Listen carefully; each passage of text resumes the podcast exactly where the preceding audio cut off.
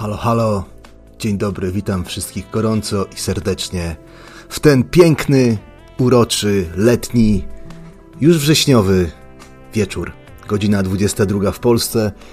W Canberrze jest zupełnie inna. W Canberrze jest 6 rano i jest zimowy, a raczej wczesnowiosenny poranek, godzina 6 rano.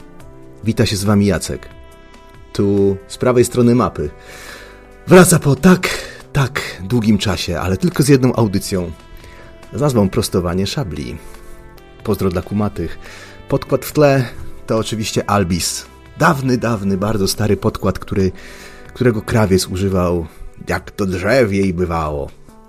Witam was, witam. O, widzę, się, to się musi tuszyć, już jest jako pierwszy, ale komentarz wycofany. Było napisane chyba pierwsza, z tego co pamiętam. Witam Miki na czacie. Witam Heńka. Heńku, cześć cię, pozdrawiam i witam serdecznie. Przypomniałem sobie właśnie dlaczego, dlaczego to nadawanie bywało dla mnie takie trudne. Trzeba wstać o 4 rano albo 4.30 tylko po to, żeby zacząć nadawać o 6 rano, żebyście mogli w miarę normalnej porze waszego czasu tutaj ze mną porozmawiać. Witam serdecznie Najtera. Najter mówi cześć Jacek. Oj, Grzesiek Bukowski. Także słuchajcie, Wyspy, Wielka Brytania, południowa część Wielkiej Brytanii jest z nami. Pamiętajcie, można dzwonić, Skype, Nocne Radio, ale dajcie mi się najpierw chwilkę rozgadać, bo nie, roz, nie rozmawiałem, nie mówiłem do radia już tak dawno, że chyba muszę najpierw się rozgadać. Jeżeli jest, jestem za, za cicho, albo za głośno, albo mówię za szybko, albo może seplenie, to napiszcie proszę na czacie. O, widzę, że już z nami jest Rumba, jest z nami, jest z nami nawet Morten Taylor. Pozdrawiamy serdecznie ojca dyrektora. Tam Alex się pyta, czy będę mówił o Australii i co tam dobrego do góry nogami. Wszystko powolutku, wszystko ok. A tak, krawy coś tutaj mi coś przesyła, zaraz ja tu przestawię status na Skype'ie, jasne. No dobra, słuchajcie. Co tam? No, najpierw powinno być powitanie mnie, prawda? Możecie mnie witać i... No, ale już widzę, że spełniacie się w tym. Maharadża też mnie wita. Wiecie, tęsknię za nadawaniem tęsknię za tym, żeby tu do Was mówić, ale jest to tak wyczerpujące i tak, mm, tak pochłaniające czas przygotowanie się, że i wstawanie o czwartej, no czwartej trzydzieści rano, że chyba nie dam rady do Was mówić co dwa tygodnie, tak jak, tak jak to było trzy lata temu. Witam dobrodzieja, cześć, siema i tak dalej. Słuchajcie, mam dla Was trochę tematów przygotowanych dzisiaj. Mam dla Was przygotowanych trochę urywków z innych audycji. Wszystkie oczywiście te urywki będą w ramach dozwolonego cytatu, chociaż niektóre trwają minutę, a niektóre nawet dwie. Jak tam. Co, ale napiszcie najpierw, co u Was. Napiszcie, czy tęskniliście za mną i czy chcielibyście, żeby z prawej strony mapy zostało na dłużej. Bo kto wie, może kiedyś zostanie. Jak już zostanę ekscentrycznym milionerem, to może wtedy będę nadawał nawet, nawet codziennie. No, może nie przesadzajmy. Może co tydzień, jakbym został takim ekscentrycznym milionerem. Można zadzwonić i mnie przywitać ewentualnie. To tak można zrobić. Dawniej pamiętam, jak krawiec przeszedł do kontestacji z Lorem Ipsum 3, to, to można było zadzwonić i go przywitać. Było powitanie krawca. To teraz może być powitanie Jacka znowu. Witam Magdalenę Marię serdecznie. Witam Baton Rouge. Baton Rouge mówi po australijsku gday. Cześć Baton Rouge, co tam słychać? O, i oczywiście nasz Karol Werytat, czyli Furiat, mówi, że brakuje katolickiego głosu w nocnym radiu. No, to prawda. O, jak to mówił Walensa, musi być prawa noga i musi być lewa noga, prawda? Więc jak najbardziej brakuje nam wszystkim. Słuchajcie, mam cztery tematy. Cztery tematy, a nawet pięć. Czwarty temat jest taki bardzo deserowy, a piąty jest już wyjątkowo deserowy. Też otworzyłem swój kufer z różnymi nagraniami z dawnych lat. I też mam parę ciekawych nagrań, które chciałem wam pokazać. No, tak konkretnie to tylko jedno wybrałem, które będzie najfajniejsze. A, damy podkład może w dół. Eee, Sylwia K. mówi do mnie Gotkwell. Po jakiemu to? To po, ach, to po szwedzku. Cześć Sylwia. A, widzę, że mm, tutaj już się krawiec odzwania, że on nie będzie dzwonił, bo się nudno zrobi, to on nie będzie akurat. No dobra, krawiec się boi przy zadzwonić mnie powitać, to nie ktoś inny. Aha, i najważniejsze, słuchajcie, Moje Tipli zablokował PayPal, dlatego że nawet mi się nie chce mówić dlaczego. Po prostu moje Tipli nie działa i chyba nie będzie działać. Ale ponieważ jesteśmy w nocnym radiu, to działa, e, jak najbardziej działa Tipli Krawca, także wrzucajcie. na stary link, który zresztą pod audycją powinien być. E, link do Tipli Krawca, wrzucajcie donaty. Cała kasa idzie na serwery i na rozwój radia. Także śmiało, wszystko jest podłączone, wszystko gra i koliduje, więc y, powinno się nam coś tutaj wyświetlić, jak wrzucicie jakiegoś donata. Także śmiało, śmiało. Gosia się pyta, czy się z nią nie przywitałem. Dzień dobry, Gosiu. Specjalnie z tobą się witam. I Maharadża z brzegu się pyta, czy to ten słynny Jacek Blacha z Austrii. No niestety, Jacka Blachy nie było z nami już od dawna. To to zupełnie inny Jacek niż Jacek Blacha. E, Sylwia mówi dawać łapki w górę, zgadzam się, dawajcie łapki w górę, więc śmiało, śmiało dawajcie łapki w górę. Co my tu na Skype'ie mamy? Tak, można dzwonić na początku, chociaż dajcie mi się może chwilę rozgadać, jak nie chcecie mnie przywitać, no chyba, że ktoś chce zadzwonić i mnie przywitać. Słuchajcie, pierwszy temat. Dlaczego w ogóle zrobiłem tą audycję? Zrobiłem tą audycję, bo trochę mi się już znudziło słuchanie tych bzdur. Bzdur ludzi, którzy mówią i nie wiedzą o czym mówią. Ludzi, którzy chcą być alternatywni na siłę i to jest jedyna wartość dodana, jaką mają. To ta ich właśnie alternatywność. Ludzi, którzy opowiadają historię na przykład o Australii, o mojej kochanej Australii, w której mieszkam już od tak dawna i którą znam na wylot i na wszystkie strony, bo lubię po niej podróżować. I opowiadają historie, które po prostu które po prostu nie istnieją. To znaczy historie, które są nieprawdziwe, które są wyssane z palca, które... E, a jeszcze co gorsza, nie tylko z palca, ale z brudnego ruskiego rusnetu. Ruski rusnet. E, a tu przysyła mi coś Ania. A, dziękuję. Ja, Aniu, ja już mam widgeta. Haha, mamy już widgeta do Tipli chyba. Wszystko powinno działać. E, to mnie bardzo irytuje, słuchanie rzeczy, których wiem, że są nieprawdziwe. Wyobraźcie sobie, że jesteście specjalistami od czegoś. Wyobraźcie sobie, że jesteście specjalistami w jakimś temacie i nagle przychodzi ktoś i wam mówi nie, to nie jest tak, bo tak naprawdę to Australia nie istnieje, albo można z niej przejść na Antarktydę. A zapewniam was, że nie można przejść z Australii na Antarktydę, ale to chyba trochę opowiadanie rzeczy oczywistych. Pierwszy temat, który zauważyłem w tym całym środowisku Alter Ezo, tak, e, ze mną, że ktoś, słychać, że mnie ktoś spamuje na Skype'ie. No właśnie, to zaraz to spróbujemy tutaj ogarnąć na chwileczkę. Spamowanie. Słuchajcie, a pierwsza sprawa, jaka się pojawia, to środowisko alter ezo i pewnego rodzaju zjawisko, które chyba jest najbardziej się rzuca w oczy. To jest turbosłowianizm.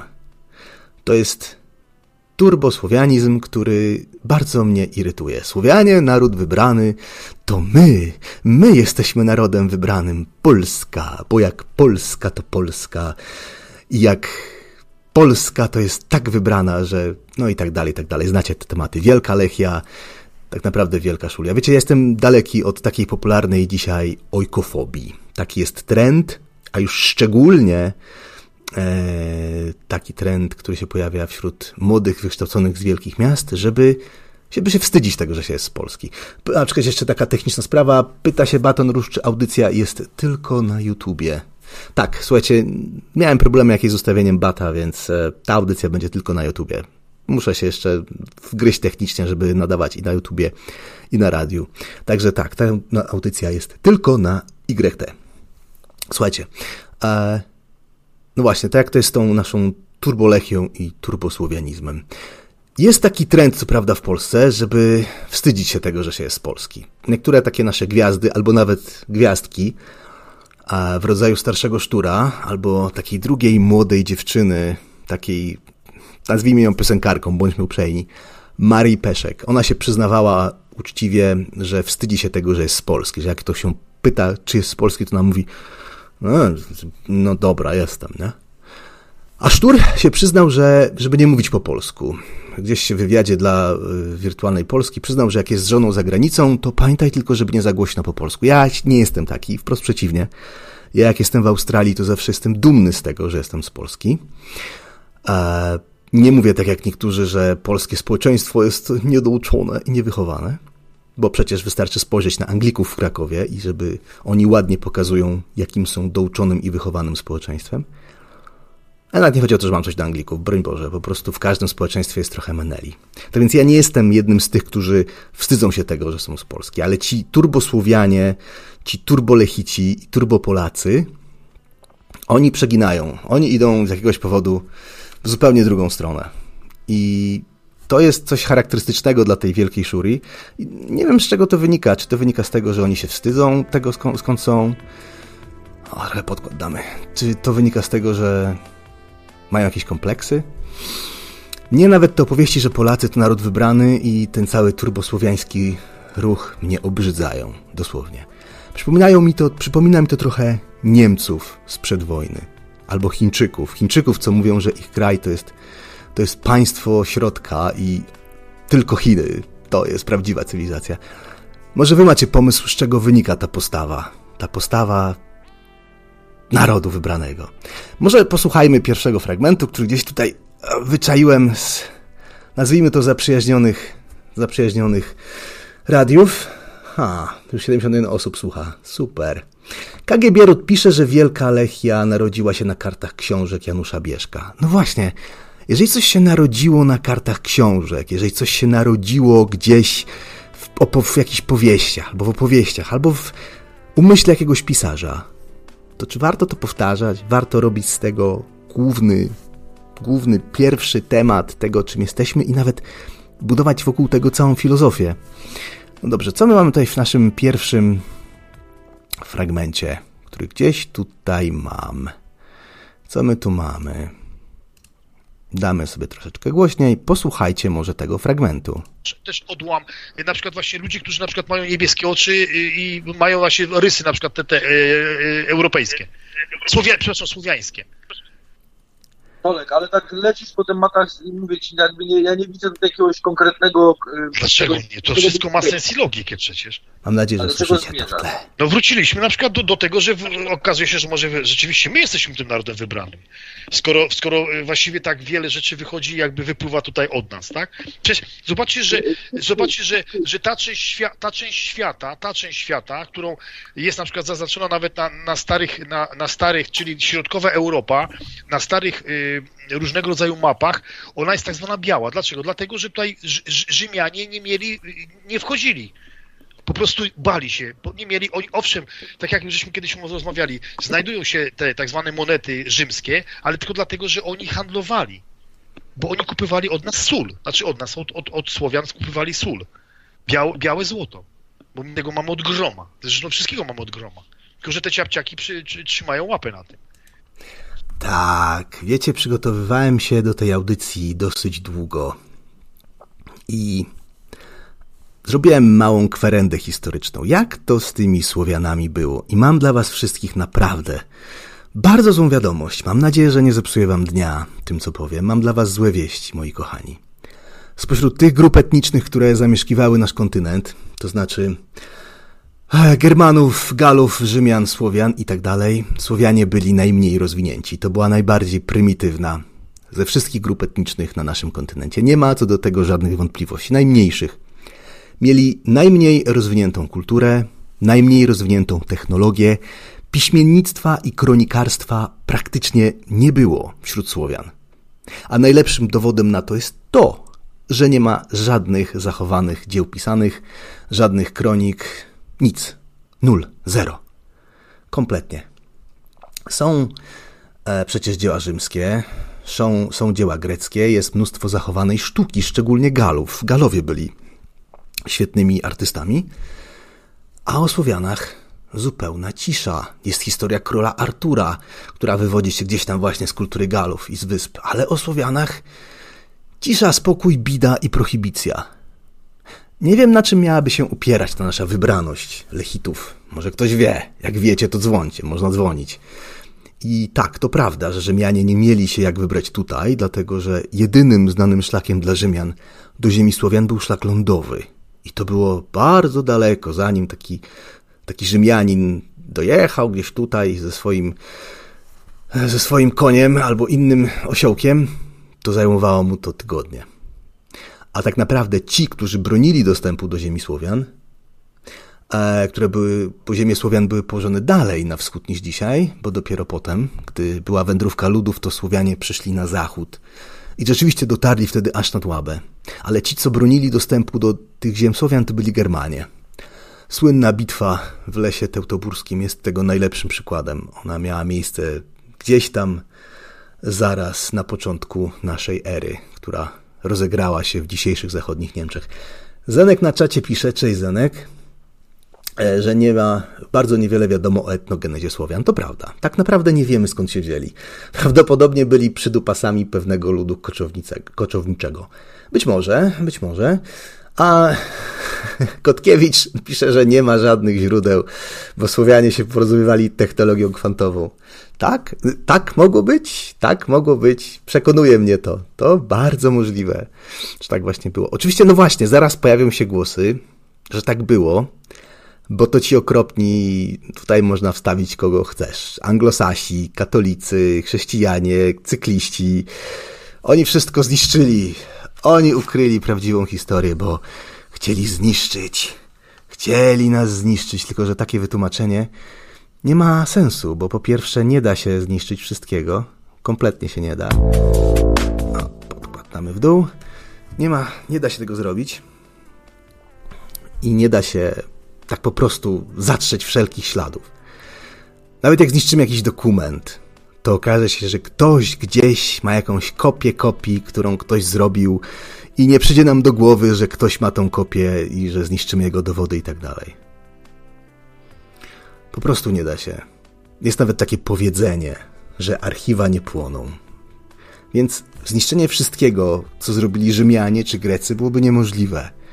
No to dlaczego ci Słowianie to były takie, takie, to tu chcę przeklnąć, ale takie cipy, że dały sobie wszystko zniszczyć. Ale Kotkiewicz pisze, że nie wiem, czy pamiętasz, pierwsza stacja kosmiczna była słowiańska. To prawda, to prawda, tak, była słowiańska. A projekt mówi 28. Projekt 28 to chyba dubliński, z tego co pamiętam. Cześć. Dobrze kojarzę?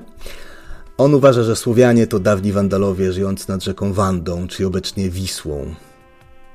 Być może Wandalowie byli Słowianami. Jest taka teoria, ona się jakoś tam gdzieś nawet trzyma kupy w miarę. Powiedzmy, że się trzyma kupy.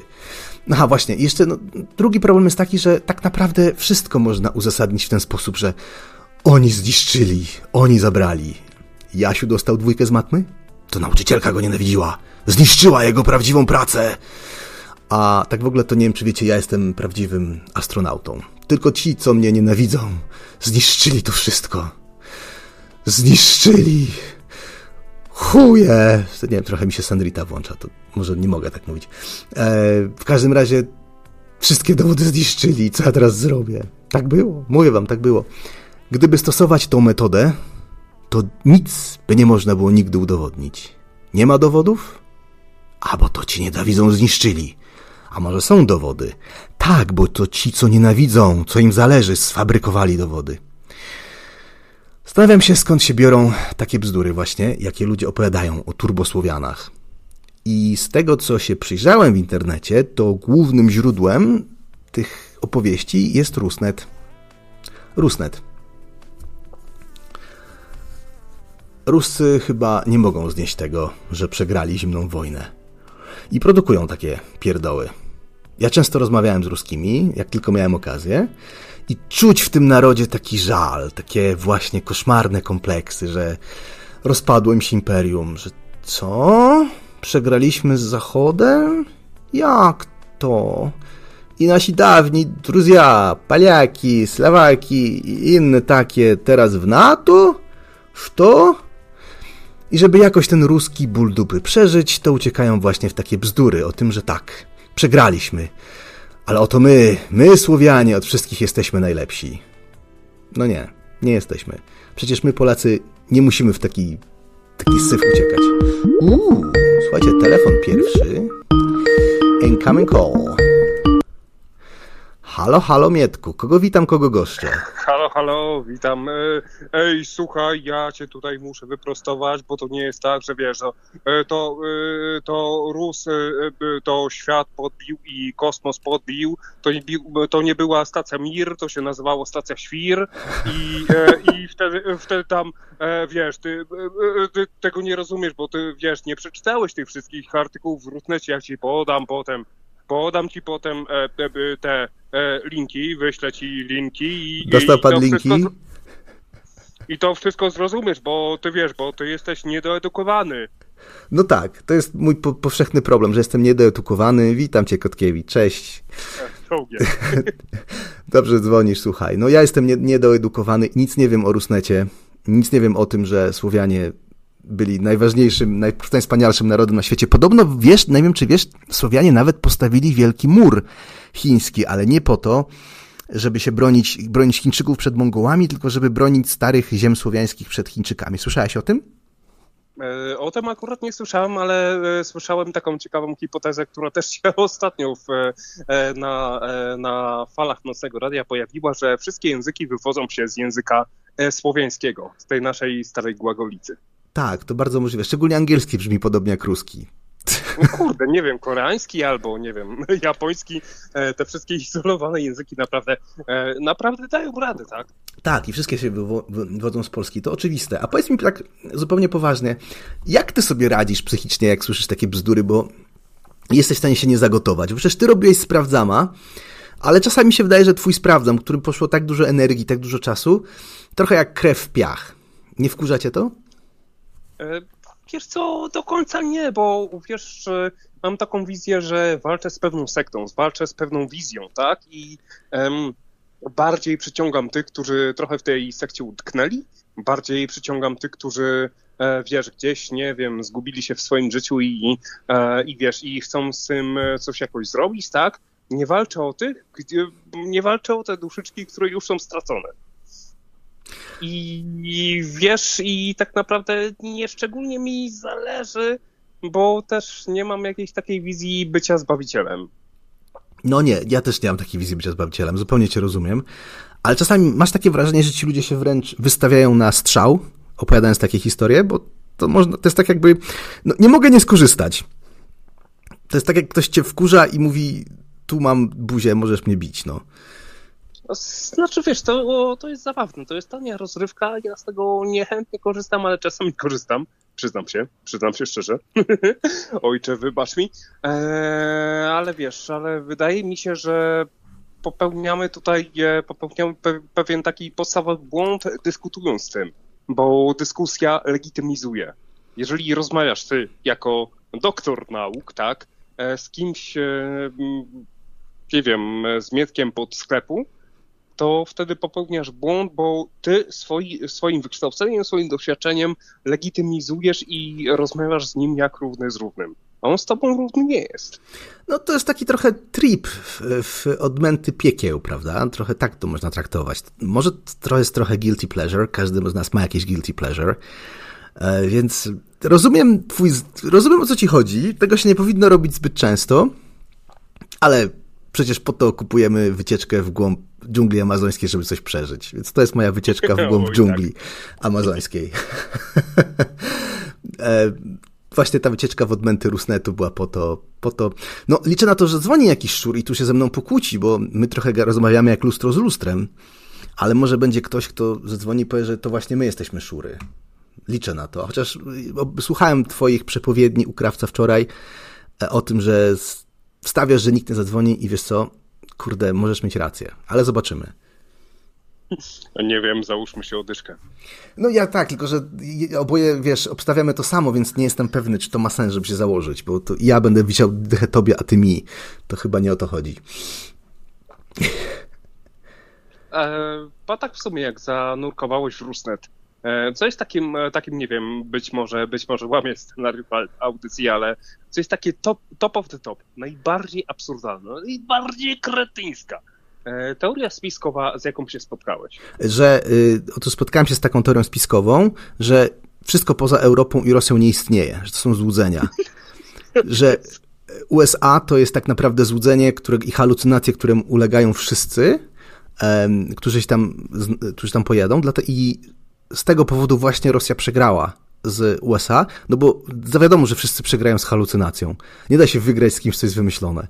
Że to jest w ogóle, niektórzy mówią, że to był spisek Wielkiej Brytanii, USA, e, tak samo Chiny, że Chiny to są tak, to jak, jak to było powiedziane, że to były krasnale, to próbowałem przetłumaczyć, że Chiny to krasnale, Chińczycy to krasnale i oni podgryzają Rosję od dołu, ale to tak naprawdę jest halucynacja i wymysł jakichś magików dawnych, którzy, no, totalny odpał, słuchaj. Nic poza Rosją i Europą nie istnieje w każdym razie.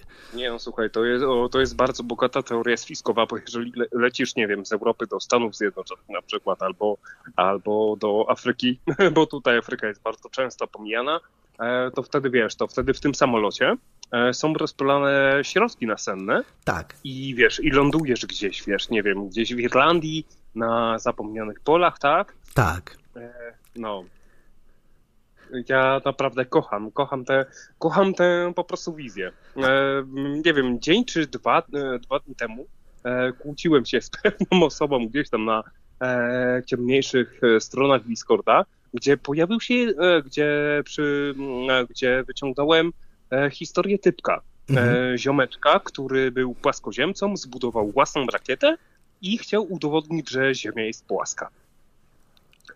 No umarł. i jak mu poszło? Podczas tego... No umarł. No. no niestety się za bardzo nie udało, ale wiesz co, ja typa szanuję w opór.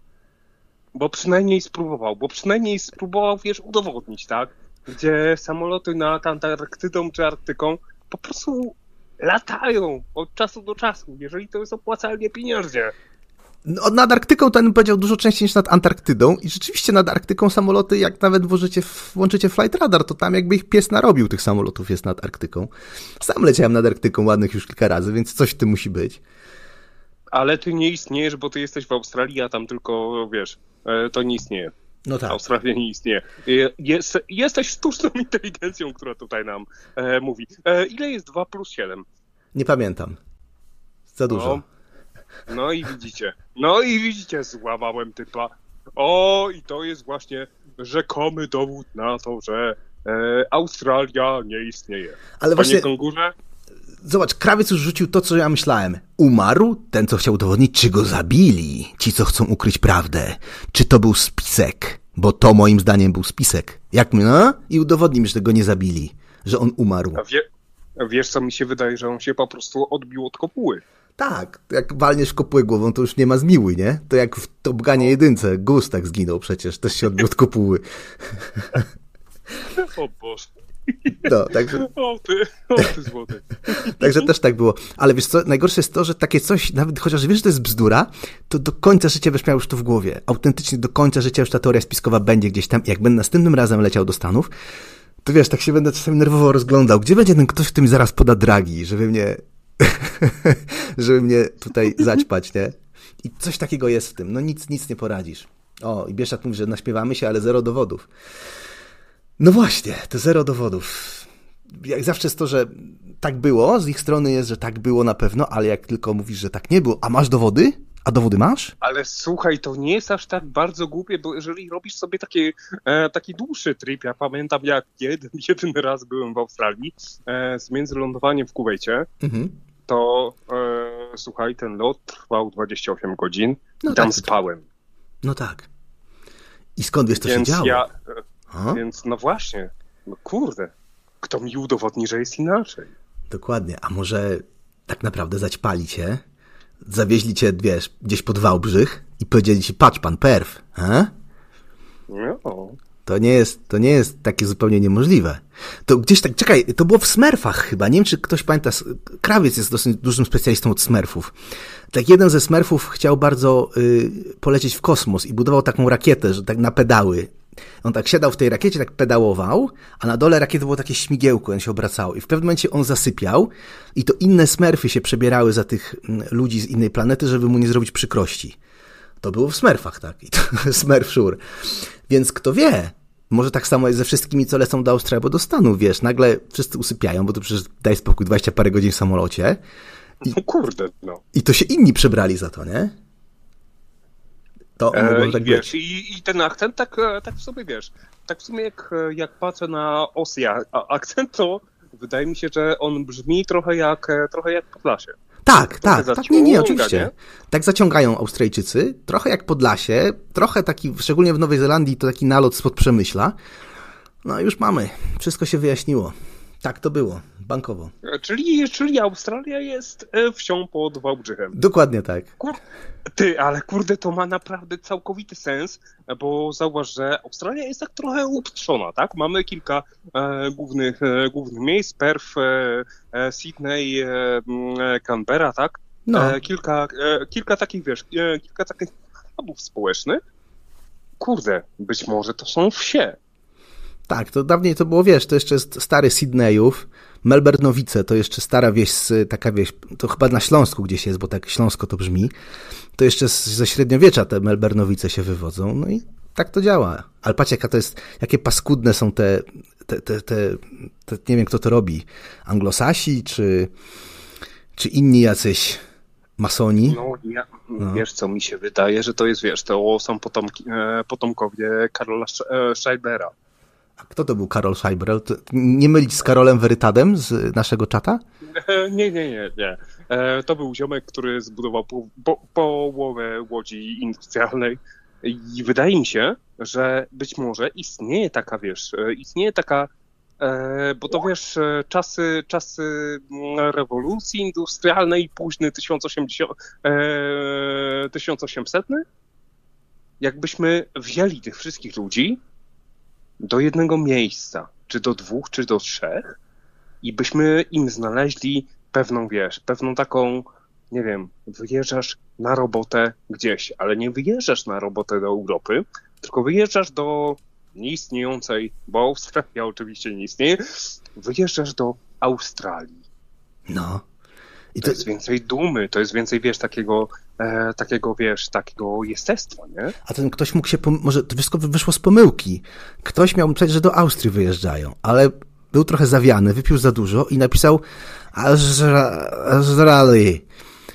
A potem ktoś pomyślał, kurde, z tego można by coś, można, możemy na tym zbudować. We can build on that.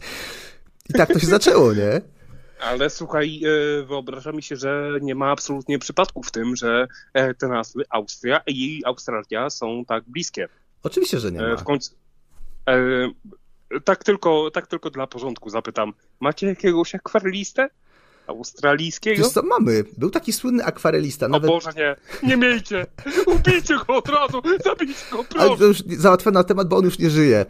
To był taki... O, o nie, Jacek. Był taki słynny akwarelista aborygen, wiesz? On nawet jest wymieniony w mm, takiej słynnej piosence I am Australian. E, jak on się nazywał? Czekaj. Albert Namadjira chyba. I on właśnie świetne akwarele rysował. Takie... Mm, no, rewelacyjny był. Naprawdę, ja nie znam się za bardzo na, na aborygeńskiej sztuce, ale ten był naprawdę niezły. Ghostly Gums, taki Żyje, to słynny jest obraz jego. spoko. Mhm, ale już niestety wziął i nie żyje. Także nawet No i bardzo dobrze. No niech będzie. Michał Górski No, świat jakoś się uczy. Michał Górski pisze na czacie, że nie ma Australii, była, jest i będzie.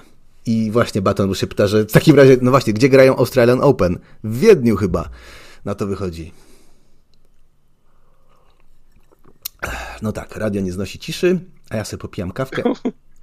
No dobrze, Nie, słuchaj, no e, W Wiedniu to jest, e, to jest naprawdę bardzo, bardzo, ba- bardzo przykre e, skoordynowanie, e, skoordy- skoordynowanie kultury. słuchaj, no zadam ci może takie leninowskie pytanie, nomen omen. Co działać z tym wszystkim, powiedz? Słucham? takie leninowskie pytanie zadaję. Co działać? Czyli co zrobić? Co robić z tym całym szurem, szurnetem, rusnetem i z tym, że Australia nie istnieje? Eee, wiesz co, miałem kiedyś bardzo piękną rozmowę Mhm. z panem, e, z panem e, profesorem, kurde, nie pamiętam nazwiska, ale e, w, w audycji Przerwa Kliniczna na YouTubie i w, audy- e, i w historii Nocnego Radia. Michalikiem? E, To był Michalik? E, tak, Michalik, tak, e, profesor Michalik, gdzie e, właśnie powiedział mi bardzo piękne, bardzo piękne pojęcie Mhm. perwersja intelektualna. Uuu, podoba mi się. I Tak, i warto, e, warto czasem, tak, tylko mm, no, żeby cię to za bardzo nie zjadło i wiesz, i fajnie jest, e, fajnie jest tym dealować, fajnie to zauważyć, ale żeby to wsiąknąć w to, e, bardzo łatwo się tutaj no, niestety potknąć, nie? Mm. I pójść w to za daleko, za głęboko, za wysoko. No rzeczywiście, można się na to, to jest tak jak brać LSD w życiu. Podobno można to zrobić raz, ale nie róbcie tego sto razy. Przy czym nie zachęcamy do narkotyków, ale tak słyszałem. Ja nie wiem, co są nawet narkotyki nawet. no nie, no, oczywiście, że nie. Ale wiesz nie co, wiem, pierwsze słyszę. Ja też coś słyszałem, ale to podobno jakieś, to, chyba znaczy leki po angielsku, tak słyszałem. E, tak, tak podobno. Miki się pyta mnie na czacie, czy to prawda, że aborygeni wąchają benzynę i śpią na drodze? Niestety to prawda. Zdarzają się tacy, którzy w, szczególnie w Alice Springs albo w Darwin no nie są przystosowani społecznie. Mm, są w Australii duże problemy z aborygenami. E, w Alice Springs jest tak źle, że o ile miasta australijskie są raczej bezpieczne, już Canberra jest wyjątkowo bezpieczna, to w Alice Springs był taki duży problem z aborygenami, że nawet e, zastanawiano się, czy tam nie wysłać wojska. Więc e, tak, problemy na bazie tego, czy ktoś jest aborygenem, czy też przybył z innej części świata, są w Australii jak najbardziej i zdarzają się aborygeni, co no, dogadaliby się z naszym świętej pamięci majorem Nitro, bo mają podobne hobby. Tak. O, hola, hola, biały człowieku, tutaj szkalujesz, e, szkalujesz rdzenną, e, rdzenną e, społeczność. Niestety tak. Niestety tak, czasami, czasami po prostu, jeżeli chce się powiedzieć prawdę, chociaż to jest niepopularne, to nie pozostaje nic innego, tylko trochę poszkalować, bo e, no, są wciąż problemy w Australii, a w ogóle nie wiem, czy słyszałeś, będziemy mieli referendum niedługo. Referendum na tak zwany voice do parlamentu. Sprawa polega na tym, że jest propozycja zmiany konstytucji, żeby był dodatkowe ciało przy parlamencie, które będzie się nazywało Voice to the Parliament, czyli głos do parlamentu, gdzie tylko aborygeni będą mogli zasiadać i parlament, i będą mogli coś tam uchwalać, coś, jakieś wymyślać prawa, a parlament Australii będzie musiał się do tego przychylić.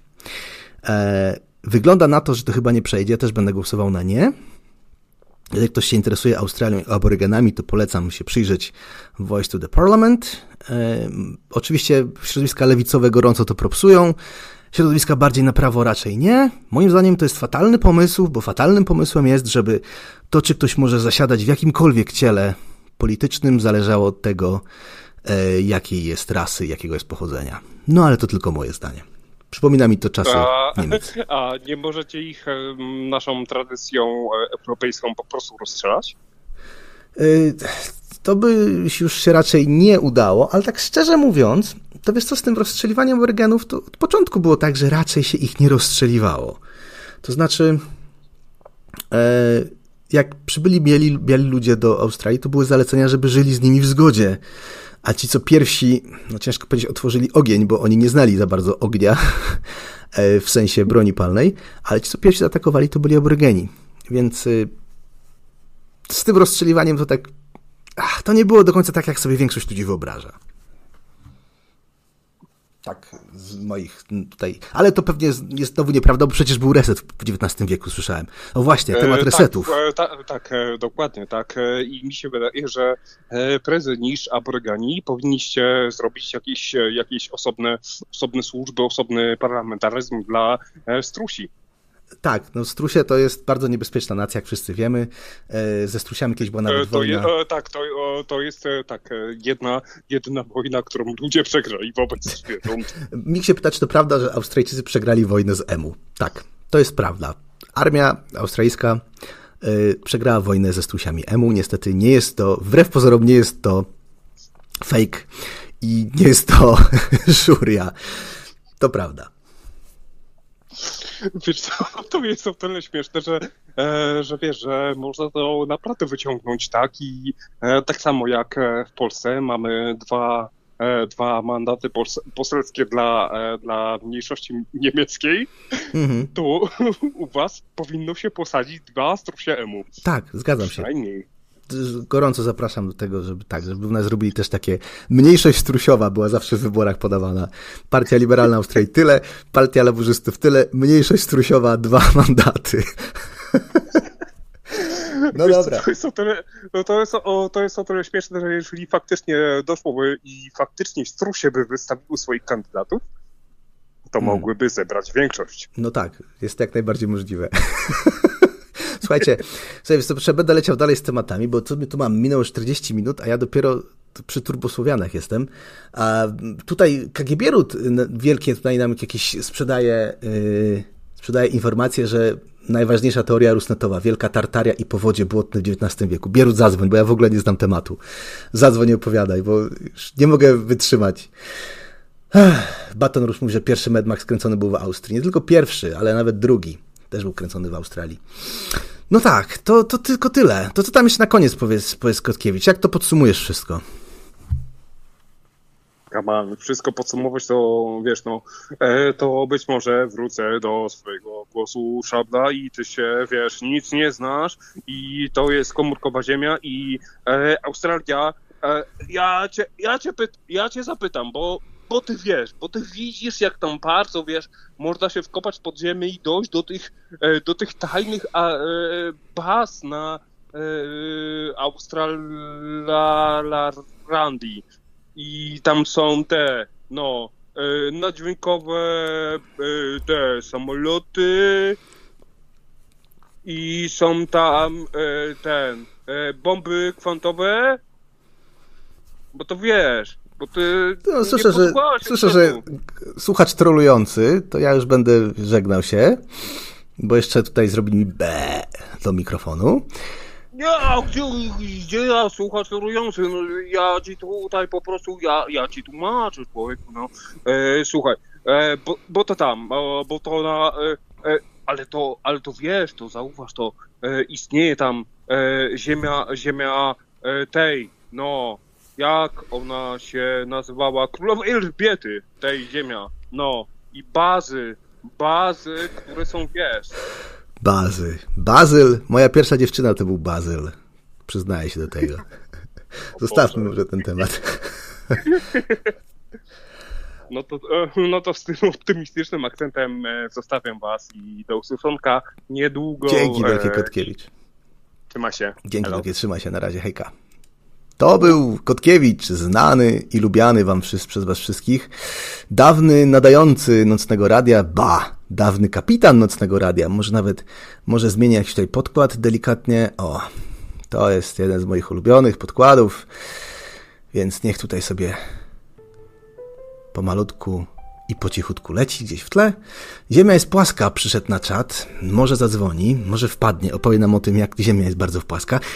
Właśnie wstało słońce nade mną, to znaczy tutaj nad wschodnią Australią. Jak zaczynałem transmisję, to było jeszcze, było jeszcze ciemno, a teraz już jest jasno. Jest, jest niedziela rano. Wy jeszcze w takim pięknym nastroju sobotnim, a ja już w niedzielę, niedzielny poranek u mnie. Jak to możliwe, skoro Ziemia jest płaska? To jak to się dzieje? Jeżeli transmitujemy dane przez satelitę, to jeżeli Ziemia jest płaska, to na jakiej zasadzie te satelity się utrzymują? A skoro używacie kiedyś GPS-u? Jeżeli jest GPS i on działa i bierze sygnał z satelity, to skąd się satelity biorą wokół płaskiej Ziemi? Nie wiem. Może wy wiecie, bo ja naprawdę nie wiem. No ale wróćmy do tego Rusnetu. A u, o, Ziemia płaska mówi, że u niego w Szkocji dopiero zaszło. No właśnie.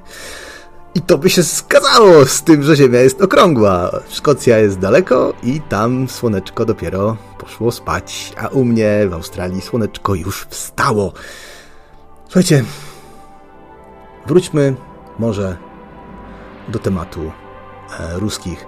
No może jeszcze na koniec, dlatego że często pojawia się taka, często pojawia się taka, mm, taki argument, że gdybyśmy wszyscy Słowianie się zjednoczyli, ale byśmy im dali ale byśmy ich skopali, tych zachód imperialistów paskudnych. Tak, kiedyś to było, kurna, za PRL-u to było. Wiecie, obok sali matematycznej w moim liceum wisiał e, napis, że matematyka to alfabet. O, krawiec tu żebym się lekko przyciszył. Dobrze. Lekko się przyciszę. W każdym razie obok sali matematycznej w moim liceum był napis, że matematyka to alfabet, którym Bóg opisał wszechświat. No to spójrzmy troszeczkę na ten alfabet. W 1981 roku e, Polak, słuchajcie, zarabiał po 37 latach życia w zgodzie z przodującym na świecie słowiańskim Związkiem Radzieckim. Polak zarabiał około 25 dolarów miesięcznie. 25 dołków. A ówczesny dolar to było około 3 dzisiejszych dolarów, bo inflacja, te sprawy, wiecie. Więc w dzisiejszych czasach przeciętny Polak po kolejnych 30 paru latach, czy 40 latach życia już razem z Zachodem zarabia ponad 15 razy więcej niż wtedy. Jak podaje Wirtualna Polska, dzisiaj możemy kupić 3 razy więcej chleba, 3 razy więcej cukru, 6 razy więcej mąki niż wtedy, takich podstawowych składników. A jeszcze lepiej to wychodzi, gdyby porównać, ile możemy kupić jeansów. Wtedy, jeżeli komuś się udało je dostać, to mógł sobie kupić jedną parę jeansów za te pieniądze. Życia z Rosjanami, z Rosją w jednym bloku. Dramat. Kuźwa, jak sobie o tym pomyśli. Nawet jakby uwzględnić dzisiejszą inflację w Polsce, to po czterech dekadach bycia w zachodnim obozie Polakom się żyje o wiele lepiej niż dawniej. O wiele lepiej niż gdy byliśmy w jednym wspólnym słowiańskim obozie. I to nie tylko materialnie, ale również wolność się zwiększa. Można podróżować, mamy wolność słowa nieporównywalnie większą niż w tamtych czasach. Gdyby nawet wtedy istniała technologia taka jak ta, ja nie mógłbym prowadzić takiej audycji, bo była na mysiej cenzura. Ale nie, turbosławianie mówią, że tak, wtedy to było, kurna, a teraz nie jest. Bzdury. Totalne, kompletne bzdury. Polecam na przykład wykres PKB per capita, czyli na głowę, Polski i Hiszpanii od końca wojny aż do dzisiaj. Startowaliśmy mniej więcej z tego samego poziomu i ładnie to widać, jak bardzo Hiszpania Polskę wyprzedziła, tylko przez to, że była w obozie zachodnim, a Polska była w przodującej myśli, z przodującą myślą radziecką. Ale nie. Turbosłowanie mówią, że tak, wtedy to było kurna, a teraz to nie jest. No i co zrobicie? Nic. Na jednej z ostatnich audycji chyba Jola mówiła, że teraz to nie ma żadnej produkcji w Polsce. Otóż to nieprawda, że wszystko się produkuje w Azji, mnóstwo rzeczy produkuje się w Europie. E, są dane oficjalne z ilości produkcji. W Polsce teraz produkuje się więcej na przykład samochodów, więcej części samochodowych niż produkowało się za komuny. I to lepszych, nie polonezów i dużych Fiatów. Słuchajcie, jeżeli ktoś chce dzwonić, to śmiało. Ja czekam niecierpliwie. Jeżeli ktoś chce podważyć to, co mówię, to gorąco, gorąco zapraszam. Ale tu widzę, że na czacie. E, na czacie mówił e, Lechita bodajże, tak, że GPS to technologia opracowana w latach 60., to naziemne przekazywanie fal informacji. Lechita, zadzwoń. To bardzo ciekawe. Jak naziemnie prze, prze, przekazuje się fale informacji? Co to są w ogóle fale informacji? Nie wiem. Słuchajcie, chyba czas dojść do mojej ulubionego tematu, czyli do Australii. A tymczasem Fufu na czacie mówi, że Jacek szura i podważa zajebistość komuny. No, to prawda. Podważam. Szczerze mówiąc, liczyłem na to, że e, gdy, gdy mówi, że z Interi bierze dane. Nie, to nie było z Interi, to było z, to było z wirtualnej Polski, nie z Interi. E, tak, doucz jak nie wiesz. No słuchajcie, dzwońcie, dzwońcie i mnie musicie douczyć. No nie ma siły. Musicie zadzwonić i coś mi tu wytłumaczyć, jak to było. No chyba, że się wszyscy boją. Słuchajcie, mój ulubiony temat zaczyna się za chwilę, czyli Australia. Zastanawiam się, skąd to się bierze, że Australia i cały temat Australii jest taki bardzo istniejący w tym środowisku, że ta Australia to jest coś, co jest często się przewija. Nie wiem, czy to yy, pewnego rodzaju Australii yy, to, że jest daleko, pewnego rodzaju egzotyczność Australii, ale ten temat Australii się pojawia naprawdę fizycznie mówić, to ten, co przejechał Australię ze wschodu na zachód i policzył wszystkie kangury. Jeżeli chodzi o mnie, to ja przejechałem akurat Australię z zachodu na wschód i to dwa razy. Tak, a ze wschodu na zachód jeszcze nie jechałem. Policzenie wszystkich kangurów nie byłoby takie proste, bo jest ich ponad dwa razy więcej niż ludzi, bo, Aust bo w Australii ludzi jest około 25 milionów. No, także mm, to byłoby trochę trudne, ale kto wie. Madziara mówi, że za dużo szóstwa sprzed dwóch lat i straszenia ludzi to przesada. No zgadzam się, zgadzam się w 100%. No dobrze, słuchajcie, Australia. Australia. Może zacznijmy od najpierw prostego tematu i pewnego czegoś, co mi się rzuciło w oczy w jednej z ostatnich audycji. To może mały, mały fragmencik. Moment. Ale jak na przykład zostało...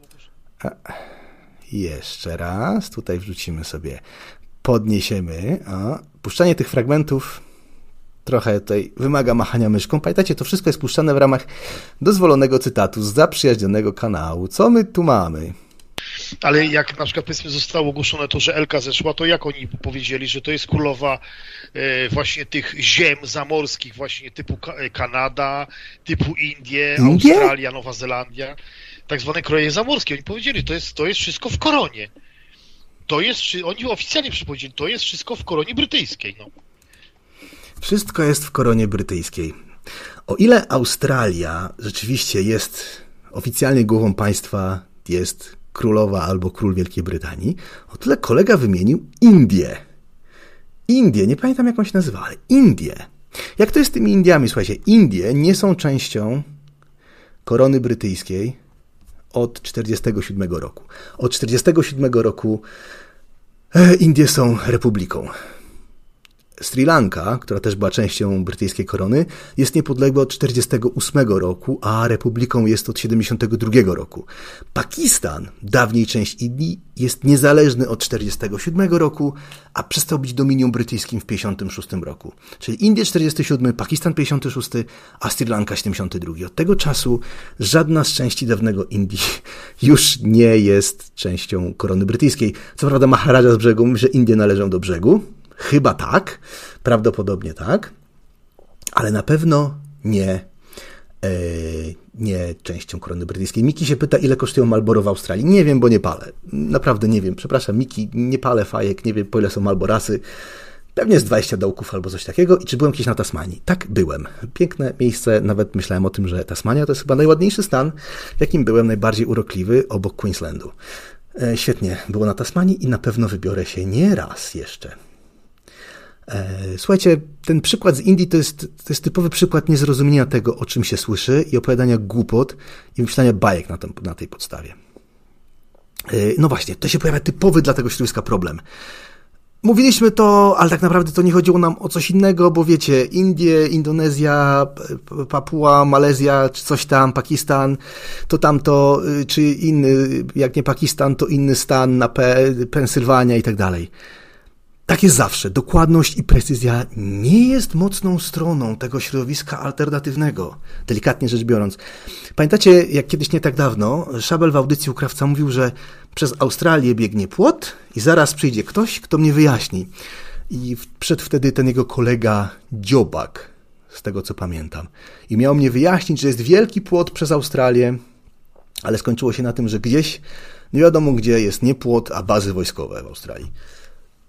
Szury opowiadają to, o czym właśnie mają ochotę opowiadać i zmieniają tą historię płynnie.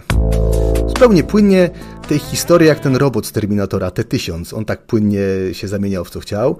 Albo ten kosmita potwór z The Carpentera, który też zamieniał się w kogo chciał, jakiegoś tam swojego gospodarza. I tak samo szury zmieniają to, o czym mówią. I dokładnie to samo. Co? Teraz przechodzimy do kolejnej części. Słuchajcie, wiem, że na ten temat już było. I ten fragment o bazach w Australii i o tym, że nie wolno wyjeżdżać poza główne drogi już był. Chwilę liźnięty w nocnym radiu, ale ja chcę do niego na chwilę wrócić. Bo to jest coś, co powoduje, że no strasznie mnie to wkurza, jak o tym słucham, o tych bzdurach, bo ja naprawdę byłem w Australii w buszu głęboko już nie raz. Bardzo lubię podróżować, lubię latać nad Australią, lubię jeździć przez Australię. I nagle ktoś mi opowiada, że Nigdzie nie możesz pójść, bo zaraz cię ktoś cofnie. Nie, nikt was nie cofnie.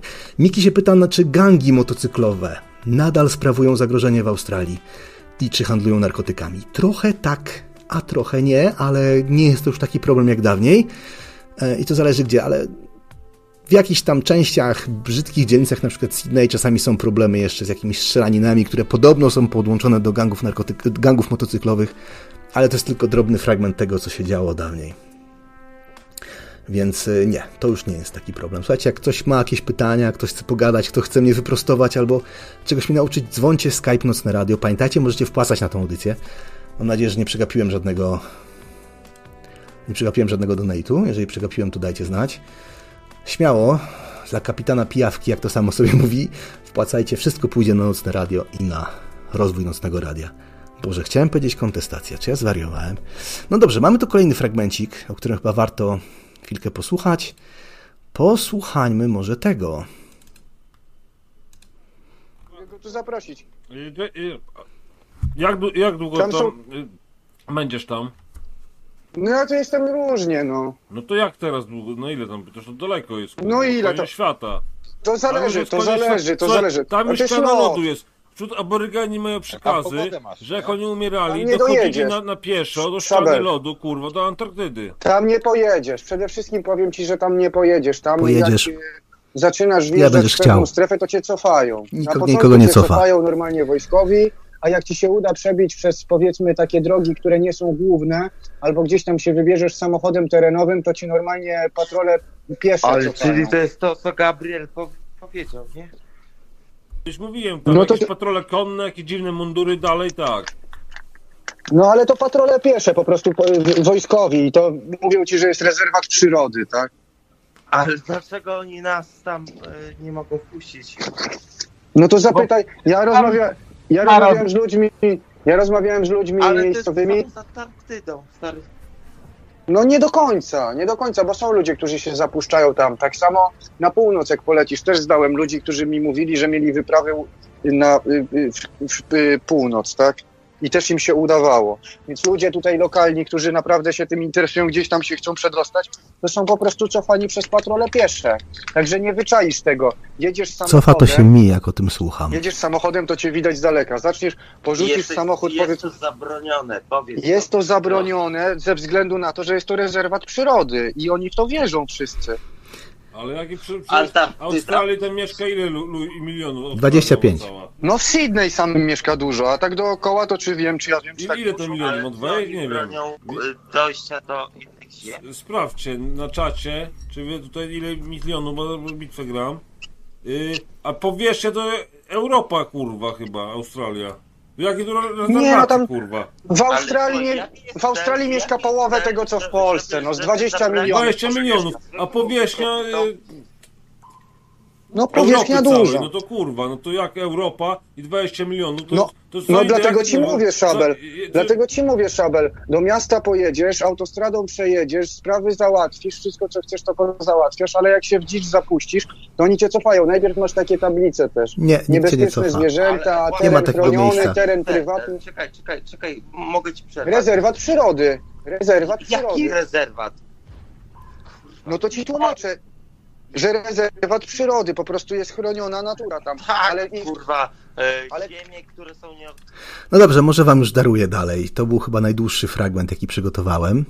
Yy, Muszę się wytłumaczyć z tego, co powiedziałem, że pomagało mi AI.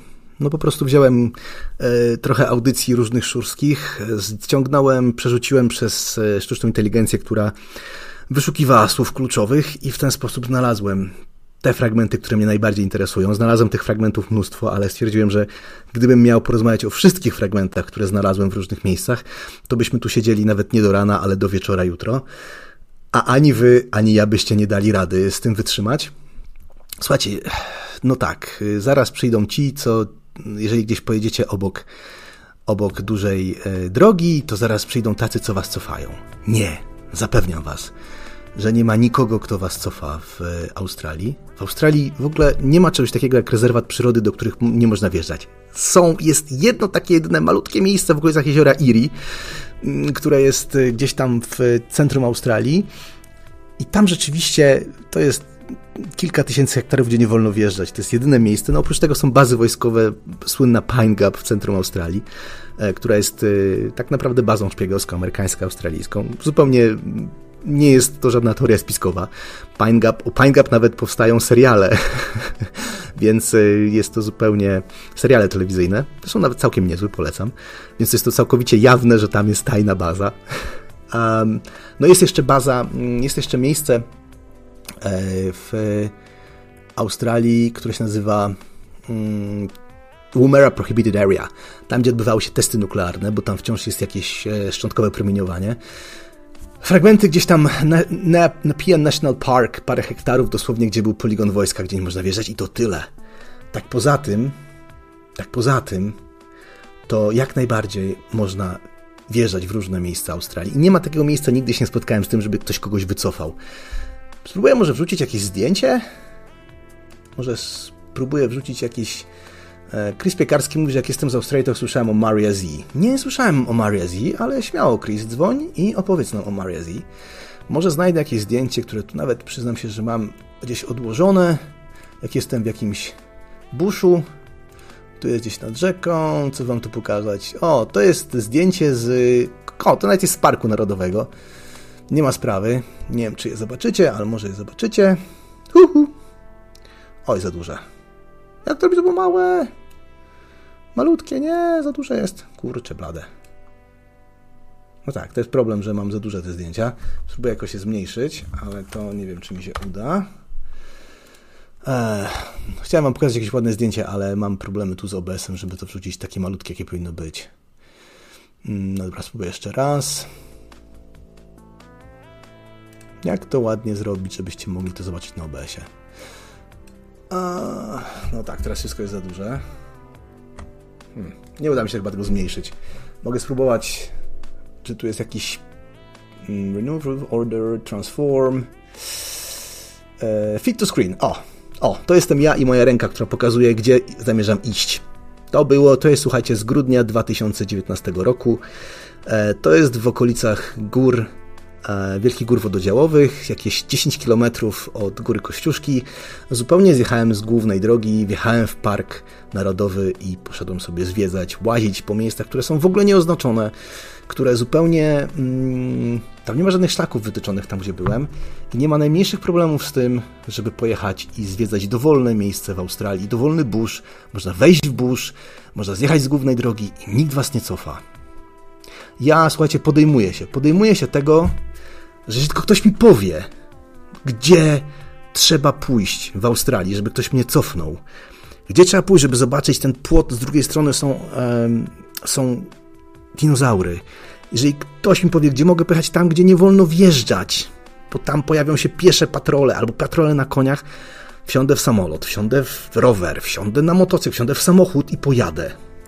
Macie to u mnie. Po prostu wezmę i się tam przemieszczę. O, Bieszczad mówi, że w którą stronę przemieszcza się Słońce w Australii. To też wyjaśni sporo. W dokładnie tą samą stronę, co, yy, co w Europie. Ze wschodu na zachód. Tylko tyle, że idzie przez yy, północ, a nie przez południe, tak jak u Was, dlatego że jesteśmy na południowej półkuli. A Hagie Pierrot mówi, że tam są pająki. Tak, to prawda, u nas jest troszeczkę pająki. Maria Z ostatnio była u Mike'a Adamsa, występuje też u Alexa Jonesa. Nie dziwię się, że nie słyszałeś. No tak zaraz, to się zdecyduj, Krys Piekarski. Albo dzi nie dziwisz się, że nie słyszałem, albo na pewno słyszałem, bo już nie wiem. Maharaja się pyta, dlaczego w Australii patrole jeżdżą na koniach, a nie na kangurach. Dziwne. Słuchajcie, trochę mam problemy z tym, czy to prawda, że Australijczycy trzymają pająka Huntsman w domu, żeby zabijał inne groźniejsze owady? Tak, to jest prawda, sam o tym kiedyś opowiadałem. Miałem kolegę, który miał e, pająka Huntsman tak jak takiego kota. Tak jak kot łowi myszy, to pająk Huntsman zabija inne pająki, inne owady. Słuchajcie, trochę mi jest dziwnie opowiadać o tym, że wiecie, w Australii nie ma takich miejsc, nie można wjeżdżać. Po prostu nie ma. Eee, jeżeli po prostu nie ma takich miejsc, możemy jechać gdzie chcemy naprawdę. Australia jest bardzo dużym krajem, to prawda. Ma 9 milionów kilometrów kwadratowych. Cała Europa, nie Unia Europejska, ale cała Europa ma 10 milionów kilometrów kwadratowych, więc Australia to jest 90% powierzchni Europy a mieszka u nas tylko 25,5 miliona ludzi. Przewiduje się, że do końca przyszłego roku będzie 26 milionów. Jeszcze w latach 90., gdy można powiedzieć, zaczynałem się interesować Australią, mieszkało w Australii tylko kilkanaście milionów ludzi, więc przyrost ludności głównie z powodu e, imigracji jest kolosalny. Bieszat mówi, że jeżeli przemieszcza się w tą samą stronę co u nas, to budzi pytania, dlaczego nie odwrotnie. A dlaczego miałaby się przemieszczać odwrotnie, skoro Ziemia obraca się ze wschodu na zachód? Niezależnie od tego, na której półkuli jesteś, tylko że przemieszcza się troszeczkę inaczej, bo idzie bliżej równika, więc e, idzie na północy, a nie tak jak w Polsce na południu. Śmiało, ziemia jest płaska, krwi flat. Zadzwoń i zapytaj, o co chodzi? O co chodzi z tym, że... Mm, dlaczego miała być, miała być odwrotnie? Dlaczego miała być odwrotnie? Przecież kula, ziemia obraca się, południowa półkula ze wschodu na zachód. Gdzie to powinno być odwrotnie? Najlepiej zadzwońcie. Nie, gaś, nie każcie mi tylko gadać, bo ja cały czas gadam. Żaden szur jeszcze nie zadzwonił. Czy naprawdę się boicie? Boicie się prawdy? Boicie się mnie wyjaśnić? Dzwońcie, śmiało. A, Ramzes mówi, że bzdury nawijam. No jak bzdury nawijam... Kotkiewicz mówi, że stawia dychę, że nie wejdę do tajnego tunelu do niemieckich obozów. No, rzeczywiście, chyba niemieckich obozów u nas nie ma. A, właśnie. E, jeszcze jeden kolejny ciekawy fragment, który mam. Wyspy Salomona. Fragment o wyspach Salomona. Aha, jeszcze, ale zaraz, moment. Mam tu jeszcze taki, taką minutkę o bazach w Australii. Poczekajcie, znowu mamy, momencik. Kobieta z USA to ty, Slade, pokazałeś taką mapę tych wszystkich baz, co niby są Tak. gdzieś tam na Antarktydzie, a one są dookoła, dookoła tutaj Ziemi. To Bo, bo, bo, jak, bo, jak, no bo, co? tak, bo jak je weź, bo jak, tak, bo jak je weźmiesz właśnie, e, jak je weźmiesz, zaczniesz roz, Rozłożyć, tak, rozmieszczać no. według, według tej księżycowej mapy, to ci wychodzi na to, że tak, Apollo 11 ci lądowało kurwa na biegunie północnym, tak.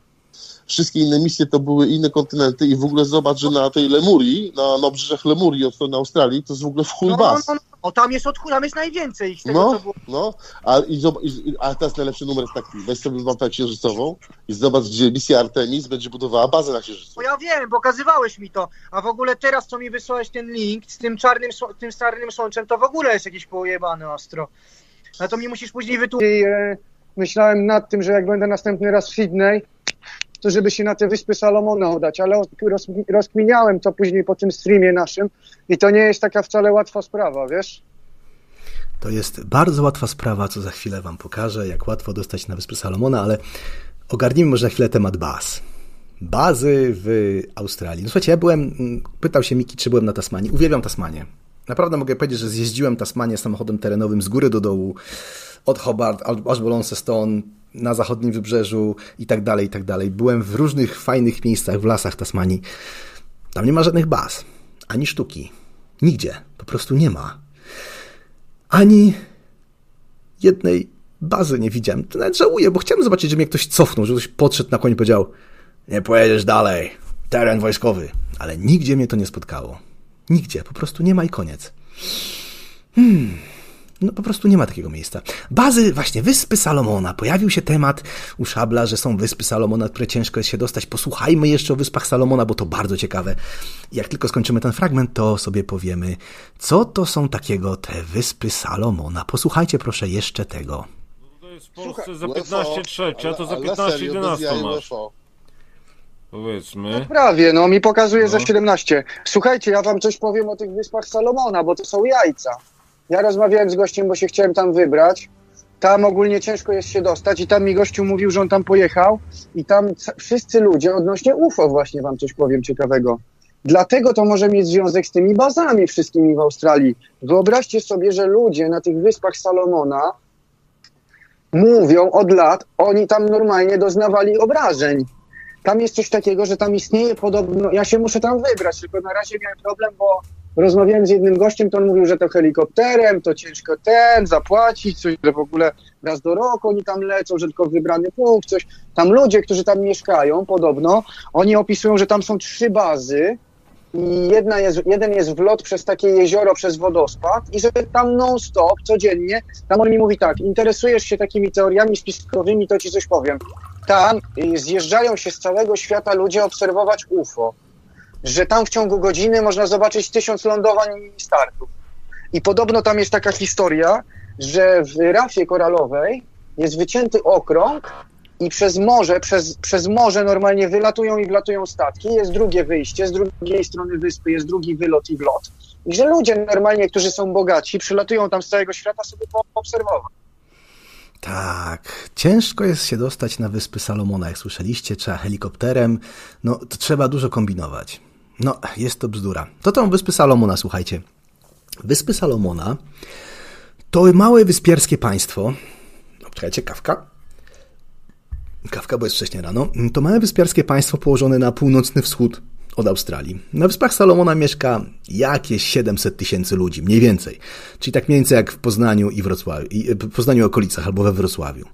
Jest to raczej biedny kraj, te Wyspy Salomona. PKB per capita jest kilkukrotnie mniejszy niż w Polsce. Stolica tych Wysp Salomona to Honiara. W trakcie II wojny światowej w pobliżu tych wysp miała miejsce tak zwana Bitwa o Guadalcanal. Jedno z pierwszych zwycięstw aliantów na Pacyfiku, gdzie USA, Wielka Brytania, Australia i Nowa Zelandia razem pokonali Japończyków. Po wojnie Wyspy Salomona to była brytyjska kolonia, aż wreszcie w 1978 roku wyspy odzyskały niepodległość. Jak to? No, lata 60., lata 70. to był wielki czas odzyskiwania niepodległości przez Wyspy Salomona. Mm, Ale aż do dzisiaj oficjalną głową państwa Wysp Salomona jest brytyjski monarcha. Często tam e, niestety dochodziło do niepokojów na tle etnicznym. 700 tysięcy ludzi, a oni jeszcze znaleźli miejsce, żeby, żeby podzielić się na etnicznym tle. Czy ty czujesz, że rymujesz? I Australia i Nowa Zelandia robiły porządek na tych wyspach. No to dobra, podobno jest się tam ciężko dostać na te wyspy Salomona, jak słyszeliście przed chwilą. No to sprawdźmy. Otwórzmy sobie. Ja korzystam z Momondo, jak y, korzystam z. mm, Szukam biletów lotniczych albo ze Skyscannera. Nikt, ani Momondo, ani, ani Skyscanner nie zapłacił mi za to. No to poszukajmy może. E, Okej, poszukajmy z Brisbane. Widziałem, że latają e, samoloty. Brisbane to jest takie miasto na pół, północnym wschodzie Australii. Do Honiary. Honiara na Wyspach Salomona. Co my tu mamy? Honiara, Salomon, proszę bardzo. Na kiedy? Na poniedziałek od 2 października do 9 października. A proszę bardzo.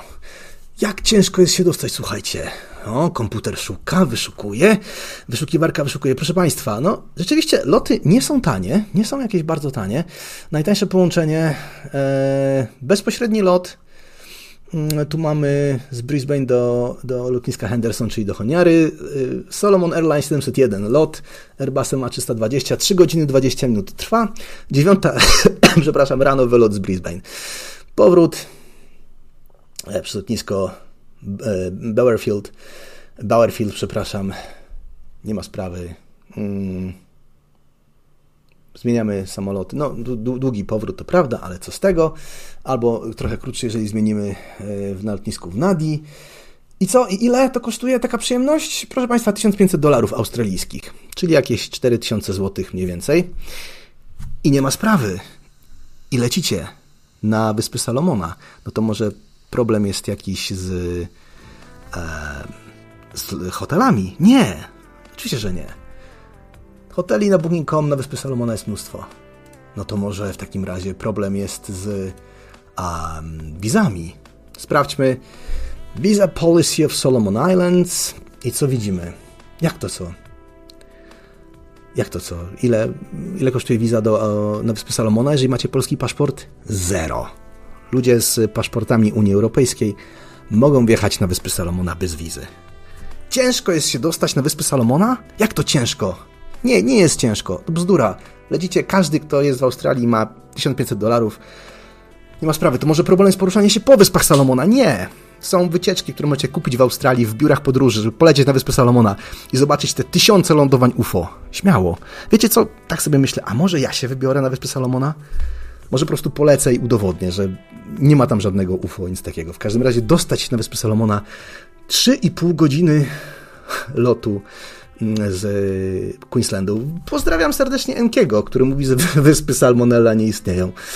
Tak, na pewno. Bieszczak mówi, że, mm, że o mnie to pyta pultranie, ale jakie pultranie? Nie wiem o co chodzi. Słuchajcie, dzwońcie do mnie, bo trochę mi się już nudzi gadać do siebie. To tyle, jeżeli chodzi o Australię. Jeżeli ktoś chce jeszcze zapytać, jak to jest w Australii i albo zapytać, powiedzieć mi, że ja nie istnieję, Australia nie istnieje i w ogóle wszyscy nie istniejemy, to śmiało. Nikt nie dzwoni? Nie dzwonią szury? Nie chcą nic opowiedzieć? E, aha, jeszcze jedna sprawa a propos Australii. Księżyc, jaki widać z Australii, jest obrócony względem księżyca, jaki widać z Polski. I to jest właśnie dowód na to, że Ziemia jest kulą. Bo jeżeli stoicie prosto, a potem się obrócicie, to księżyc będzie obrócony. Bo ja względem was stoję tak trochę prawie na głowie. Prawie na głowie, bo jestem bliżej równika. No, to tyle Australii. Słuchajcie, strasznie to leży na moim sercu. Strasznie mnie to boli, że e, opowiadane są takie bzdury o kraju, który jest moją drugą ojczyzną. już zostałem oficjalnie Australijczykiem. Mieszkam trochę tu, trochę tam. Byłem ostatnio w Warszawie, bardzo mi się podobało. Tak jak nigdy nie lubiłem Warszawy i Warszawa zawsze mi się wydawała taką dużą wioską z tramwajami, jak to mówią, to spędziłem w Australii trochę... O, ktoś dzwoni. Adam dzwoni. Halo, halo Adamie. Halo, halo Adamie, czy się słyszymy? No, cześć. Cześć, siema. Co tam słychać? No ja ciebie słyszę, a ty nie? Tak, bardzo dobrze cię słyszę. Halo? słyszę cię bardzo dobrze, Adam, i myślę, że wszyscy cię słyszą dobrze. Aha. Y, z tym księżycem. Mhm. Y, narysuj sobie okrąg tak w myśli. Mhm. W Narysowałem. środku okręgu, znaczy wewnątrz okręgu umieść Polskę, narysuj Polskę. Tak. Mhm. Na zewnątrz okręgu nary, narysuj Australię. Okej. Ten okrąg to równik. Nad okręgiem umieść księżyc. Aha. Jeśli patrzysz z Polski na księżyc, No. to patrzysz od przodu i od dołu. A jeśli patrzysz z Australii, to No. patrzysz od tyłu i od dołu. Dlaczego od Dlatego tyłu? Dlaczego od tyłu? Tego nie rozumiem. No, narysowałeś księżyc między Polską a Australią. Ale Ty dlaczego? jako kuloziemca zakładasz, że księżyc jest, są, jest y, umieszczony ileś tam kilometrów. 400 nie? tysięcy kilometrów, tak, od Ziemi. No a z, z płaskoziemcami tak nie jest. Jeden szur płaskoziemca obliczył, że Słońce jest, y, się nad Ziemią w odległości 56 km około. O, to szybko, bliziutko, rzeczywiście. I mniej więcej y, y, tyle samo latają y, balony meteorologiczne, nie? No tak. Więc załóżmy, że jeśli ten księżyc jest 56 km, to widzisz go odwrotnie. Aha, czyli on jest tak blisko, bo ja go widzę odwrotnie, bo on jest między mną a Australią. Ale czekaj, zakładamy, że Ziemia jest płaska teraz, tak? Bo ja muszę mieć jakiś kontekst. Ziemia jest płaska. No tak. Australia jest bliżej, tak do, Australia jest tak bliżej tego końca tego talerza, który jest Ziemią, a Polska jest w środku. No, Polska naród wybrany, musi być w środku, to oczywiste. I teraz księżyc jest na górze, okej. I to jest, i, ale księżyc to jest tak jakby okrąg taki, nie? I teraz patrzę z, z Polski na księżyc i z, z Australii, no to powinienem go widzieć mniej więcej tak samo. A na jakiej wysokości jest księżyc w takim wypadku? No załóżmy, że 60 km. No kurde, jeżeli coś jest na wysokości 60 km, a ja jestem z, od Polski jakieś 17 tysięcy kilometrów, no to albo widzę coś z Polski, albo z Australii. No, albo rybka, albo pipka. Nie ma opcji. Nie może być coś, co jest na wysokości 60 km, widzieć i z Polski, i z czegoś, co jest 17 tysięcy kilometrów dalej.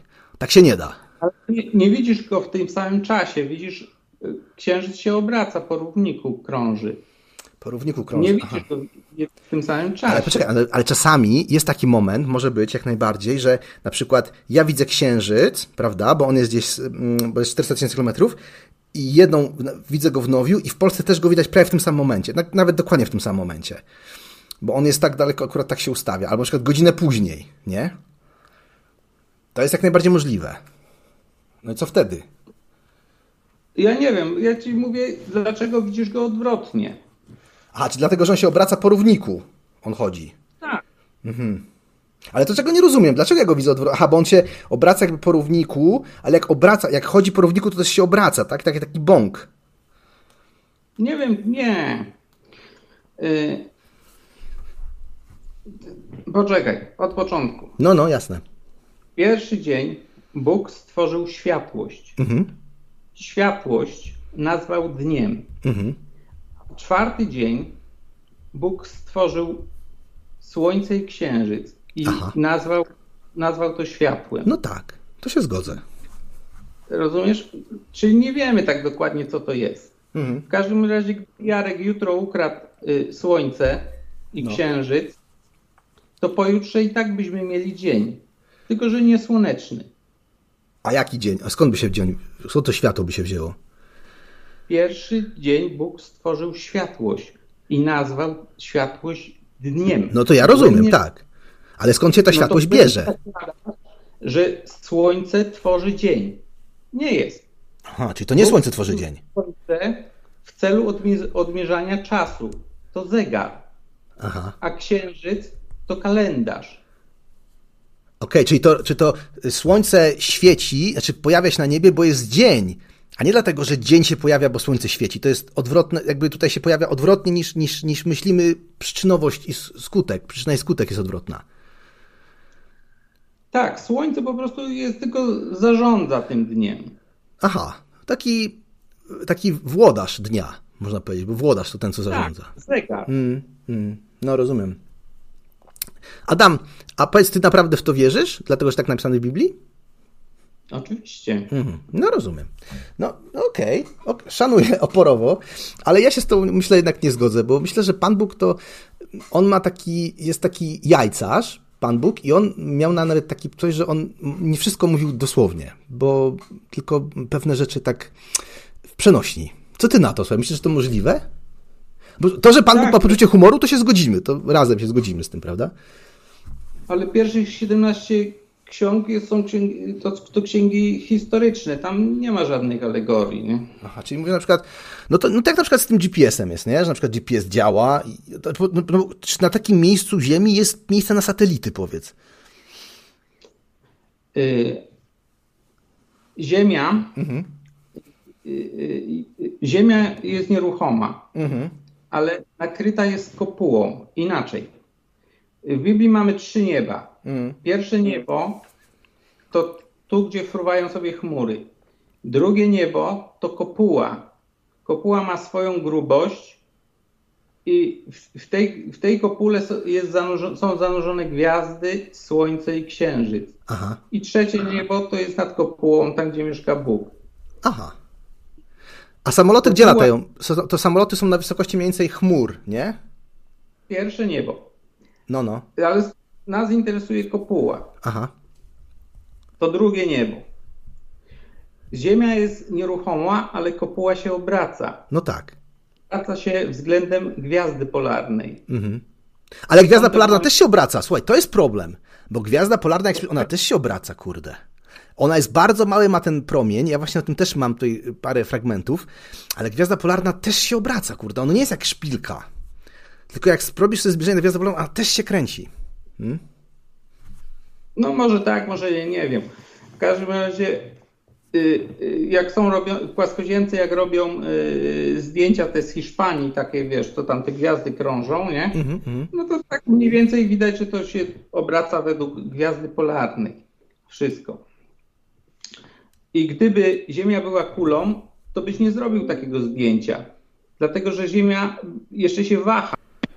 Prawo, lewo. Aha, czyli to się wtedy nie dałoby takiego zdjęcia zrobić. No nie. A jak to Ziemia się waha? W jaki sposób Ziemia się waha? No, według, y, jeśli Ziemia jest kulą, Mhm. to się obraca, ale też się waha. Ale jak to się waha? Ziemia się nie waha. Ona się obraca wokół własnej osi i wokół Słońca. Ale gdzie się waha? Cześć Gumbal, poczekaj chwilę, w ogóle Gumbal nas dołączył. Poczekaj chwilę Gumbal, bo Cześć, cześć. Adam mówi coś ciekawego. No i jak ona się waha? Masz według oś nachylenia. No 23 stopnie, tak, no ale ona się obraca wokół osi, a nie wokół, więc ta oś jest nachylona względem tego i ona się obraca względem osi i cały czas jest nachylona względem płaszczyzny, której kręci się wokół Słońca, więc gdzie ona się waha? Waha się, ta- oś jest, jest 66 stopni i wiosną jest inaczej, a jesienią inaczej. Nie, Dlatego masz lato i lato Nie, nie, i lato i zimę. dlatego, że ponieważ jest nachylona, to raz e, doświetla słońce bardziej północną półkulę, a raz południową półkulę. Dlatego u mnie teraz w Canberrze jest raczej chłodno, a u was jest gorąco, a za kilka miesięcy u mnie będzie gorąco, a u was chłodno.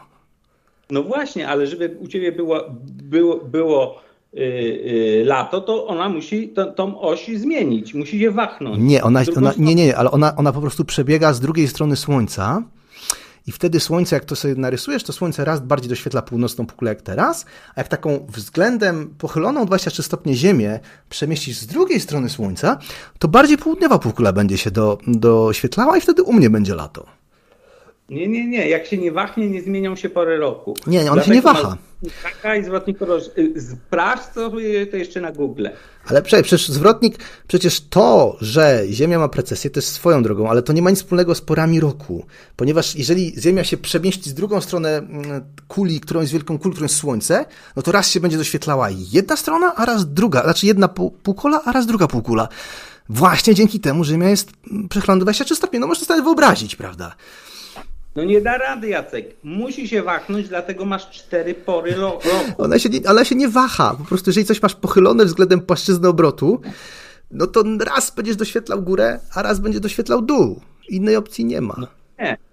Będzie, jeśli się nie wachnie, będzie cały czas u nas lato, a cały czas u ciebie będzie zima. Nie, no właśnie nie. to na Google. Ona się nie waha. Ona po prostu jeżeli masz coś pochylone, to raz doświetlasz górę świetlną. No ale dobra, to, to, to, czyli ona jednak, czyli zwróćmy chwilę do twojej teorii, ona jest naprawdę pasjonująca. Czyli mówisz, że ta Ziemia się waha, ale czekaj. Nie, to jest... To no właśnie, jest północie- według, to według tej teorii, dlaczego u mnie jest, no, no, y, dlaczego u mnie jest na przykład lato, a wtedy w Polsce jest zima, a dlaczego, tak jak pisze Emarci na czacie, na równiku nie ma 4,5 roku, tylko jest cały czas prawie tak samo. Dlaczego? Dlatego, że, że słońce wchodzi między zwrotnikiem rak, raka i koziorożca i, i dlatego, no. No tak, ale on, to słońce się, to, czyli, czy słońce się przemieszcza po tym firmamencie, po tej trzecim poziomie nieba? W drugim, tak. Jest Aha. za, zanurzony w firmamencie. Rozumiem. I ono tak sobie chodzi tam na tym drugim poziomie nieba. Aha. Tak. A no to powiedz, Chodzi po szklanej kopule. A powiedz no to, y, Adam, a jak to jest z tymi satelitami? Jak ktoś strzela satelitę, żebyśmy mogli sobie na przykład porozmawiać, jeżeli nie ma gdzieś e, połączenia kablem świat- światłowodowym gdzieś pod nie ziemi, to, to skąd, to co, co się dzieje z tymi satelitami? Pan Bóg je przechwytuje? Moim zdaniem max, co mamy, to balony meteorologiczne. Czyli mówi, że 50 satelity nie istnieją. Tak. Ale no to jak na przykład masz taki telefon satelitarny, albo odbierasz sygnał z satelity, bo nawet można na takim amatorskim radiu odebrać sygnał z satelity, to, to co wtedy? To ktoś oszukuje nas, czy ściemnia, czy o co to chodzi? Fale radiowe mogą się odbijać od kopuły. No ale dobra, odbijać się, ale tam czasami wysyłane są dosłownie, satelita czasami ma nie tylko, że odbija się, ale ma swój nadajnik i mówi, jestem satelita taki, taki, to jest mój znak. To skąd ta, ta fala się bierze wtedy, wysłana z satelity? Max, max balony meteorologiczne, czyli może być umieszczony na balonie Aha, meteorologicznym. czyli to jest, czyli to spisek. A tak samo GPS też się, też posługują się balonami meteor... No bo GPS działa, nie? Każdy z nas jechał samochodem, to możemy się umówić, że GPS działa. Więc skąd się bierze sygnał GPS-u? Z nadajników GSM, już to tłumaczyłem u krawca kiedyś. Aha, czyli sygnał GPS bierze się, ale jak skąd się może wziąć, skoro sygnał GPS daje ci bardzo dokładne dane, dosłownie rzędu pojedynczych metrów, a niektóre są nawet dokładniejsze, to skąd się bierze ten sygnał taki dokładny z nadajników GPS? Jak triangulację tam zrobić? Nadajników GSM-u. Ale w jaki sposób tak- tak dokładny? Skąd się bierze ten sygnał? Bo wiesz, GPS działa na tej zasadzie, że satelita wysyła w różnych kierunkach troszeczkę zmieniony sygnał o zmienionej fazie i na tej podstawie analizujesz, gdzie jesteś. To jak to się bierze w GPS-u, skoro nie widać anteny GPS-u, czy anteny GSM-u nie widać. Czasami jesteś na pustyni, na przykład ja byłem na pustyni i tam w Australii nie ma w ogóle sygnału GSM-u kompletnie, bo Australia jest pokryta tylko mniej więcej w 10%, ale sygnał GPS wciąż jest. I to bardzo dokładny, a żadnego nadajnika nie ma w pobliżu. Skąd to się bierze ten, ten sygnał GPS-u wtedy? Dwa Nie wiem. błędy poznawcze. Po pierwsze, nie byłeś w Australii, tylko byłeś w pustyni błędowskiej. Aha, no, no, no to Adam, jak, nie, jak myślisz, nie, bo słuchaj, a ta, ta, ta, ta teoria jest spoko, ale ja szukam, wiesz, jakichś dziur w niej, nie? Więc jeżeli jestem na środku pustyni, nie mam sygnału GSM, a mam sygnał GPS, to skąd on się bierze? Nie wiem. A, no rozumiem. Czyli twoja teoria, kurde, tutaj zdycha, przepraszam, że tak brzydko powiem, no ale nie obraź się, no ma, maluki jeszcze, które trzeba wyjaśnić. No, chyba tak. Mm, no, Ale no rozumiem. Pamiętaj, że, pamiętaj, że chciałem tobie odpowiedzieć o tym księżycu. Nie, no ja rozumiem, ja, ja, A oczywiście. dodatkowe pytania. Ja rozumiem, no jasne, wiesz, słuchaj, tak, tak, tak jak na obronie pracy doktorskiej, każdy może przyjść i zadać pytanie, nie? No to ja na przykład zadaję pytanie, jadę przez pustynię, nie ma pff, internetu, nie ma, telefonu nie ma, a sygnał GPS-u jest. Ale dobra, mówi, że tego nie ma, no to jest jeszcze do wyjaśnienia. Ach, właśnie, to jest jeszcze do wyjaśnienia. No dobra, dobra, Adam, wiesz co mi się bardzo podobało to, co powiedziałeś w jednej z ostatnich audycji na temat y, tego, jak Pan Bóg przebacza i to przebaczanie i tak dalej, gdzie dałeś ten przykład y, z tym, że ma na kogoś kwity, prawda, weksle na milion dołków albo na miliard, a ktoś ma 100 milionów. Bardzo mi się to podobało. Naprawdę bardzo mi to tak grało w, jak w mojej duszy. Się z tą zgodzę. Ładnie to opisałeś, mówię to bez żadnej ironii. Ale co do astronomii, to chyba byśmy się raczej pokłócili. Raczej nie. Myślisz, że nie? Bo ja myślę jednak, że Ziemia nie jest płaska, tylko jest kulą, kulą i satelity latają wokół Ziemi.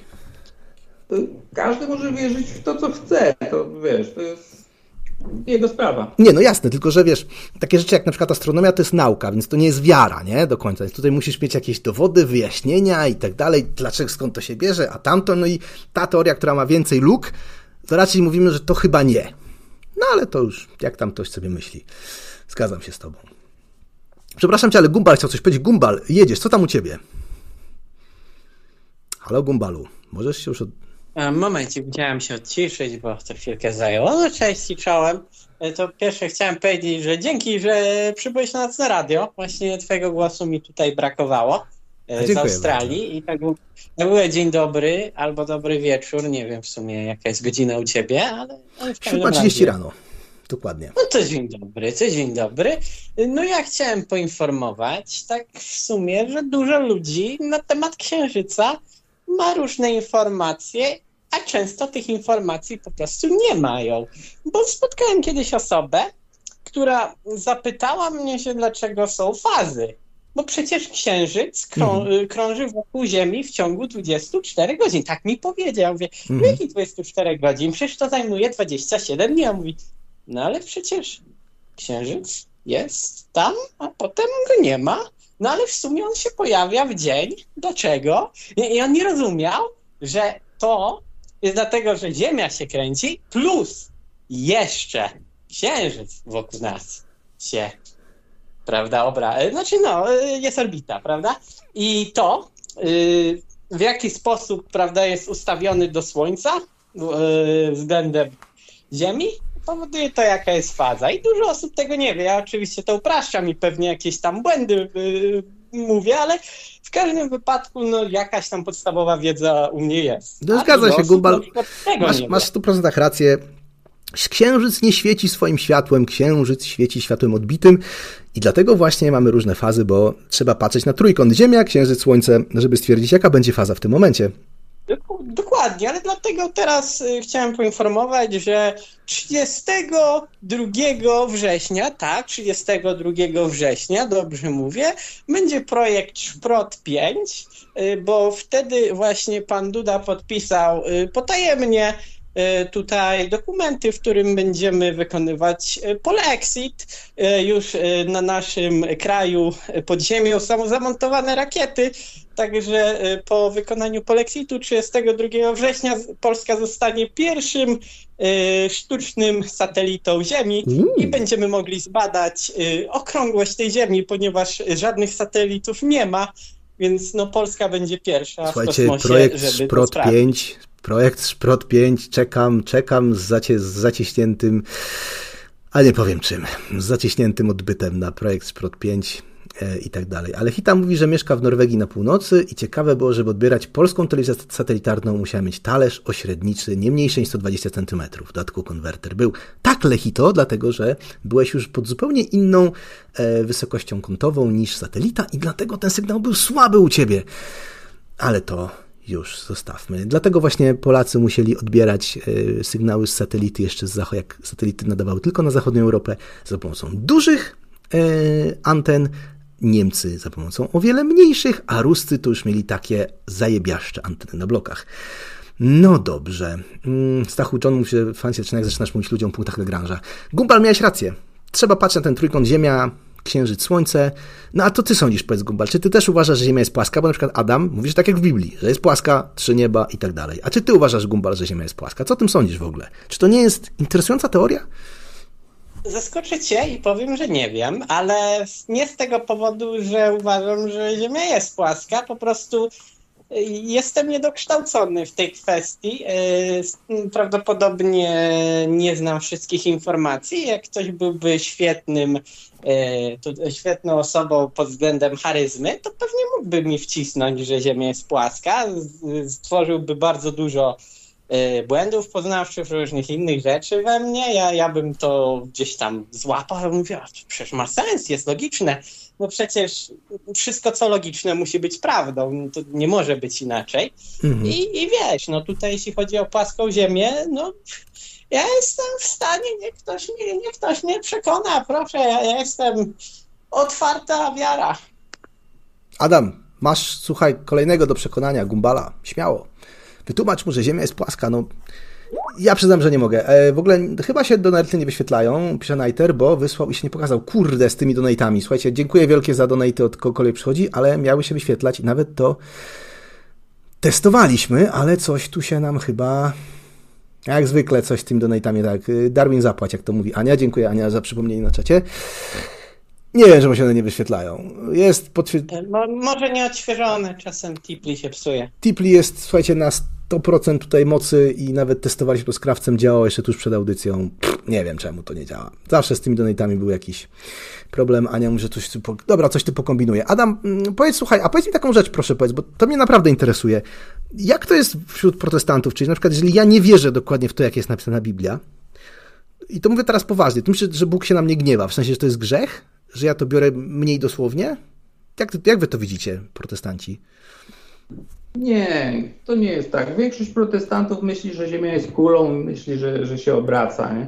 To Mhm. jest. Y, y, każdy ma. y, ka, wiedza każdego człowieka jest cząstkowa. A to prawda. Mniej niż 1%. Y, I załóżmy, ktoś zna Boga bardziej od strony sprawiedliwości, drugi zna Boga od, od strony poczucia humoru, trzeci od, od łaski.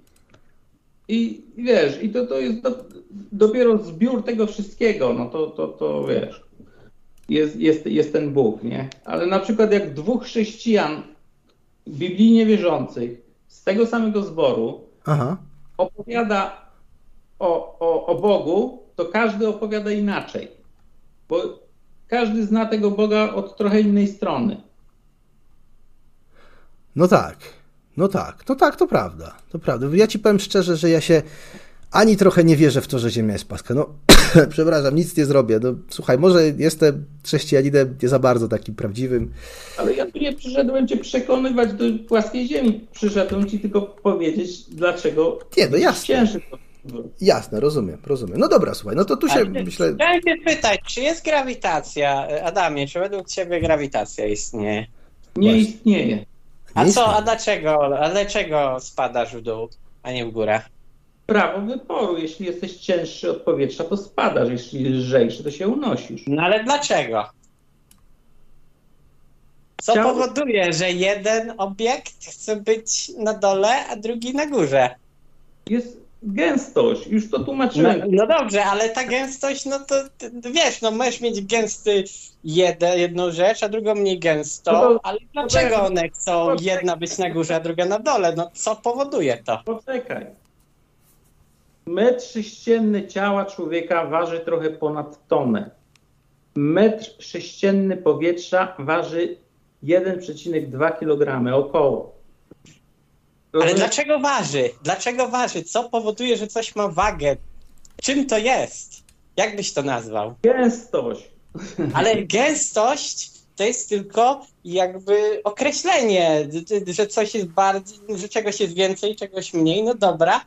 Yy, Tam e, związane z atomami, tak to mówię prosto, ale jakbyś nazwał to, samą to jakby zjawisko, że coś jest bardziej opada w dół, coś idzie w dół, coś idzie w górę, dlatego, bo coś jest mniej, prawda, gęste jest ten opór. No jak byś nazwał tą, tą siłę, która tutaj działa? No co, co, co tutaj działa? Wyboru. Jeśli wskoczysz do wody, to toniesz. No Dlatego, tak, że- a- ale ten wypór bierze się z czegoś, on sam z siebie by się nie wziął. to się nazywa prawo wyporu. No, Trzeba A- to jak a- a określić. przeczytałeś kiedyś, nie wiem, encyklopedię i, nie wiem, definicję wyporu? Skąd to się bierze? Nie, chyba nie, albo nie, nie pamiętam, nie wiem. No to skąd wiesz, że to w ogóle wypór jest? A może to coś innego? Nie wiem. Udowodnij. Nie, no to jak nie wiesz, no to skąd wiesz, że Ziemia jest płaska? Wierzę w to. Wierzę w to, co jest napisane. Czyli nie wiesz, czyli nie masz pewności, czyli nie masz dowodów, czyli po prostu yy, nawet nie wiesz, czy tak naprawdę Ziemia jest okrągła, bo nie możesz tego zaprzeczyć, bo nie masz yy, tak naprawdę dowodów na to, że nie jest okrągła, prawda? Nie jest kulą. Ale ja mówię od początku, że ja wierzę, że jest płaska. O co ci chodzi? Nie mogę tego udowodnić. No dobrze, no ale próbujesz teraz przekonać mnie. No jest to dosyć oporne, bo tak jak ten opór, no ja się też właśnie opieram. Wypór. Nie próbuję cię przekonać, mówię ci. Chcesz, wierzysz, nie chcesz, nie wierzysz. Twoja sprawa. A propos grawitacji, to Newton ją wymyślił w 1666 roku. Taki zbieg okoliczności. O, ktoś tu pisze, że grawitacja to docisk ciśnienia, ale przez co? Przez co te powietrze jest dociskane? Bardzo mnie to cieszy, że y, macie taką dyskusję naukową. Ale obawiam się, że, że jednak grawitacja to jest przyciąganie się między ciałami i dlatego właśnie Ziemia krąży wokół, em, wokół Słońca, a Słońce odrobinkę wokół Ziemi, chociaż niedużo. No dobra, a na przykład, y, Adam, a jak myślisz, a czemu samolot lata? Czy to ma coś wspólnego z grawitacją? Y, y, nic. Jest siła nośna. Ale, ale też zgodzisz się, że skoro siła nośna unosi samolot do góry, prawda, i całe ciśnienie unosi samolot do góry, no to też musi istnieć jakaś siła, która ciągnie go w dół, bo inaczej ten samolot cały czas by leciał w górę, w górę, w górę i tak dalej. Nie, jest tak samo jest prawo wyporu. No przecież, przecież zaraz moment. Ale siła nośna niesie w górę. W pewnym momencie samolot wyrównuje wysokość i leci na jakiejś wysokości, prawda? To muszą być wyrównane siły między siłą nośną a grawitacją.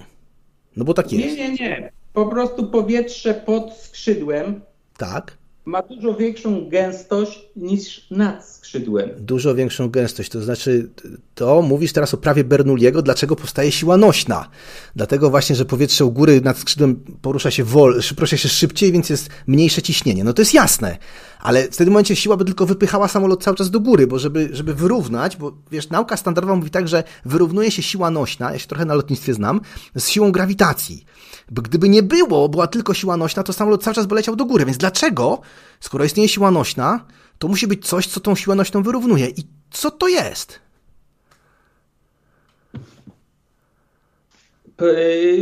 Prawo wyporu, nie ma nic innego. Ale prawo wyporu ciągnie w górę, a co cią- ciągnie w dół? Nie. Samolot, samolot jest gęstszy od powietrza, więcej waży niż powietrze. No tak. sześcienny samolotu, zgadza się? Tak. Dlatego jest potrzebna siła nośna. No tak, ale no to jest siła nośna, która go wnosi do góry, ale co go ciągnie w dół? Bo będzie samolot, Jego masa. czyli masa, no to czyli, no właśnie, czyli masa powoduje, że grawitacja istnieje, prawda? Nie. No to dlaczego masa, to co ma masa wspólnego z siłą? Jak masa samolotu przenosi się na siłę, która go ciągnie w dół? Masa to jest gęstość, zagęszczenie czegoś. No dobra, ale dlaczego, co to ma wspólnego z siłą? Skąd się bierze siła, która ciągnie w dół? Nie ma siły, która no, no, ciągnie w dół. No jeżeli by nie było Jest siły, która ciągnie w dół, a byłaby tylko siła nośna, to samolot cały czas by leciał w górę. Coś tu się kurde nie zgadza, no.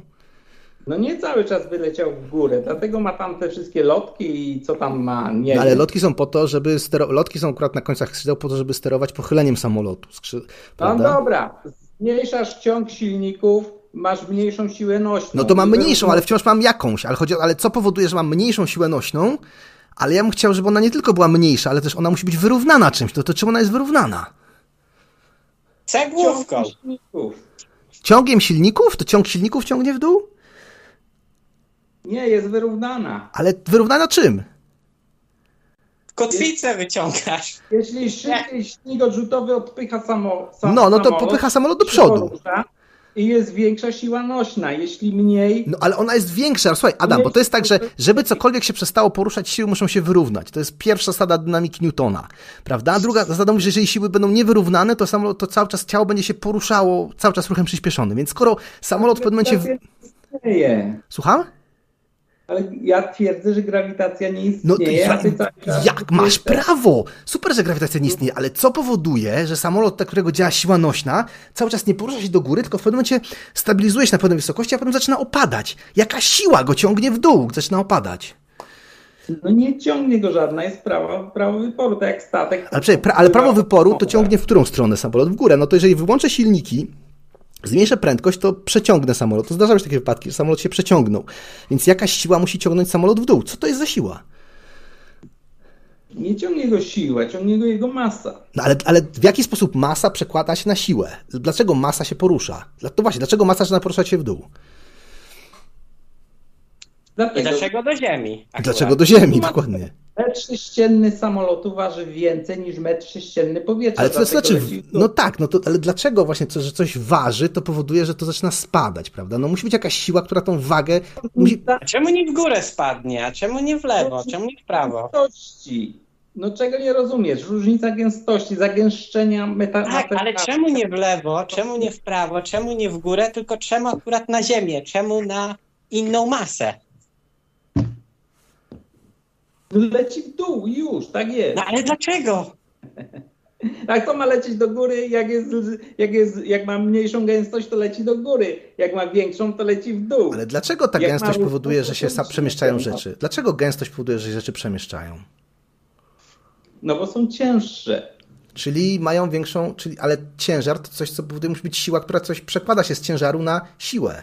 Ciężar to jest to samo, co zagęszczenie danego materiału. No nie, to nie jest to samo. Ciężar, a zagęszczenie to jest coś innego. Możesz mieć coś bardzo gęstego, ale malutkiego i wtedy masz malutki ciężar. Możesz mieć coś bardzo mało gęstego, ale na przykład będziesz miał kolosalną poduszkę albo wielki materac, który jest mało gęsty i on będzie bardzo cięższy, więc ciężar i zagęszczenie to nie jest to samo. Ja mam inne pytanie.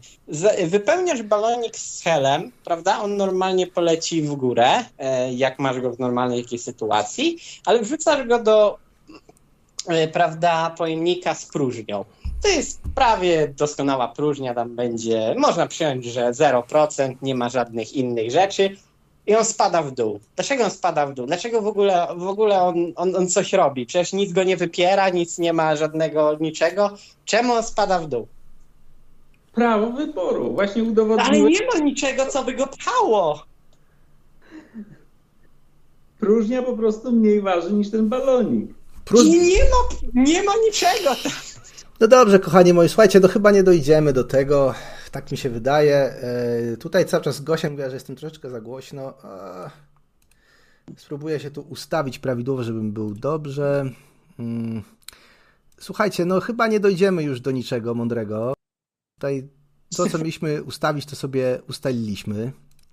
Ja się tu troszeczkę przyci- przyciszyłem. Może przewietrzymy antenę odrobinę, jak myślicie? No ja, ja, ja bardzo chętnie mogę się przewietrzyć na papierosa. A ty palisz? Co ty, kumbal, palisz? Zacząłeś palić? A raz na rok, a raz na rok się zdarza. Nie no, raz na rok to można, ale częściej to nie pal, bo to obrzydliwe jest. To najgorsze po prostu z No, możliwych. wa- no właśnie, bo ja raz na rok wychodzę z domu. No to tak, rozumiem. No dobrze, słuchajcie, to był Gumbal i Adam Protestant. Y, Wielkie brawa dla naszych dzwoniących. Dzięki Adam, dzięki Gumbal. Dziękuję wam uprzejmie. Cześć, czołem. Trzymajcie Dzięki, się. cześć. Do następnego razu. Na razie. Tak, no ja nie przyznam się wam szczerze, że nie jestem protestantem, raczej jestem katolikiem. A Anna się mnie pyta i mówi, że ma jedno pytanie. Czy jak godzę wiarę w Boga, niebo, piekło, ziemię, grzech pierwotny, zbawienie i wieczne potępienie z nauką?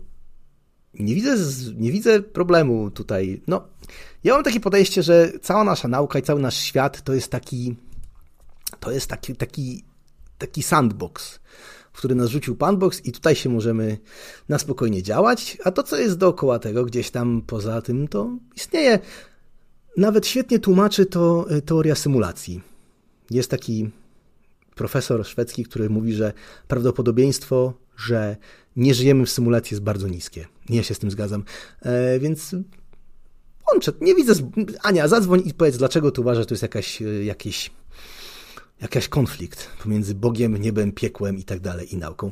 Ale i tam mówi, że słyszałem, że Szabel miał dzwonić. Ja też tak słyszałem. Ale no cóż, nic się tutaj nie przydarzyło na razie. Słuchajcie, a propos samolotów i latania, mam tu dla was kolejny ciekawy fragmencik. Gdzie my to mamy? Tak, kolejny temat, który mam przygotowałem, ogólnie napisałem lotnictwo, kosmos i chłopsko-rozumizm.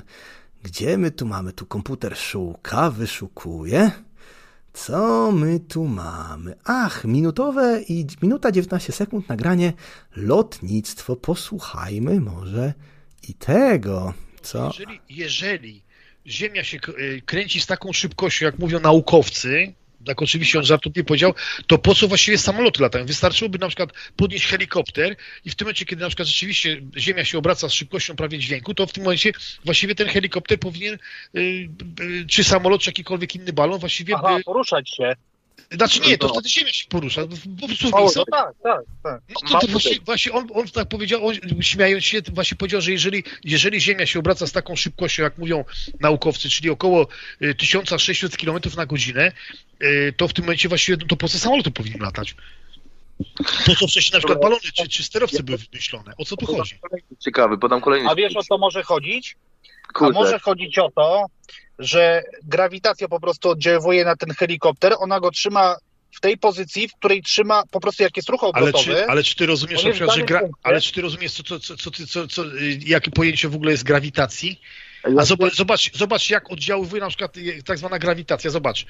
Y, Chodzi o tak zwaną ten, tak zwany ten, czy, czy, czy, czy, no, masę, masę, ja masę, podam, jak ja to się... podam przykład. Ja podam przykład koledze. Weź, sobie- weź sobie nalej, nalej sobie wody do szklanki Bo te najprostsze przykłady, chociażby Tak, świetny pomysł. Nalać sobie trochę wody do szklanki. Wy też sobie nalejcie wody do szklanki. Ja też sobie naleję wody do szklanki, chociaż jeszcze zostało mi trochę kawki. No, musicie przyznać, że yy, chłopsko-rozumizm w absolutnym natarciu. Ja ten błąd naprawdę słyszałem już setki razy i szczerze mnie on zastanawia. Przecież ktoś, kto na lekcji fizyki nie całował się z panienkami, powinien zrozumieć, dlaczego tak się nie dzieje, że wystarczy podskoczyć, a Ziemia nam ucieknie spod nóg. Dlaczego nie jest tak, że wystarczy się wznieść helikopterem, a potem od razu z tego powodu, że Ziemia się obraca, natychmiast zaczniemy się przesuwać z prędkością równą prędkością Ziemi. Ten dzwoniący, nie wiem, czy to może wam to umknęło, na początku mówił, że to jakiś imam y, tak się wypowiadał. No, ten imam chyba też y, na lekcjach fizyki, no, nie uważał za bardzo, prawda? Yy, jeszcze rozumiem, że dzieci mają takie zagadki, tak się zastanawiają. Mamo, tato, a dlaczego tak się nie dzieje, że mogę podskoczyć i będę zaraz w Afryce albo w Ameryce? Ale że dorośli faceci mają takie wątpliwości, dorośli goście. Przecież to jest wstyd. Żeby zrozumieć, dlaczego tak się dzieje, że jak podskoczycie, to się nie zaczniecie poruszać z prędkością Ziemi, zróbcie kiedyś taki eksperyment e, w pociągu. Zróbcie eksperyment w pociągu, stańcie gdzieś w y, przejściu, najlepiej gdzieś w. Y, no na przykład, jeżeli będzie w pierdolino, to na środku wagonu i podskoczcie. Skoro pociąg porusza się z taką dużą prędkością, to zgodnie z tą samą logiką powinniście walnąć w ścianę z prędkością kilkudziesięciu kilometrów na godzinę, albo nawet ponad stu. Najprawdopodobniej byście zginęli, gdyby się tak się działo, ale na szczęście nic takiego się nie dzieje. Nie jest tak, że skoro podskoczycie, to nagle zaczniecie się przemieszczać z prędkością zero, a pociąg z taką dużą prędkością. Tak samo e, nie zaczniemy się przesuwać z prędkością równą prędkości Ziemi. Naprawdę, nie zaczniemy. Dlaczego? Powody są dwa. Po pierwsze, prędkość początkowa. Wy w pociągu, albo też samolot, który startuje z Ziemi, macie taką samą prędkość jak Ziemia, która się obraca, bo obraca się razem z nią. Po drugie, powietrze. Atmosfera również obraca się razem z Ziemią z tą samą prędkością. Wiatr to są ruchy powietrza względem Ziemi, ale to jest pomijalnie mały ruch w porównaniu z prędkością, jaką całą a- atmosfera i wszystko wiruje razem z nami. Po prostu atmosfera wiruje razem z Ziemią wokół Ziemi osi. A jak pamiętacie z pierwszej zasady dynamiki Newtona, żeby jakieś ciało przyspieszyło albo zwolniło, bo zwolnienie to też jest przyspieszenie, tylko z przeciwnym zwrotem, to musi na nie działać jakaś siła. A nie ma takiej siły, która spowoduje, że nagle helikopter albo samolot zacznie zwalniać względem Ziemi. Jeśli tego się nie rozumie, to znaczy, że wasi nauczyciele fizyki odwalali swoją robotę, robili swoją robotę na odwal się. Ten imam, który niby opowiadał o tym, że e, tak powinno być, to też prawie na pewno ma na bakier zachodnią nauką. Może dla niego zachodnia nauka jest haram. Ale poczekajcie, poczekajcie, bo dalej jest tylko lepiej. Mm, Może jakiś mały podkładzik, może teraz już troszeczkę inny. O, jejku, tego dawno nie słyszałem. Tego bardzo dawno nie słyszałem. O, to jest Polish Ambassador. Tego używał krawiec w dawnych latach. A co tutaj mówicie na czacie? Christopher mówi, żeby zadzwonić do szabla, trzeba mieć, zdać test poniżej IQ. Dzwonić mogą tylko ci, co mają poniżej 70. Być może, słuchajcie, ja nie wiem, nigdy do Szable nie dzwoniłem, przyznaję. Lahita mówi, że mm, że jego nauczycielka geografii piątej klasie powiedziała, że z Ustki przez teleskop nadmorski widziała Szwecję. Bardzo możliwe nie ma w tym nic dziwnego. Także tak, y, dzwońcie, słuchajcie. Mm, O, a Bart pojawił się, że jestem australopitekiem. Dzwoń Bart do mnie, opowiadaj jak to jest, słuchaj, powiedz, czy wystarczy podskoczyć, żebyś zaczął przemieszczać się tak szybko jak Ziemia. Oj, trochę za głośno ten podkład. podkład. Miki, wolałem zagadać o Australii. Miki, zadzwoń. Zawsze możesz zadzwonić, zapytać Australii o to albo o tamto, ale mówisz, że odpalasz gierepa. Może ktoś się zbeka. Może ktoś zadzwoni do mnie i się zbeka, chociaż wolałbym nie. No dobrze, słuchajcie, to może jakiś jeszcze jeden temat. Eee, mam tu jeszcze przygotowane parę rzeczy, szczególnie o lotnictwie. Bo my tu mamy. Hmm, co my tu mamy z lotnictwa? Przyjrzyjmy się temu. O, czekajcie, dzwoni do mnie Filip Bart. O, nie jest źle. Halo? Halo? Ups, coś się nie odebrało, coś tutaj nie zadziałało. Halo, halo? Missed call. O, dzwonimy dalej, dzwonimy. Mam pokazany missed call, nie wiem czemu. No, zadzwonimy do Filipa.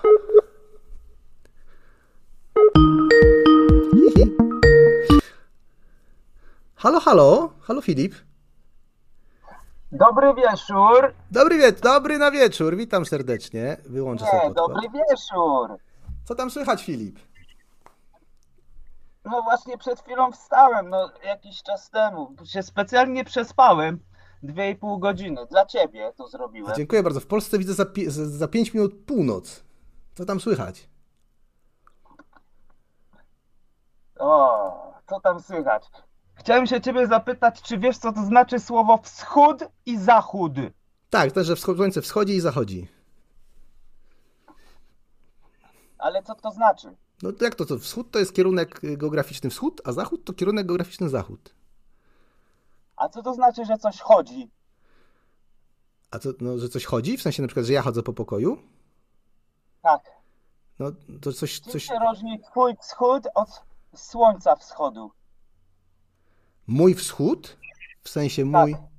Że, że ja wschod... Tak, Ale ja nie, ja, nie wschod... ja nie jestem słońcem, no jak ja No mogę kiedy wschodzić? Ty sobie wschodzisz, czyli dobra, czyli ty, kiedy ty idziesz, No. kiedy ty chodzisz, No, no, no to co? no co to znaczy, że ty chodzisz? No, że ruszam nogami i się przemieszczam. Co to znaczy, że słońce wschodzi i zachodzi? No ale to są tylko słowa, no znaczy słońce wstaje nad... y, Nie, to nie są tylko słowa. Nie są? Czemu? Nie, to nie są tylko słowa, to jest fakt. No słuchaj, ale jak jest po angielsku, to jest na przykład dawn i dusk. Co to ma wspólnego Ale z mnie, wschodem i mnie zachodem? interesuje angielski. Angielski to jest nowożytny język, który powstał z polskiego. Aha, z polskiego powstał. Aha, czyli, Tak. pol, czyli mówisz, że polski to był ten język, który jest pierwszym językiem w ogóle we wszechświecie. Sanskryt był pierwszy. Pierwszym językiem. I tam też i w sanskrycie jest wschód i zachód? Później. Czy i w sanskrycie jest wschód i zachód? Nie, no poważnie pytam. Bo ja sanskrytu nie znam, przyznam. Znam tylko parę słów w sanskrycie. Jak to w sanskrycie też jest wschód i zachód? No na pewno jest. Ale tak samo się wymawia, wschód i zachód? A, a znasz na przykład, słyszałeś o księdze Henocha? Nie znam księgi jest, Henocha. specjalnie jest odrzucona przez wszystkich, Aha. a jest taka księga astronomiczna. Czytałeś ją? Nie, nie czytałem, no ale powiedz co w niej jest, no opowiedz nam wszystkim, słuchaj, no przecież po to dzwonisz, żeby też trochę nauki tutaj wrzucić, trochę wiedzy rozrzucić. Zwykłym ignorantem, bo szydzisz, robisz sobie jaja Tak, tutaj. to prawda. Adam ci tu wytłumaczył wiele rzeczy. No to wytłumacz! Niestety do, dołączyłem się na końcówkę tego, co on tam do ciebie mówił. Dawaj. E, Ty jak taki ułom, taki po prostu bezczelny ułom. Bezczelny Weź ułom, może wejdź sobie na profil Ewa Ranon Aha. i, i wszystkim Ale słuchaj, tym, nie, ale, ale, ale, ale Filip, nie róbmy tak, że wejść sobie gdzieś, bo no. przecież nie będę teraz Słuchaj, wchodził. Ja cię wysyłam tam, ja się nie będę z tą chłopie kłócił. Ale nie, ty masz się nie kłócić, ty masz wyjaśnić. Co do kwestii ziemi, kształtu, można powiedzieć, że już mnóstwo rzeczy jest udowodnionych, a twoim zadaniem powinno być tylko to, wejść sobie i obalać ich argumenty. Ale no to rozumiesz? daj jakiś Ty- argument. Ty, jako Filip. ten niewierzący Filip. powinieneś wziąć, zapoznać się z przeciwnymi argumentami, których jest multum całe multum zapoznałem i się. ty powinieneś wziąć i to obalać. Rozumiesz? No obalam ty, właśnie. Jako ten No właśnie obalam. sceptyk, ty to powinieneś brać wszystko, 200 tych dowodów Erika Dubaja, powinieneś Ale wszystko obalić. Filip, ale a ty wierzysz w Erika do Duba. jednego. Filip, po- uspokój się na chwileczkę, No. poczekaj, bo denerwujesz się za bardzo. Po co? Filip, Ja ale się powiedz, nie denerwuję teraz. no ale nie, prostu ty, Mówię tak, jak mówię. A ty znasz, jak, a ty wierzysz to, w Erika ja Dubaja? słyszę, Dubaja? To, to jest naprawdę, to jest przykre. Jesteś po prostu typowy ignorant do potęgi entej. No dobrze, tak jestem... jak tacy jak ty. To No są dobrze, ale- ignoranci. To się nazywa Filip, ignorancja. Filip, poczekaj chwileczkę, ale powiedz mi, ty wierzysz w to, co mówi, jak on się nazywał, Erik Du- Dubaj? Czy to, to ty w to wierzysz? Oczywiście, No to daj na przykład jakiś... wolę jemu wierzyć niż twojemu Newtonowi. No to dobrze, a powiedz mi na przykład, w takim razie, dlaczego na przykład jak u mnie teraz jest wczesny poranek, na przykład, a u was jest noc, nie? No to jest, jak masz na przykład masz teorię, że Ziemia jest kulą i astronomię, no to jest to wyjaśnione. A dlaczego na przykład u mnie teraz jest jasno i jest zima? To powiedz mi proszę, ro, rozrzuć trochę wiedzy. Dlaczego tak jest? O, jak wysoko masz słońce teraz? Jak, w jakim sensie jak wysoko? W sensie odległości od No Ziemi? jak wysoko masz słońce teraz? W którym miejscu masz południe? Południe mam... Słońce masz... Moje, moje słońce wschodzi na wschodzie, a potem idzie tak delikatnie na północ, bo idzie bliżej równika. No. Tak to u mnie wygląda. Dlaczego, dlaczego zachód słońca latem jest na północnym zachodzie? Y, Ale w, gdzie? W Polsce czy w, czy w, czy w Na Australii? przykład w Polsce. No. To jest na, północnym zachodzie. Zachód jest... Prawie, że już na północ. Nie, nie, posłuchaj, ja ci powiem. Zachód jest. Słońce na idzie w. Polsce, jak jesteś, to słońce idzie od wschodu przez południe, potem na zachód, a potem po- widzimy taką delikatną poświatę latem na północnym zachodzie, dlatego że widać delikatnie, jeszcze przez chwilę, jak słońce świeci z drugiej strony Ziemi. Tak to wygląda w Polsce. A u nas jest odwrotnie. No nie, tak nie wygląda. Nigdy nie, nie byłeś, chyba nie widziałeś wschodu słońca w Polsce. Ale mówisz o wschodzie czy o zachodzie? Bo teraz się zgubiłem. Na północnym wschodzie latem. Tak. Gdybyś chciał się No tak. raz, wybierz się może, bo ja wstaję sobie rano i wiesz, ja sobie obserwuję słońce y, i potrafię dostrzec, że słońce chodzi. No Tak to słońce chodzi, tak, ale to jest złudzenie, bo tak naprawdę to Ziemia chodzi, a nie słońce. To jest słońce złudzenie. sobie idzie Tak. y, na południk i później z południka sobie idzie na zachód, ale niestety latem Znaczy, jak na na północny zachód i to taki perfidny ten północny zachód No jest. tak, ale to dlatego, Filip, że słońce mocny. widać jak świeci z drugiej strony Ziemi. Dlatego jeszcze przez chwilę widać, jak ono na, od, po północnej stronie jest. Bo A u nas... w południku robi taką łyżwę, wiesz o tym? W południku robi taką łyżwę między 12, Łyżwę? masz 12 i 14, no taką jakby łyżwę robi, tak. czy jaki to jest kształt? Opisz go jakoś tak nie w ładnie. miejscu. Opisz go tak ładniej. Jak, skąd ta łyżwa się bierze? No, ja, no to ty mi wytłumacz. Ale, ale jak, Nie jak, ta, jak ta łyżwa wygląda? Jak ta łyżwa Nie wygląda? powinno być jej, gdyby, gdyby y, kula ziemska była i Ale co to jest ta łyżwa? Bo ja nie wiem, tak jak Nike, taki znaczek jak Nike? Jaka łyżwa? No tak jakby, no takie, taki łuk robi, taki łuk No robi albo fajny. widać, jak słońce idzie na I wędruje tam. Ale wiesz co, Filip, wprowadźmy trochę, bo zacznijmy najpierw od mojego pytania. Dlaczego u mnie teraz jest wschód słońca, a u was jest noc? Skąd to się bierze? No bo słońce wykonało ruch. Ale skąd dokąd? Przeszło sobie z Europy, No. wykonało ruch w stronę Australii. Ale ono wykonało ten ruch w sensie, że ono tak się nad takim talerzem jakby przemieszcza w ten sposób? Tak to działa? Nie, bo ja się próbuję to sobie wyobrazić, wiesz, jaki to jest model tego, nie? Po prostu. No, czyli to jest taki talerz i tam jest Australia. może Powinieneś spojrzeć trochę na e, flagę ONZ-u. Ta flaga ci trochę więcej wyjaśni. No, no to ja znam flagę ONZ-u, to jest taka płaska ziemia jakby, no i tam, i to jest tak, że jest Płaszcz- Australia i, tak, i, no płaszczyzna, mapa, plan, eta, plan, mapa. Mapa jest płaska, jest płaska. Dlaczego masz mapę płaską? No dlatego, że jest ziemia płaska, na płaszczyzną jest. No Czyli i co? dla- Czego nie rozumiesz? Mapy są płaskie, z tego wynika, że ziemia jest płaska. Że... Oczywiście. No tak, no to ma sens, no bo przecież A problem, że... dlaczego? A masz kalkulator zakrzywienia Ziemi? No mam kalkulator z okrągleniem gdzieś pod ręką, tak, ale poczekaj, zostawmy też, bo Tak? skończmy tylko tą roz... pierwszy temat. Czyli, bo ja chciałem o tym, o tym słońcu, co się przemieszcza na tym, czyli Ziemia jest płaska, tu jest słońce i teraz ono przeszło sobie z nad Polski do Australii i potem wróci do was. A czemu na przykład w tym momencie nad Japonią też jest y, słońce wstało i nad Nową Zelandią i przed chwilą zaszło nad, y, nad Kali- Kalifornią, prawda? A dlaczego też u mnie jest na przykład zima, a u was lato? To z czego to się bierze? No u was, u was jest y, niżej słońce teraz. Niżej w sensie bliżej Ziemi? No a nie? Czyli, Wysoko jest? W południku? no nie, znaczy chodzi ci Wysoko o wysokość kątową nad Ziemią? Tak, tak, tak. No to tak, ona jest, ona jest niżej, dlatego że teraz jest nad półkula północna doświetlana, jest, jest niżej, tak? Czyli u nas, no tak, tak jest. Czyli u nas słońce wtedy, jak idzie nad Australię, to schodzi niżej? No idzie teraz, jeśli masz tam zimę u siebie, czyli No. ono jest nisko. No tak, nisko nad... nad, nad Wydaje się niżej. nisko, Aha. ale jest daleko. A co jaka Bo to- siła, powiedz, tym słońcem porusza? Bo to mnie interesuje też. No dobra. A jaka siła tym słońcem A widzisz, to jest dopiero magia. Aha. To jest magia właśnie. To się nazywa ta magia cała. Astrologii. Mhm. Astrologii czy astronomii? Bo to nie to samo jest przecież. I astrologii, i astronomii. Aha. To się łączy ze sobą. Mm. O tym nie myślałem, wiesz.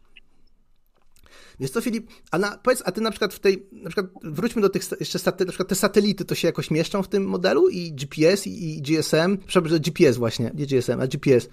Czy to, To to nieprawda? całe namierzanie działa na zasadach triangulacji. Czego nie rozumiesz? Ale triangulacja nie, tam, gdzie nie ma GSM-u, e, bo skąd się bierze sygnał triangulacji w, w, do GPS-u? Skąd on się bierze? No z przekaźników. Ale skąd, gdzie te przekaźniki są? Na przykład jak, jak mówię, jak jestem na pustyni gdzieś, Anteny. ale jestem na pustyni w Australii i nie ma w ogóle sygnału GSM, to jakie anteny tam stoją? No to tam nie ma anten. Ale, ale sygnał GPS tak, działa. no nie ma. Ale sygnał GPS działa. No to może jest jakaś nad tym y, antena napowietrzna, gdzieś tam położona wysoko. Czyli cała Australia, cała pustynia, nie ma co prawda Nie sygnału komórkowego, ale jest cała Ja nie pokryta antenami GPS. całej technologii. Słuchaj jeszcze raz takiego? Filip, Technologia. Słyszałeś o czymś takim jak technologia? tak, słyszałem o tym takim. No to ja się próbuję dociec. To teraz patrz. A słyszałeś o Tesli? No słyszałem o Tesli, ale co to ma wspólnego z sygnałem GPS?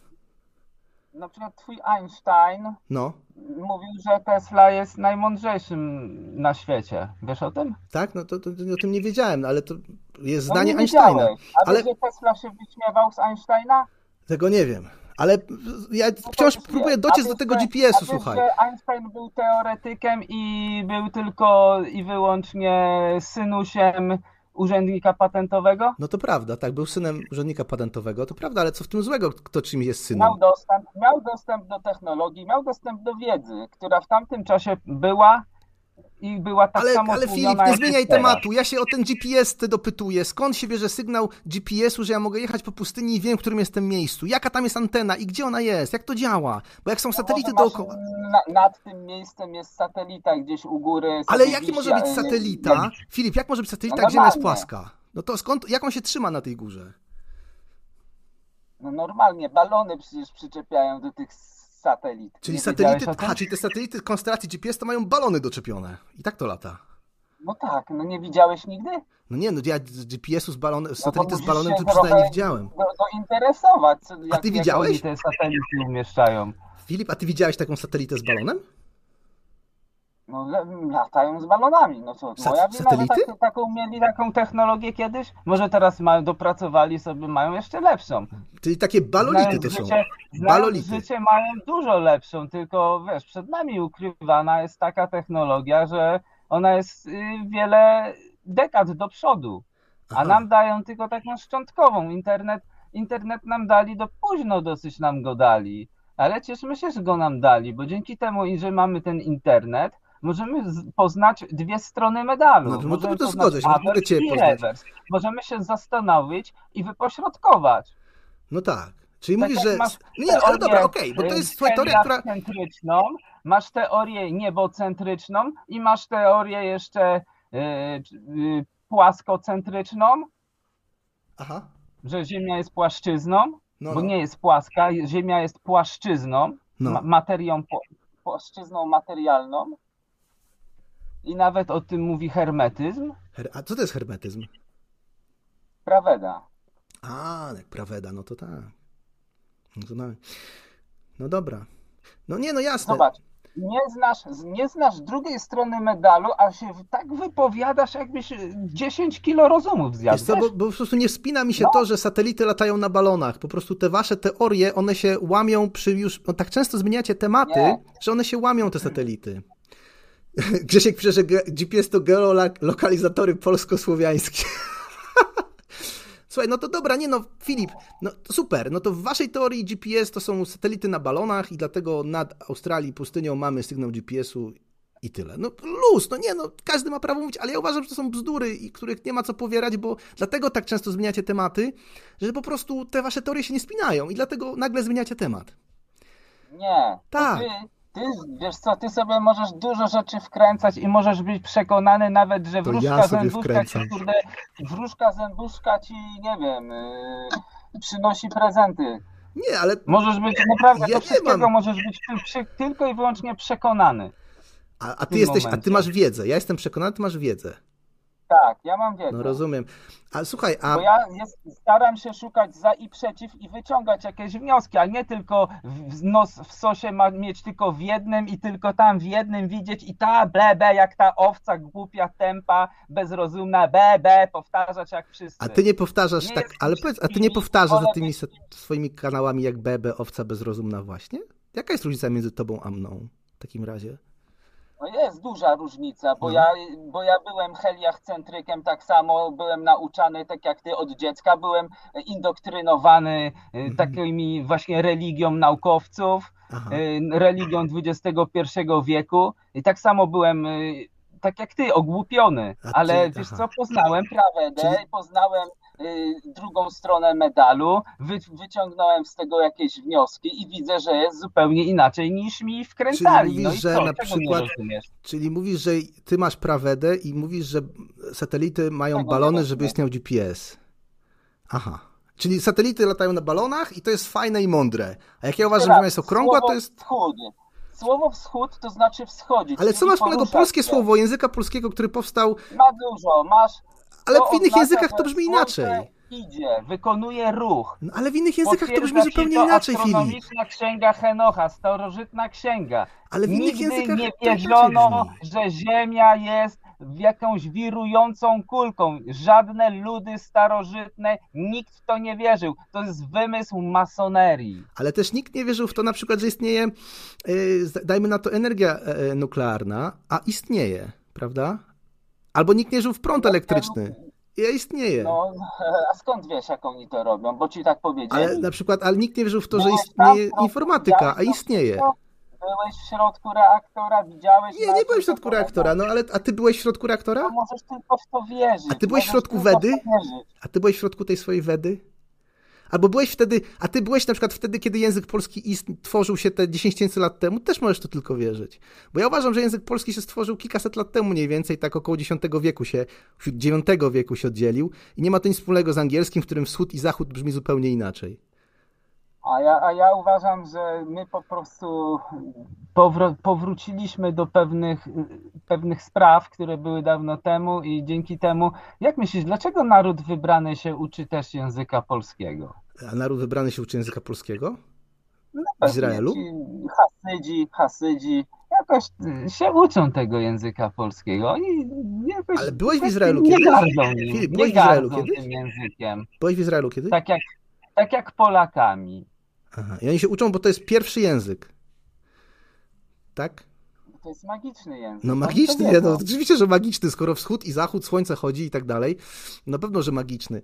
Nie, no jasne, Filip, pewnie A słońce... dlaczego to nie jest? y, No to daj inną nazwę. Wymyśl inną nazwę na wschód słońca według twojego prawa y, NASA. Ale nazwę możesz sobie wymyślić jaką chcesz. Co to nazwać? Po angielsku to jest Jane and Dusk.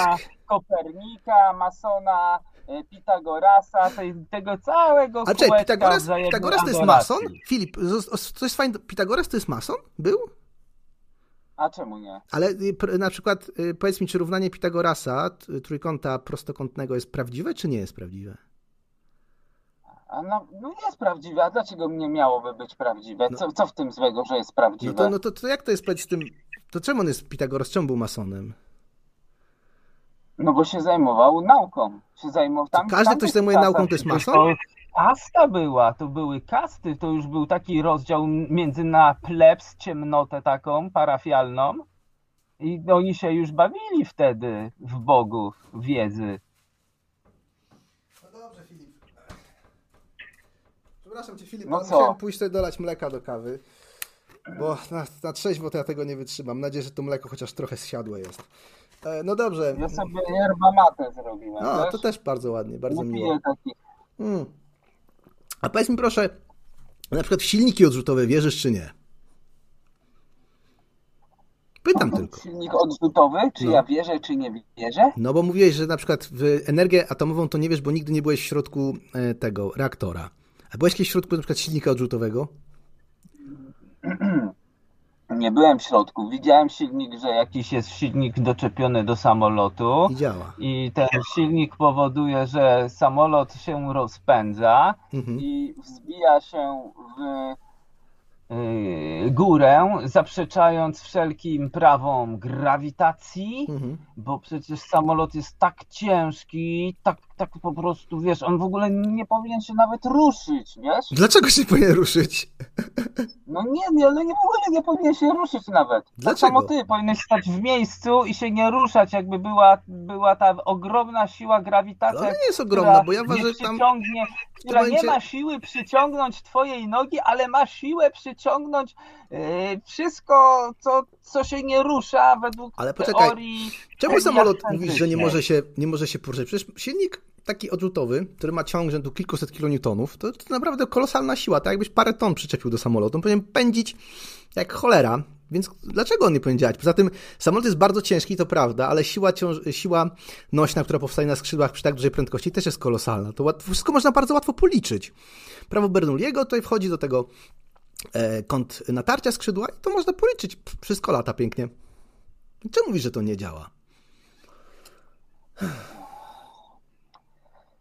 Jeszcze raz, zapoznaj się z Nie, nie, nie, Ewą rano. nie, nie odsyłaj mnie, bo to jest niegrzeczne. Zapoznaj Filip, to jest niegrzeczne. Ja się ciebie ja nie pytam. Mam czasu, naprawdę nie będę się z tobą kłócił Ale o ja nic, się nie chcę kłócić, to prawa, jest- twoje to jest teorie, dyskusja naukowa, Filip. teoriami tylko nauczyli nas samych teorii i wierzyć w teorie i w jakieś prawa wymyślone niektóre przez masonów Mhm.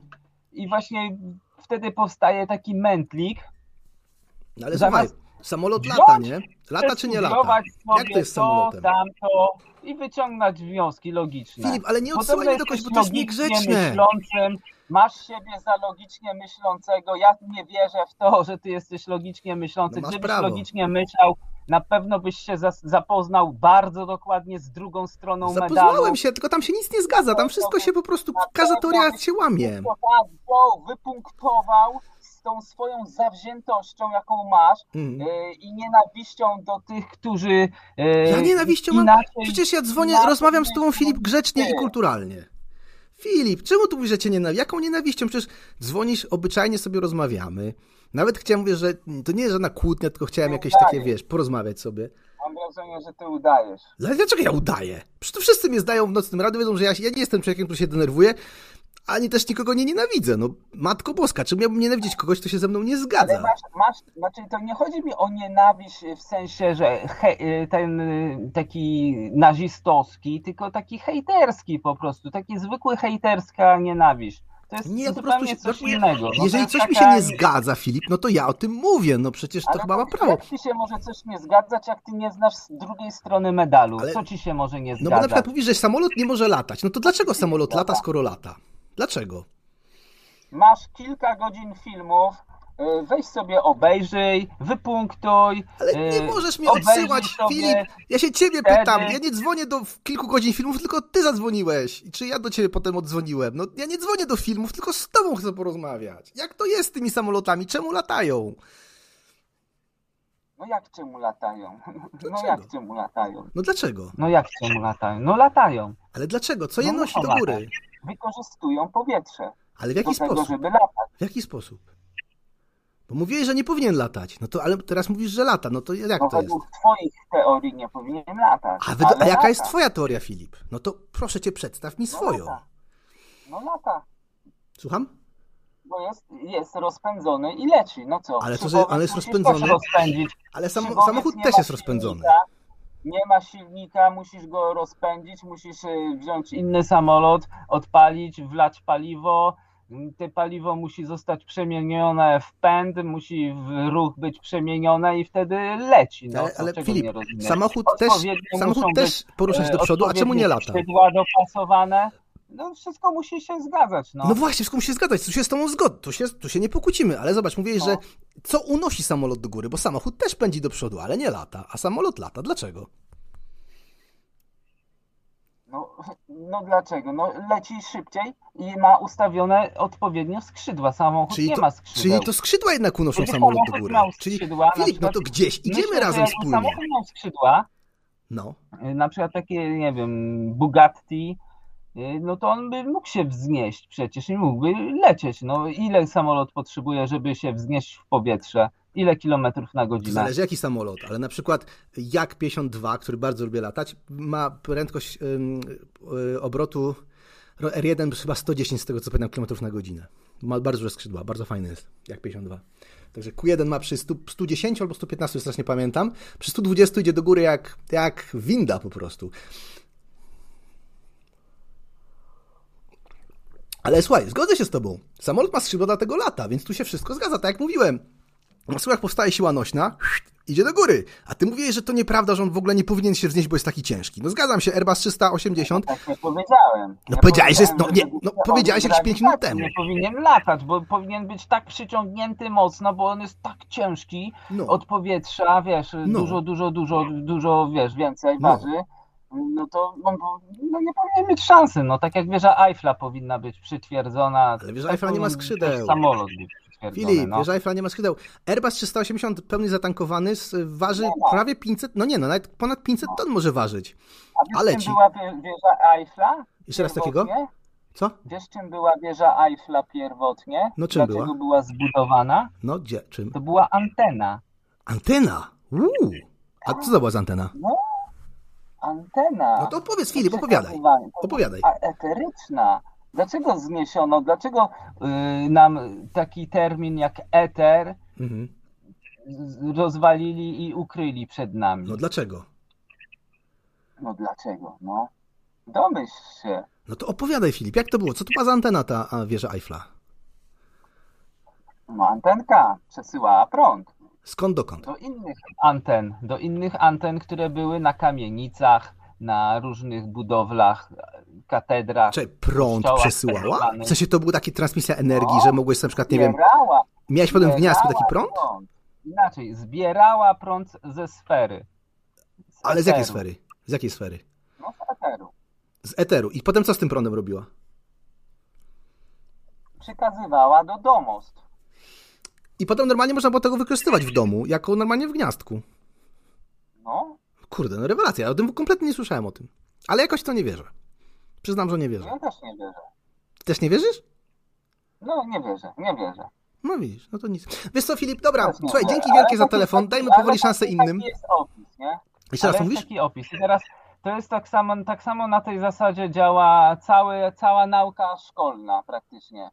I Też mogę wierzyć w nią, ale nie muszę w nią Tak. Ale wierzyć. masz pewne, na przykład to, że Nie, sobie rozmawiamy tutaj y, obyczajnie i ty jesteś w innej części świata i ja, i mamy komputery, a ja mogę na przykład do ciebie przylecieć i możemy pójść sobie na piwo, a piwo można zrobić i dowiedzieć się, co jest w piwie, to wszystko dzięki, to jest wszystko dzięki nauce. Nie zgodzisz się ze mną? Nie.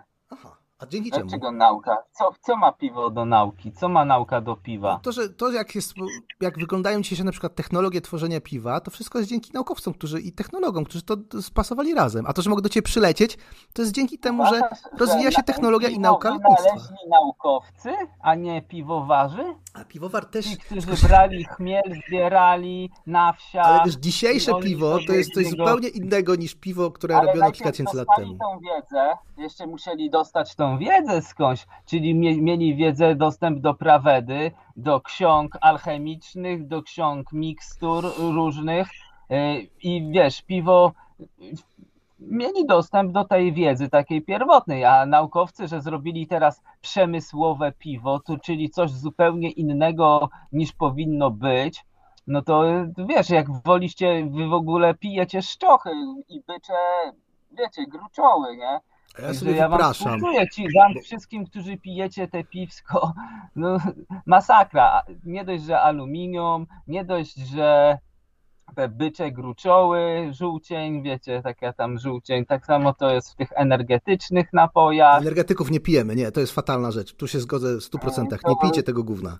No, Tu się zgodzę z także tą robicie sami sobie wszyscy krzywdę. Zgadzam się, nie pijcie Później energetyków. dziwicie komuś, kto nie pije, że ma inny umysł zupełnie. Ja wody z kranu, z kranu nie piję wiele dziesiątek lat i wiecie, woda z kranu też niszczy mózg. Niszczy Też mózg woda z niszczy kranu. mózg. Filip, słuchaj, no woda z kranu niszczy mózg. Ja cię najmocniej przepraszam, ale czas chyba wywietrzyć antenę, bo mm, ja muszę lecieć z tematami, a tutaj już nie chcę, nie chcę odchodzić. mózg. Tam jest fluor. Tam jest fluor. Już to prawda od wielu lat nie ma fluoru w wodzie, ale może u ciebie jest. No nie wiem, nie byłem, nie wiem gdzie mieszkasz.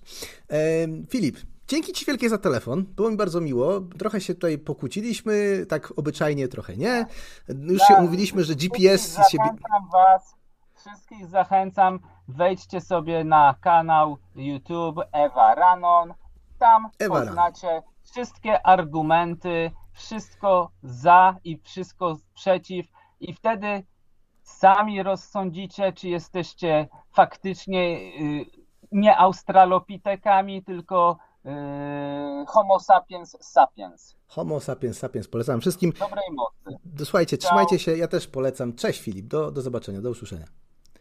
To był Filip, słuchajcie, a skąd się bierze sygnał GPS-u? Sygnał GPS-u bierze się z satelit, które wiszą na balonach, stąd bierze się GPS, którym możecie wiedzieć, gdzie jesteście nad pustynią Australii, tam gdzie nie ma sygnału GSM, pamiętajcie, satelity na balonach. Najlepsze jest to, że każdy, ale to każdy, z kim rozmawiam, z tak zwanego środowiska alternatywnego, daje mi inne wyjaśnienie, dlaczego samolot lata, dlaczego bierze się sygnał GPS, czym są satelity, skąd się bierze to, że u mnie jest lato, a u was jest zima, skąd się bierze to, że u mnie jest wczesny poranek i 8.25 w niedzielę, a u was w tym czasie już minęła północ, jest 25 minut po północy.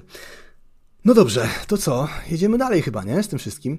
Co my tu mamy? Co my tu mamy? Ach, właśnie, mamy tu jeszcze jakiś drobny wycinek na temat lotnictwa. Słuchajcie, no liczyłem na to, że zadzwoni może ktoś od szabla albo coś takiego, ale na razie nikt nie dzwoni. Wciąż nikt nie dzwoni, wciąż nikogo nie ma, więc co zrobić? Słuchajcie, jedziemy dalej z tematami o lotnictwie. Co my tu mamy? A, wygrzebuję z mojego kufra lotnictwo płasko. Lotnictwo płasko, mam nadzieję, że to dobrze usłyszycie. Prawie dwie minuty nagrania. Muszę wszystko tu ustawić. Mój komputer szuka, wyszukuje i posłuchajcie, moi drodzy, tego. Budowany. Ten Anglik, który y, podobno też y, jakby był ten systemowy, ale on właśnie wymierzył, y, biorąc pod uwagę te tak zwane te zakrzywienia, jest ten kanał chyba w Anglii, który ma tam ileś 200 czy ileś kilometrów, gdzie on na, na tej bazie właśnie te różnego rodzaju patyki po, powbijał i, i okazało się, że tam nie ma żadnej różnicy. Mało tego, samo chociażby to, że na przykład ten naj, najdłuższy most, który jest zbudowany, zbudowany został y, chyba między, między, między tym, y, między Azją, tak? Tam, y, gdzie to? Chińczycy wybudowali. Między On tam Azją nie ma żadnego tam nie ma żadnej krzywizny. Tam wszystko jest prosto zrobione. No, inżynierowie nie brali pod uwagę żadnej. Ale, nie, ale mało tego, przecież piloci, piloci, którzy latają, mówią jedną rzecz. Jest płasko. Nie. Jest nie po prostu płasko. Jak się leci, nie ma. Jesteś na wysokości 5 tysięcy, 10 tysięcy metrów nad ziemią, jest płasko. Nie ma żadnej, żadnego zakrzywienia. Ale, ale mam Tak. pytanie. No, jeżeli jest płasko i on leci tym samolotem, on wali całą długością normalnie prosta linia, no nie? No tak. No to do którego punktu on doleci? Słuchaj, ja ci Słuchaj, poczekaj, Na poczekaj, ja ci wytłumaczę. Daj, daj mi to lek sekundę, ja ci to wytłumaczę. Teraz te niektóre samoloty latają bardzo szybko, no nie? I teraz jak on by leciał cały czas w linii prostej i nie, nie, nie, nie pomagałby sterem, to znaczy, y, żeby, żeby podążać za kulistością Ziemi, musiałby mieć ster cały czas minimalnie w dół. A jeżeli by tego nie robił i leciał cały czas prosto, to co jakiś czas musiałby korygować do dołu, bo Ziemia by mu spierdalała. Naturalnie lecąc no tak, prosto, A, pamię- a pamiętasz, a pamiętasz, a linii pamiętacie, prostej lecąc, czekaj Tolek, naturalnie w linii prostej lecąc, po prostu by się oddalał od ziemi, dlatego że krzywizna by po prostu jakby, wiesz, uciekała, no nie? I więc musiałby korygować w dół, żeby podążać za krzy- krzywizną ziemi, a czegoś takiego w ogóle nie ma. Czegoś takiego w ogóle nie ma, to prawda. e, i nie musi tak być. To jest błąd, który ja słyszałem już naprawdę tyle razy, tak często o tym słyszałem, że bardzo powszechny błąd. Gdyby Ziemia była, była okrągła, to piloci samolotów musieliby korygować lot. Nie, nie musieliby. Dlatego, że no właśnie tutaj pierwsza zasada dynamiki Newtona nam pomaga. To samolot cały czas koryguje wciąż i cały czas sam z siebie to, że jest y, krzywizna Ziemi. Żeby samolot leciał na wprost, ze stałą prędkością, na jednej stałej wysokości, wszystkie siły działające na tym... O, ktoś... O, dzwoni Gabriel, słuchajcie, no coś niesamowitego. Halo, halo, cześć Gabriel. Siema, Gabriel z tej stron- strony. Cześć, na, Gabriel, streamie, co tam? na streamie jestem. Z Jackiem, z Jackiem z Australii, cześć. Tak, witam wszystkich słuchaczy. No słuchaj, a propos y, meritum y, Australii odnośnie. No. Słuchaj, to y, powiedz, gdzie ty byłeś, a i gdzie najdalej się zapuściłeś w, głąb kontynentu? Ile tam lat mieszkasz? Mieszkam już od, tak na stałe, bo ja tu byłem, pierwszy raz pomieszkiwałem jeszcze w 2014 roku. Mieszkam od 17 roku na stałe, czyli już 6 lat mija, Boże, jak ten czas leci. Natomiast byłem praktycznie wszędzie. Najgłębiej w, kon- w głąb kontynentu byłem niedaleko Alice Springs, w okolicach Uluru, mm, w okolicach Katatiuta, to jest sam środek Australii, południowa część mm, terytorium północnego. Tak naprawdę to byłem już prawie wszędzie, bo przejechałem Australię wzdłuż i wszerz. No, tak by to wyglądało. Zaczekaj, to mówisz, wzdłuż i wszerz Australii można przejechać, wszędzie drogi są, nie ma żadnego płotu przez, kurwa, środek Australii. Jest płot, Nie który jest tak, jak, jak mijasz, jedziesz na przykład z Perth do, mm, do Canberry, bo leci, jechałem tak w marcu, e, na początku marca tego roku, to w pewnym momencie y, jedziesz i widzisz napis płot na króliki mija tutaj, mijasz w tym miejscu i przejeżdżasz normalnie obok, bo jest brama, gdzie przejeżdżasz i, i tyle. Nie ma płotu ani w jedną, ani w drugą stronę. Przejeżdżasz przez ten płot jak chcesz. To taki historyczny płot na króliki, on już jest dziurawy w wielu miejscach i już nie spełnia swojej roli w ogóle. No można, można jak najbardziej. Y, I to nie ma tak, że nie wiem, przy, przy, y, przejdziesz ten płot, a dalej nie wiem, jakieś są jakieś patrole dziwne, jakieś tam, czy Nie ma kompletnie nic takiego. Nie ma nic w ogóle. Przejechać, nie ma takich rzeczy, tak? Nie. Nie ma. Ba Gabriel, ja tam byłem. Tam nic nie ma. A jeżeli powiecie mi, gdzie jest miejsce, gdzie mogę pojechać i te, te patrole spotkać, to obiecuję, daję słowo, że znajdę weekend i się wybiorę. Tylko powiedzcie mi, kurna, gdzie? To mówisz tak, y, w, po- w połowie że Australii w centrum byłeś i tam gdzie dojechałeś z, z y, samochodem, tak? Tak. Ja... Do środka Australii, ile tysięcy kilometrów było? No na przykład do, ode mnie tak mniej więcej do mm, okolic Uluru i Alice Springs jest około 2000 kilometrów. Tak na oko. 2000, Hmm. tak?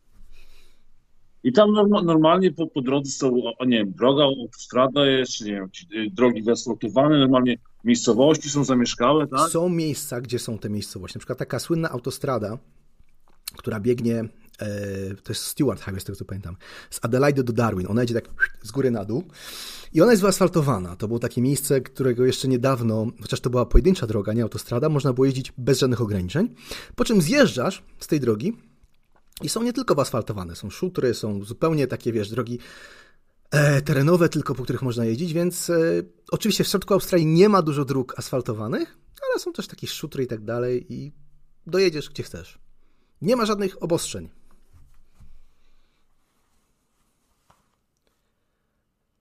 Halo, halo, halo Polska, halo Boże, y, halo, y, Boże, Boże, halo Gabriel.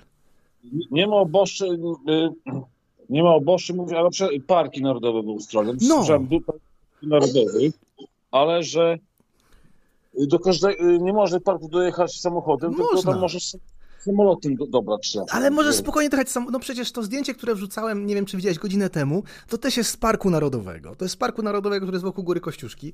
E, Tam wiedzie droga, y, jest taka miejscowość Fredbo, do której można dojechać. W pewnym momencie jest brama, bo musisz zapłacić opłatę za to, że wjeżdżasz do Parku Narodowego. Tak to już bywa. Chyba 8 dolarów, z tego co pamiętam ostatnio byłem na przykład w Parku Narodowym Kościuszko i dalej wjeżdżasz kawałek em, asfaltem. Ja tam byłem na motocyklu. A potem już idziesz na piechotę. Ja przeszedłem po bezdrożach i po buszu, no pff, kilkanaście kilometrów poszedłem, bo to nawet więcej, kilkadziesiąt kilometrów, tylko że potem zacząłem wracać, no bo już doszedłem aż, do, aż na górę Kościuszki. E, cały dzień mi zleciał na tym. Wyjechałem, pamiętam, z Canberry chyba o 5 rano i byłem z powrotem, no, już było po zachodzie słońca. To było w grudniu 2019 roku, tuż przed COVID-em. Więc bez problemu możesz tam iść, zwiedzać. Nawet mogę wrzucić jakieś, jakieś zdjęcie stamtąd. A co my tu mamy? Zaraz rzucę na, już się nauczyłem na naszego OBS-a. Takie ładne zdjęcie. O, o, tu na przykład idę. Tak, było bardzo dziko pokazane. Uuu, to jest piękne zdjęcie. E, jak doszedłem do takiego wodospadu, który tam jest, 13600. Czekajcie, wrzucę tu ładnie, hop siup. O. I zrobimy transform, fit to screen. To jest y, wodospad, który w pewnym momencie w buszu znalazłem, idąc w kierunku właśnie Góry Kościuszki za Fredbow w Parku Narodowym y, Australii. Pełny busz, gdzie tam, tam już musisz zostawić motocykl i dalej idziesz na piechotę. Tak to wygląda.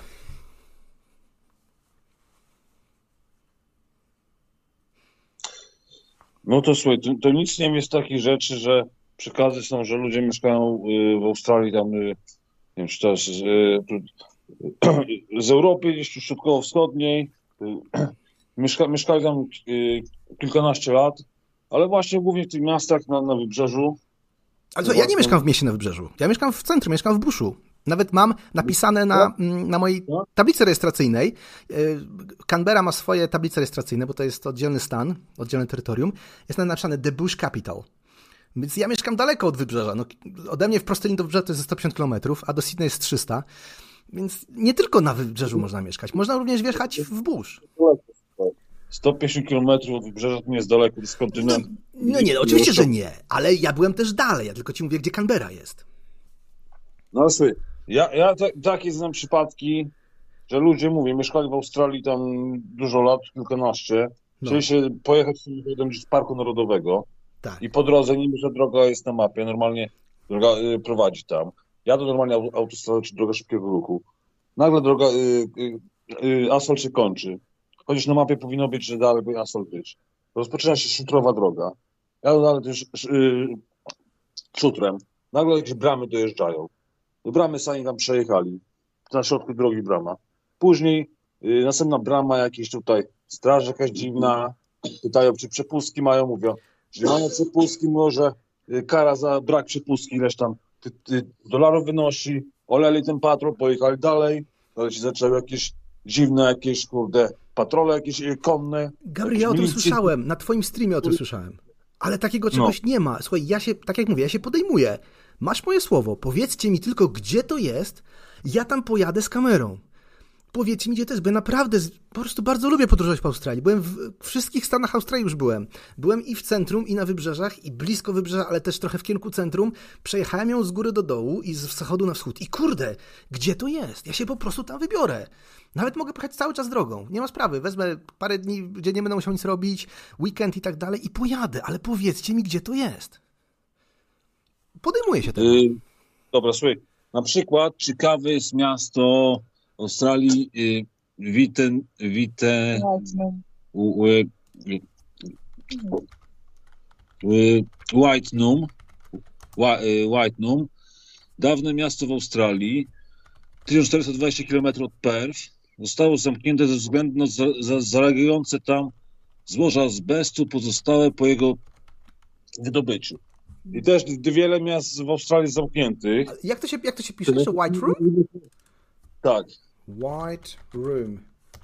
Y, whi- White Room. Whi- whi- y, Wi, y, wi, ty, ty, e, ny, o, o, m. A, White Noom, okej, White Noom, no szukam. White Noom, rzeczywiście, w zachodniej Australii właśnie widzę, tak. To jest w Pilbarze, no tam, gdzie wszystkie kopalnie są, okej. O właśnie. No. Też kop- kopalnie w Australii są takie, Mm. że w ogóle automatyczne. No, powiedzmy, one, ja, ja pracowałem w Rio, dla Rio Tinto, dla dużego tej firmy w Australii. E, no, to jest różnie z tą automatyką, ale mów, mów. Ja nawet słyszałem, że- zrobione są y, pociągi bez maszynistów. Tak, tak, tak, pociągi są jak najbardziej, tak, zgadza się. Pociągi są autonomiczne w Australii w tych kopalniach, wszystko się zgadza. To jest super rzecz. Mhm. No i no pytanie jest tutaj, ogromne te kopalnie są, autonomiczne pociągi, koparki. Tak. Jest są wersje, że albo ten teren mógł być skażony po jakichś tych ka- kataklizmach, tych wojnach atomowych sprzed ki- kilkuset lat, al, albo może tam właśnie są pozostałości jakichś miast starożytnych zniszczonych, żeby Ale ludzie Gabriel, nie. Gabriel, te pociągi autonomiczne pojawiły się dosłownie kilka lat temu i to jest tak, że tam są dwie sieci, takie dwie duże sieci, to jest największa na świecie sieć prywatnych kolei. One rzeczywiście mają grubo ponad 1000 km długości i kilka lat temu pojawiły się, firma Rio Tinto była pierwsza, która wprowadziła te pociągi zupełnie autonomiczne. Jest jeszcze druga firma, BHP, która na przykład jeszcze, y, z tego co ja pamiętam, kilka lat temu nie miała autonomicznych pociągów, więc tam byli normalnie ludzie, maszyniści w tych pociągach. Nawet był taki wypadek słynny w 2018 roku. A w nakopalniach, owszem, są autonomiczne maszyny. E, Gdy ja byłem, to tam były autonomiczne, te takie duże yy, no, ciężarówki, które wożą urobek. One rzeczywiście były autonomiczne. Dzisiaj się pewnie trochę poprawiło, ale tam wciąż są ludzie. Obok autonomicznych maszyn pracują cały czas ludzie. Więc to nie może być tak, że tam jest jakiś skażony teren, no bo ludzie też są obok tych maszyn. No właśnie, są tam ogromne zarobki są, też płacą. No nieźle płacą, to prawda. Dolarów miesięcznych górników, ale właśnie nie ma chętnych też i właśnie przechodzą w automaty, autonomiczne kopalnie, pociągi. To dziwna strefa właśnie. No są teorie, mówię, że jakiś skorzony może być teren, że coś tam ludzie nie chcą puszczać, może też jakieś się Gabriel, tam ludzie nie chcą pracować, bo to jest fatalne warunki. Tam jest koszmarnie gorąco, po 40 i więcej stopni. Tylko nie, czerwona ziemia. I tam to tak zwane są robotnicy FIFO, czyli first in, first out. Stąd się bierze ta nazwa, że tam lecisz na dwa tygodnie albo na trzy tygodnie na tą kopalnię, siedzisz, pracujesz, zarabiasz dobrze, zarabiasz kilkaset dolarów albo tysiąc dolarów albo więcej na dzień brutto. To prawda, super zarobki są. Ale potem wiesz, e, siedzisz tam tak, tak jak, jak, jak, jak praca na statku albo praca na platformie, wiertni, platformie wiertniczej. Więc nie ma w tym dziwnego, że firmy wolą zainwestować w autonomiczne rzeczy niż, e, niż w ludzi. Szczególnie, że tam zawsze jest taki problem, że zawsze jakiś wypadek się zdarzy, przynajmniej raz w roku, ktoś zginie i tak dalej. Albo raz na kilka lat, więc, więc lepiej, że tam pracowały automaty. Ale to nie jest miła praca, pomimo tego, że zarobki są bardzo dobre. To nie jest fajna praca. No myślę, że słuchaj, to, to nie można tam tych pociągów klimatyzacji zrobić, maszynach, no, Nie no, można, pewnie, że tak, one są w ogóle bardzo wygodne, ale wciąż to jest sytuacja, w której lecisz przez pustynię w pociągu przez wiele godzin i tyle, nie? No, są wersje właśnie to tłumaczące teorie, że tam masz jakiś skorzony y, teren być nie, nie wiadomo czym. Jeszcze słuchaj, y, może do, dobra, mówisz, te wszystkie teorie odnośnie Australii są fejkowe, normalnie jest jak jest, tak. Zresztą ja, ja zbadam właśnie, znajdę relacje świadków, którzy, właśnie w których miejscach prze- przekraczali ten, ten, płot właśnie. No dokładnie, no- gdzie to jest. No, to, to, No, e, dobra. czytam sobie o tym miasteczku, o którym mówiłeś, Whitenham, rzeczywiście, i to jest e, jak zupełnie w 1420 km na północ od Perth. E, I to jest rzeczywiście teren, jakieś miasteczko, które jest mm, skażone, 50 tysięcy hektarów. E, Najbardziej skażone miejsce na południowej hemisferze, czyli to jest zamknięte. W ogóle o tym nie wiedziałem. Co tam jest? Jest skażone azbestem. E, No dobra, ale to jest jedno miasteczko, gdzieś na środku pustyni. Nie, skażone jest niebieskim azbestem. Rzeczywiście tam nie wolno wjeżdżać. To, to w porównaniu z całą Australią to jest, to jest wiesz, to jest coś. To jest, to jedno małe miasteczko, nie? E, no, tak to wygląda. No to mówisz, jedno miasteczko małe, a tu masz taką kopalnię autonomiczne, autonomiczne y, pociągi, też ograniczany właśnie wjazd ludzi i też ludzie, podobno pracownicy, robotnicy w tych kopalniach już zgodę podpisują, że nie będą wyjawiać wiemy, co, co y, zobaczyli tam. Nie no, ale na, w, znaczy, na, jak się pracuje dla firm takich dużych kopalni, to trzeba podpisać, że mm, się technologii, nie, nie będziesz opis- opisywało technologii, nad którą się pracowało. Ja też to podpisywałem, ale nie ma w tym nic dziwnego, jak zaczynasz pracować dla jakiejś dużej technologicznej firmy, nawet zdalnie, to też ja takie coś podpisuję. Jak pracuję z Amerykanami, bo często mi się zdarza pracować dla Amerykanów, to też musisz podpisać taki papier, że y, nie będziesz że nie będziesz zgradzał tajemnic technologicznych. Dzwonił Artur Reptylek. Artur, zadzwoń jeszcze raz, nie zdążyłem cię odebrać. Więc dzwoń śmiało, przepraszam, nie zdążyłem. E, więc jeżeli pracujesz dla firmy technologicznej, zawsze takie coś podpisujesz. No to nie ma w tym nic dziwnego.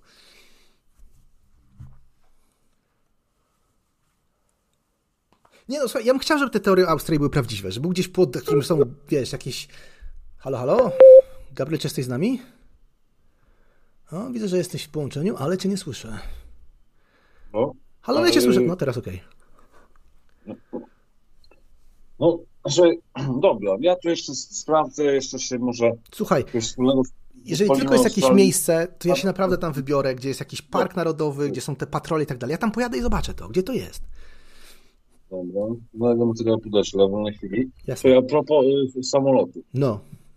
Jedziemy. Zauważ, że są wersje właśnie, że no, no, no, no logikę wziąć, na przykład załóżmy ten Airbus największy, 380. A, tam, A380. Tak. On pisze oficjalnie, że on zabiera 300 ton paliwa. Yy, No. tankuje. No i swoje pytanie, gdzie to paliwo zmieścić się ma? No, jest kilka, jest kilka miejsc. Wejścia, y, y, y, system samochodowy, jak y, tiry jeżdżą, Mm. te samochody to w Polsce Mm. z paliwem. Gdzie 12 samochodów kurwa się skrzydła zmieści? No. Tego Airbusa. tego. Airbusa 380 ma zbiorniki paliwa i w skrzydłach, i w kadłubie. I one się ciągną praktycznie od całego, od środka kadłuba aż po, aż po samogon. No nie ma w tym żadnej tajemnicy. W ogóle nie wiem, czy kiedyś leciałeś na 380. Mi się ja naprawdę wiele razy leciałem tym samolotem. Jest bardzo przyjemnie się nim leci. I on zabiera, no, zdecydowanie prawie 300 ton paliwa. Połowa jego masy startowej to jest paliwo. To się wszystko mieści. No to nie ma z tym problemu. Skrzydło jest kolosalne tego samolotu, absolutnie wielkie. Jedno i drugie skrzydło, ale to zawiera tam około 100 ton paliwa, 150 ton chyba zawierają skrzydła oba, a reszta jest w kadłubie. To, to mówisz y, na jednostce No czekaj, zaraz zobaczmy. Nie mam przed sobą, nie, nie znam danych A380 na pamięć. Ale jak będziesz A300... No, o, to sam samolot waży trzy- 300 ton suchy. Suchy waży 300 ton, tak. A. Mm. No to sobie to mówisz, na jedno skrzydło wchodzi gdzieś tam y, Kilkadziesiąt ton paliwa na jedno skrzydło. 10, 10 y, cyster samochodowych tirów podjedzie i, i, i, i za- zacynkuje w jedno skrzydło, tak? Tak, przecież Artur dzwoni, ale nie wiem dlaczego nie mogę cię odebrać, Artur. Kurde, no. Ach, nie wiem, czy zadzwoniłeś jako konferencja, Boże, ale nie mogę odebrać Artura. No, przykro mi. Nie wiem, klikam, odbierz i nic z tego nie wychodzi.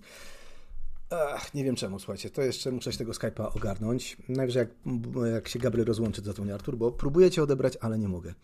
E, ale zobaczmy, jesteśmy plane. Um, ile mamy w skrzydle? Wing fuel tank. Zaraz ci powiem dokładnie, ile tam tego jest.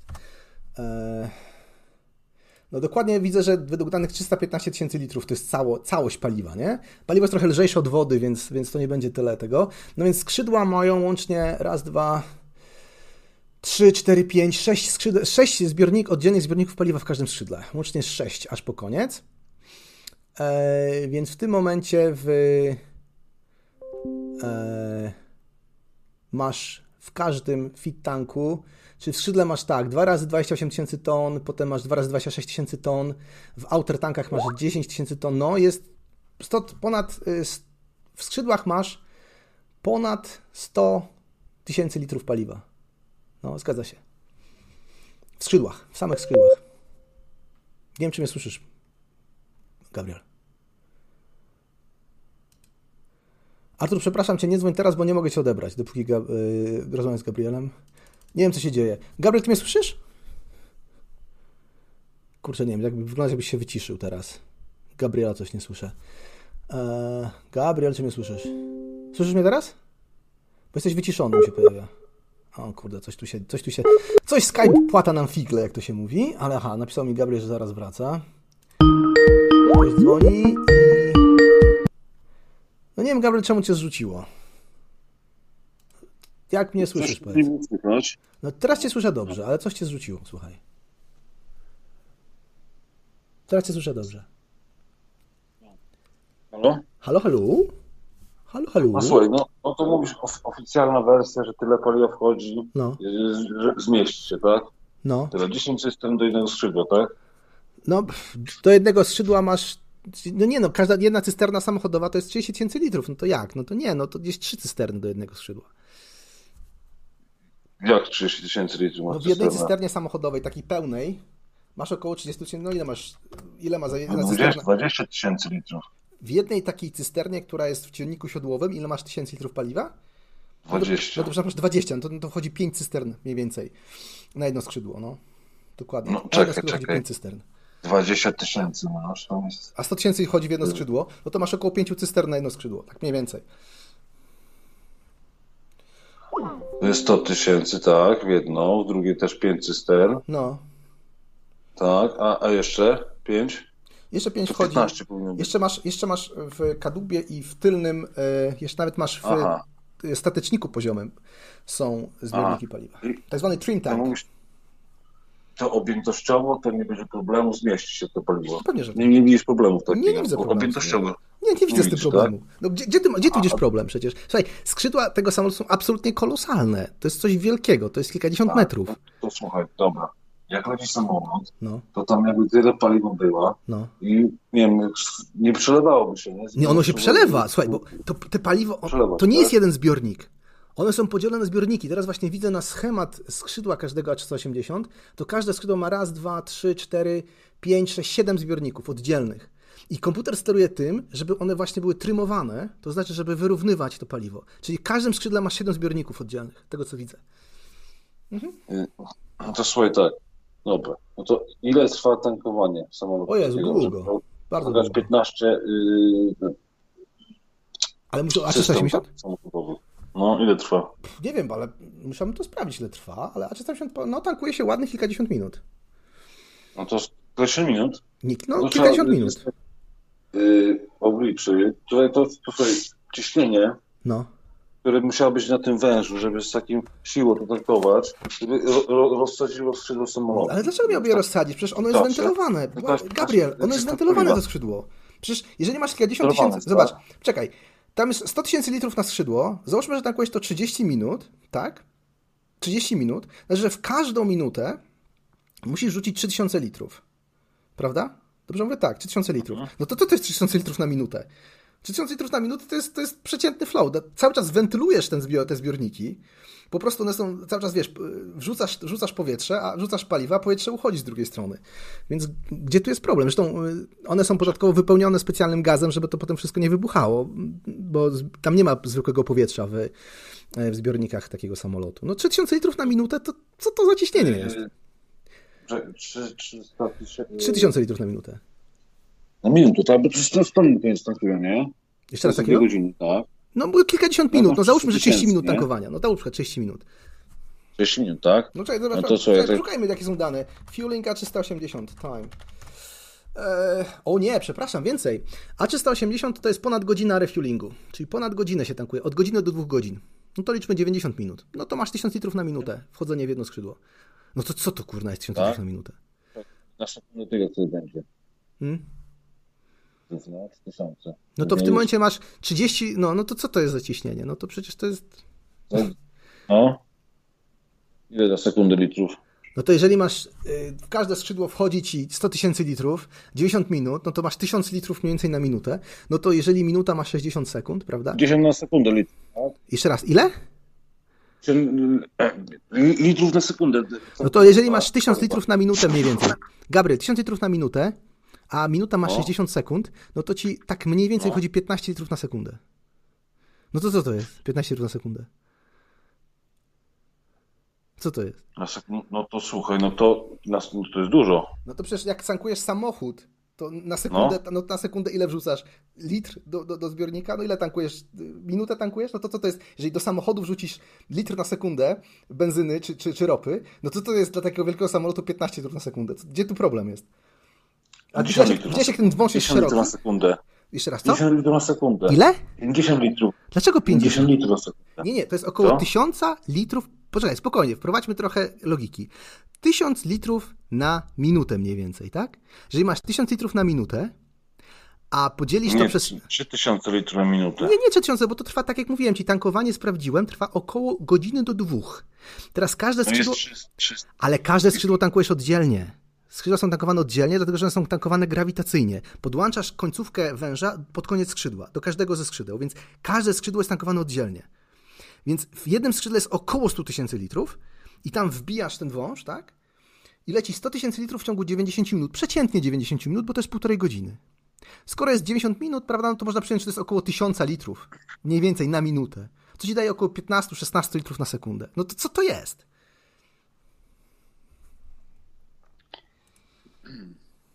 Du, dużo jest to jest. Dużo to jest. Przychodzi też audycja o tankowaniu. Tak, to jest audycja o tankowaniu. Ale tyle nie wchodzi, fizycznie 500 400 szkół w miejscu. No. A mi się wydaje, jednak się zmieści i się wydaje, myśli. RK cię pyta, czy 100 ton w samolocie. Paliwa jest nawet więcej, nie więcej. W A380 to jest grubo ponad 200 ton paliwa. Y, dobra, słuchaj, tak, dobra. Y, to mówisz tak, wszystko wygląda normalnie, nie ma jakichś kontynentów, u których to świat normalnie wygląda. Jak że nie widziałem Boże, przepraszam Błażej, Gabriel, ja nie widziałem ukrytych kontynentów, a znam ludzi, którzy opłynęli Australię dookoła. No skoro da się ją opłynąć, no to nie możesz mieć przejścia na Antarktydę z Australii.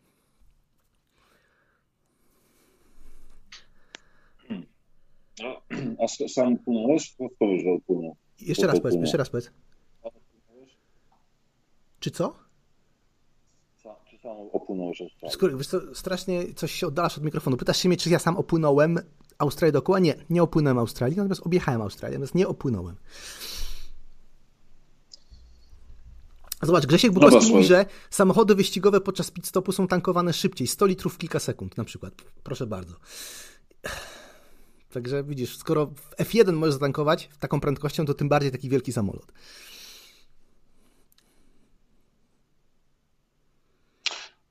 No, tylko mówię, obie- objętościowo to się nie, nie zmieści. Ale dlaczego się nie zmieści? No przecież to można, nie, przecież można wziąć, słuchaj, można wziąć model takiego A380, model skrzydła, który jest rozrysowany gdzieś w internecie i policzyć dokładnie, ile tego tam jest. Po prostu wziąć i policzyć. Jakie są wymiary tych zbiorników. Słuchaj, wiesz co, dobra, może ja do tego się Ja, przygotuję. ja, widziałem takie filmy z samolotami, obliczali i to się nie trzyma kupy. No to słuchaj, to ja też to obliczę, dobra. To ja też to obliczę, jak dokładnie, Zaraz gdzie się to paliwo mieści. no. Dobra, y, słuchaj, ja się y, y, rozłączam, słuchaj. Widzę z tobą tutaj, ciebie tutaj nie przekonam, bo wszystkie wytłumaczenia masz. Tutaj, co do tutaj rzeczy alternatywnych, nie widzisz tego. No nie A wi- słuchaj, Może a- ja mam coś, po prostu brakuje mi jakiegoś zmysłu, ale nie widzę. Jeszcze raz, co takiego? Słuchaj, bo, czy w Australii nie ma, nie wiem, zasypanych miast starsze 200 lat, tam są budynki pod y, y, ulicą, czy jakieś budynków an, antycznych, no wiesz. Antycznych właśnie Y, nie ma. Właśnie to jest problem, nie że najstarsze budynki, jakie są w Australii, to są te, które wybudowali y, Brytyjczycy, gdy przypłynęli do Sydney. To jest tak zwana część Sydney, która nazywa się The Rocks, e, gdzie właśnie pod koniec... E, o, Jan Toronto dzwoni, spróbuję go odebrać, może teraz się uda. O, i udało się chyba. Jan Toronto jest z nami, ale w Australii są takie miejsca, coś, kurde, nie wiem, co się udało, ale może udało. Jest taka dzielnica The Rocks, gdzie przybyli e, pierwsi Europejczycy, są najstarsze budynki. Niestety po aborygenach nie zostało żadnych budynków. Pewne konstrukcje znajdą się w Nowej Zelandii. Halo, halo, cześć Janie z Toronto. Oj, coś strasznie trzeszczysz. Halo? No witam, witam. Cześć Janie. No ja, ja, no ja tylko wiecie, ja, to, ja powiem z własnego doświadczenia, z własnego doświadczenia to są moje, moje, moje oczy widziały, No. moje oczy, podkreślam, um, ile, ile mm, podjeżdża cystern pod, y, pod samolot, który przyleci, przylatuje z Europy, znaczy z Nowego Jorku do, do Warszawy. No jasne. Kto, czy ktoś widział, czy ktoś widział ile cystern? Ja widziałem, tak. Ja muszę ci powiedzieć, że mam jako, jako pasażer mam kilkaset lotów ze sobą. Konkretnie, konkretnie. Powiedz ile cyster podjeżdżało pod, pod, y, po, prawie pusty samolot. No to, a dokąd on potem leciał? Ile chcieli go zatankować? Bo samolotów się nie tankuje pod korek. Do Nowego, nowego, no, do Nowego Jorku. Z Warszawy? Z Warszawy do Nowego Jorku. Ale jaki samolot to był? Dobra, y, Transamerican. No dobrze, Transamerican. mi chodzi o model. Czy to był na przykład A mogę 787? się- y, No to 767. No to pewnie co- trzy cysterny powinny wejść. Dwie, trzy cysterny y, paliwa mniej więcej. Trzy cysterny paliwa, no to już jest maks. No to jest, no to jest 75 tysięcy litrów. No, no. Tak wychodzi. No. I tyle widziałeś, że tyle widziałeś trzy cysterny, tak? No, jak najbardziej. No wiem, widziałeś? słuchajcie. No oczywiście, że tak. No przecież widziałem wiele razy tankowanie samolotu. Podjeżdża jedna, jedna, No to- jedna cysterna, No to ja, no to, paliwo, no to ja ci mówię, No. to ja ci mówię, to ja ci mówię, na własne oczy widziałem, że podjechała e, jedna cysterna, tankując jeden samolot, który leciał do Nowego Jorku. No dobrze, ale w jednej cysternie masz 30 tysięcy litrów, prawda? Ale skąd wiesz, ile w tym samolocie było już paliwa wcześniej? No skąd możesz o tym wiedzieć? No. Skąd on przyleciał? Jeszcze jest Ja- rezerwa ja, i tak ja dalej. Tylko, ja tylko cię informuję, nic więcej. Ale ja nie mam z tym problemu. No dobrze, ale skąd wiesz, ile paliwa było wcześniej? No super. Natomiast, natomiast jeśli mówisz, że wchodzi 300 tysięcy litrów paliwa, Do 380. no to, to Do, ale do, do no jakiego samolotu? jak- ja mówię jak- A380. jak ten- No dobrze, no to jak ten samolot się oderwie od ziemi? Mają cztery silniki o, o mocy 12 tysięcy koni mechanicznych. Ale one nie mają. No, a dlaczego miałby się nie, oderw nie oderwać? Czemu? Nie rozumiem.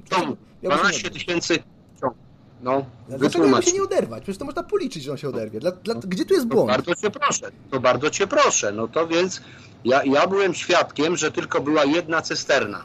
Czyli, czekaj, czyli mówimy- prze, przelece, przelecenie prze, 6 tysięcy kilometrów, 6 tysięcy kilometrów na jednej cysternie, No. czyli około 25 tysięcy litrów, no to trzeba sobie policzyć. No to No. policzmy, ile, jakie ma na przykład 767 pełne fuel capacity. No to pełne fuel capacity 767. Nie, nie, nie. No to z tego wynika, z tego wynika, że w Nowym Jorku będzie też jedna cysterna tanku, tankująca paliwo w, do Warszawy. Tego, tego samego samolotu. Jeżeli masz. Z tego wynika. No tak, mo- mogłoby tak być, ale to No, zależy ile, zależy ile miałeś paliwa wcześniej. Właśnie widzę, że 767, niezależnie od modelu, ma taką samą pojemność, 63 tysiące litrów. Czyli żeby zapankować go pod korek, potrzebowałobyś tak naprawdę dwóch cystern, takich jakie są na lotnisku. Dwóch, dwóch i pół mniej więcej, prawda? Więc no, i teraz, ale chodzi o to, że No to za, skąd te 300 tysięcy litrów? To skąd te 300 tysięcy litrów? ale mówimy o 767 czy mówimy o A380? Bo ty mówisz o 767 No, teraz.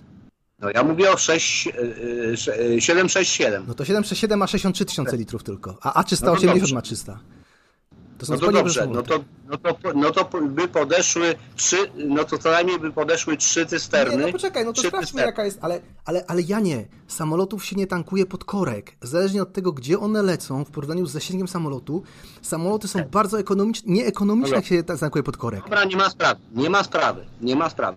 Jest twoja teza, nie ma sprawy. To ja polecam, bo są, są pewne e, na przykład e, te e, filmiki na YouTubie, na, na jak wyglądają wraki e, e, samolotów, które, które wyszły już z eksploatacji.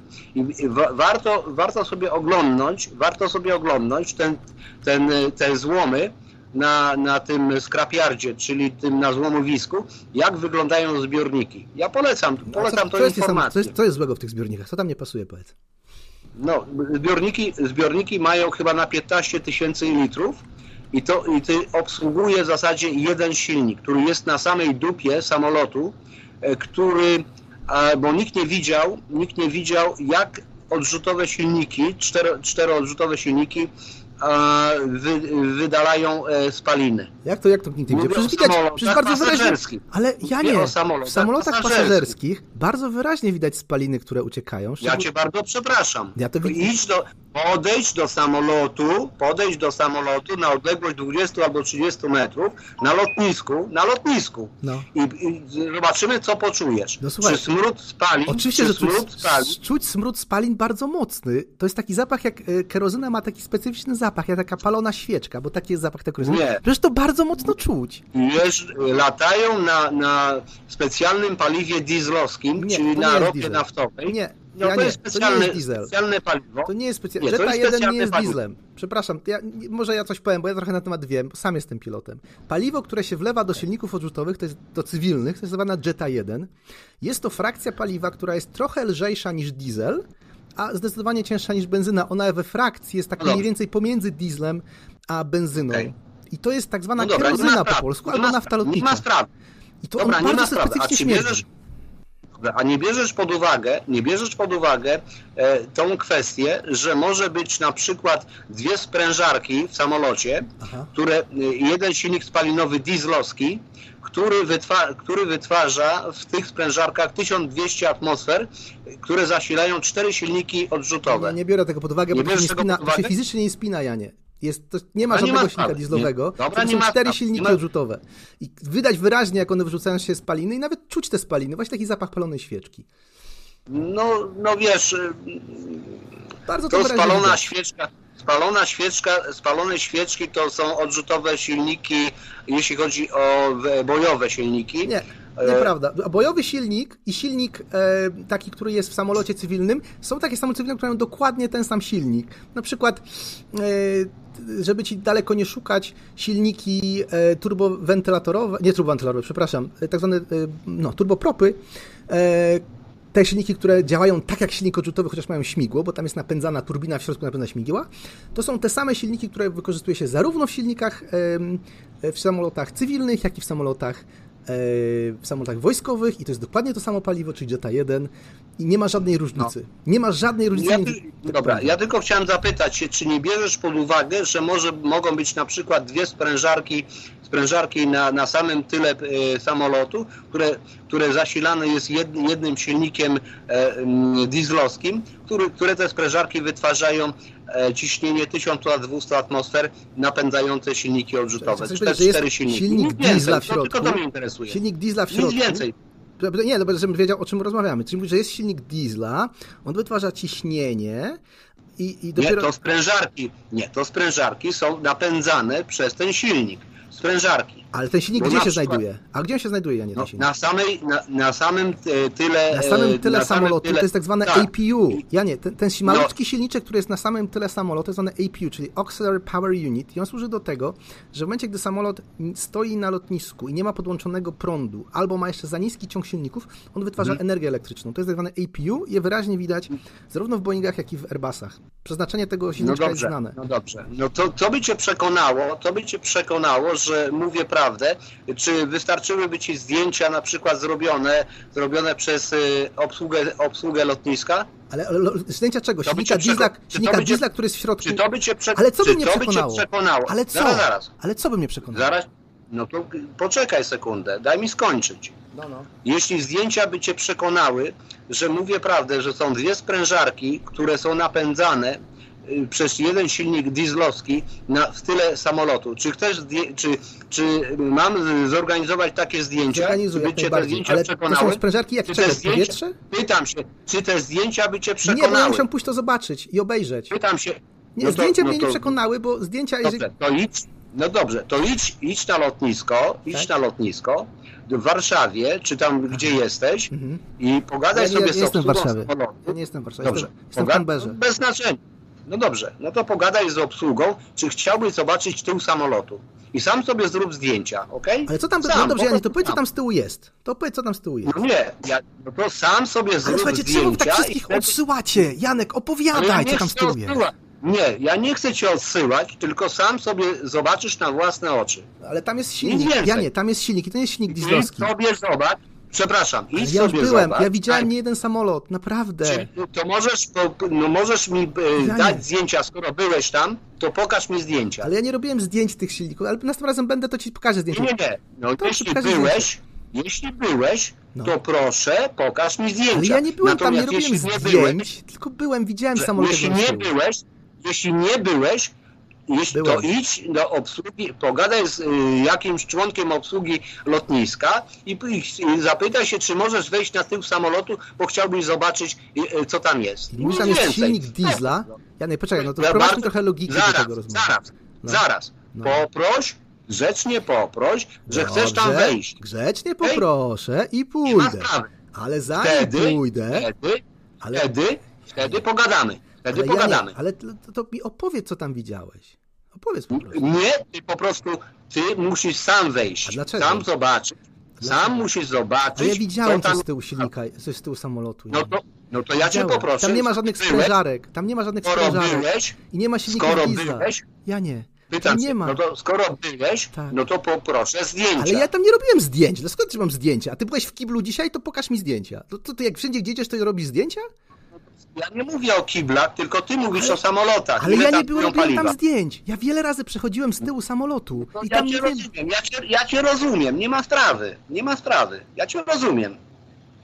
Nie rozmawiamy o kiblach, tylko rozmawiamy o napędzie samolotu. Ale tam nie ma Y, żadnych y, sprężarek i silników diesla. Pasażerskich. O pasażerskich. I no skoro, skoro nie ma, to ja cię proszę, to ja cię proszę, pogadaj z obsługą, obsługą lotniska i, w- i żeby cię wpuścili na tył samolotu. Nic więcej. Ale mówisz, Niech oni a- tam, no powiedz mi proszę, o jakim samolocie mówisz? Daj jakiś przykład jakiegoś modelu.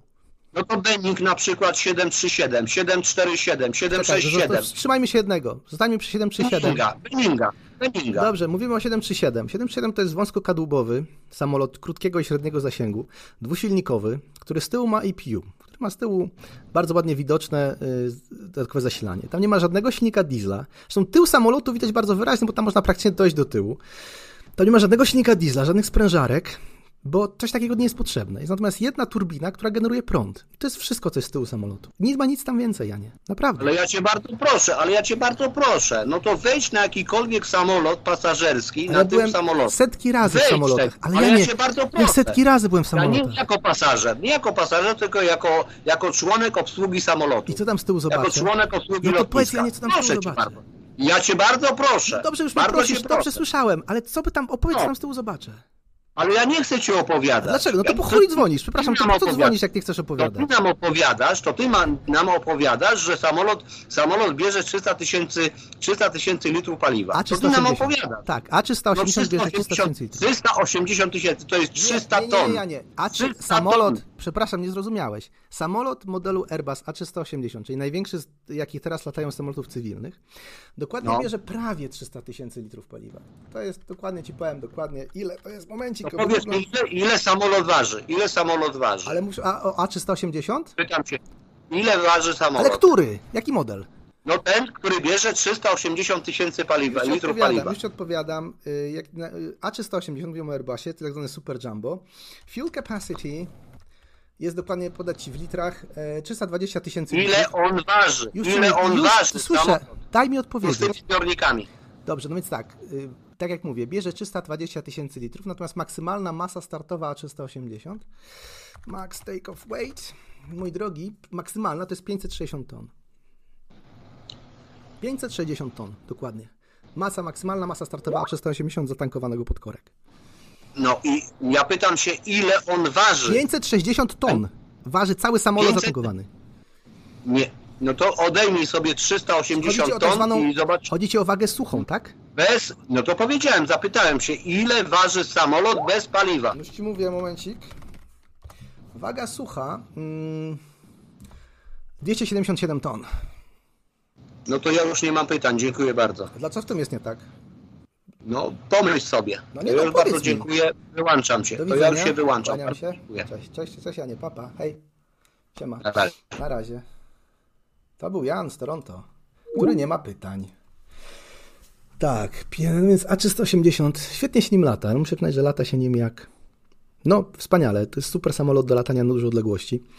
E, największym operatorem A380 jest Emirates, którym się cudnie lata. 560 ton przy każdym i...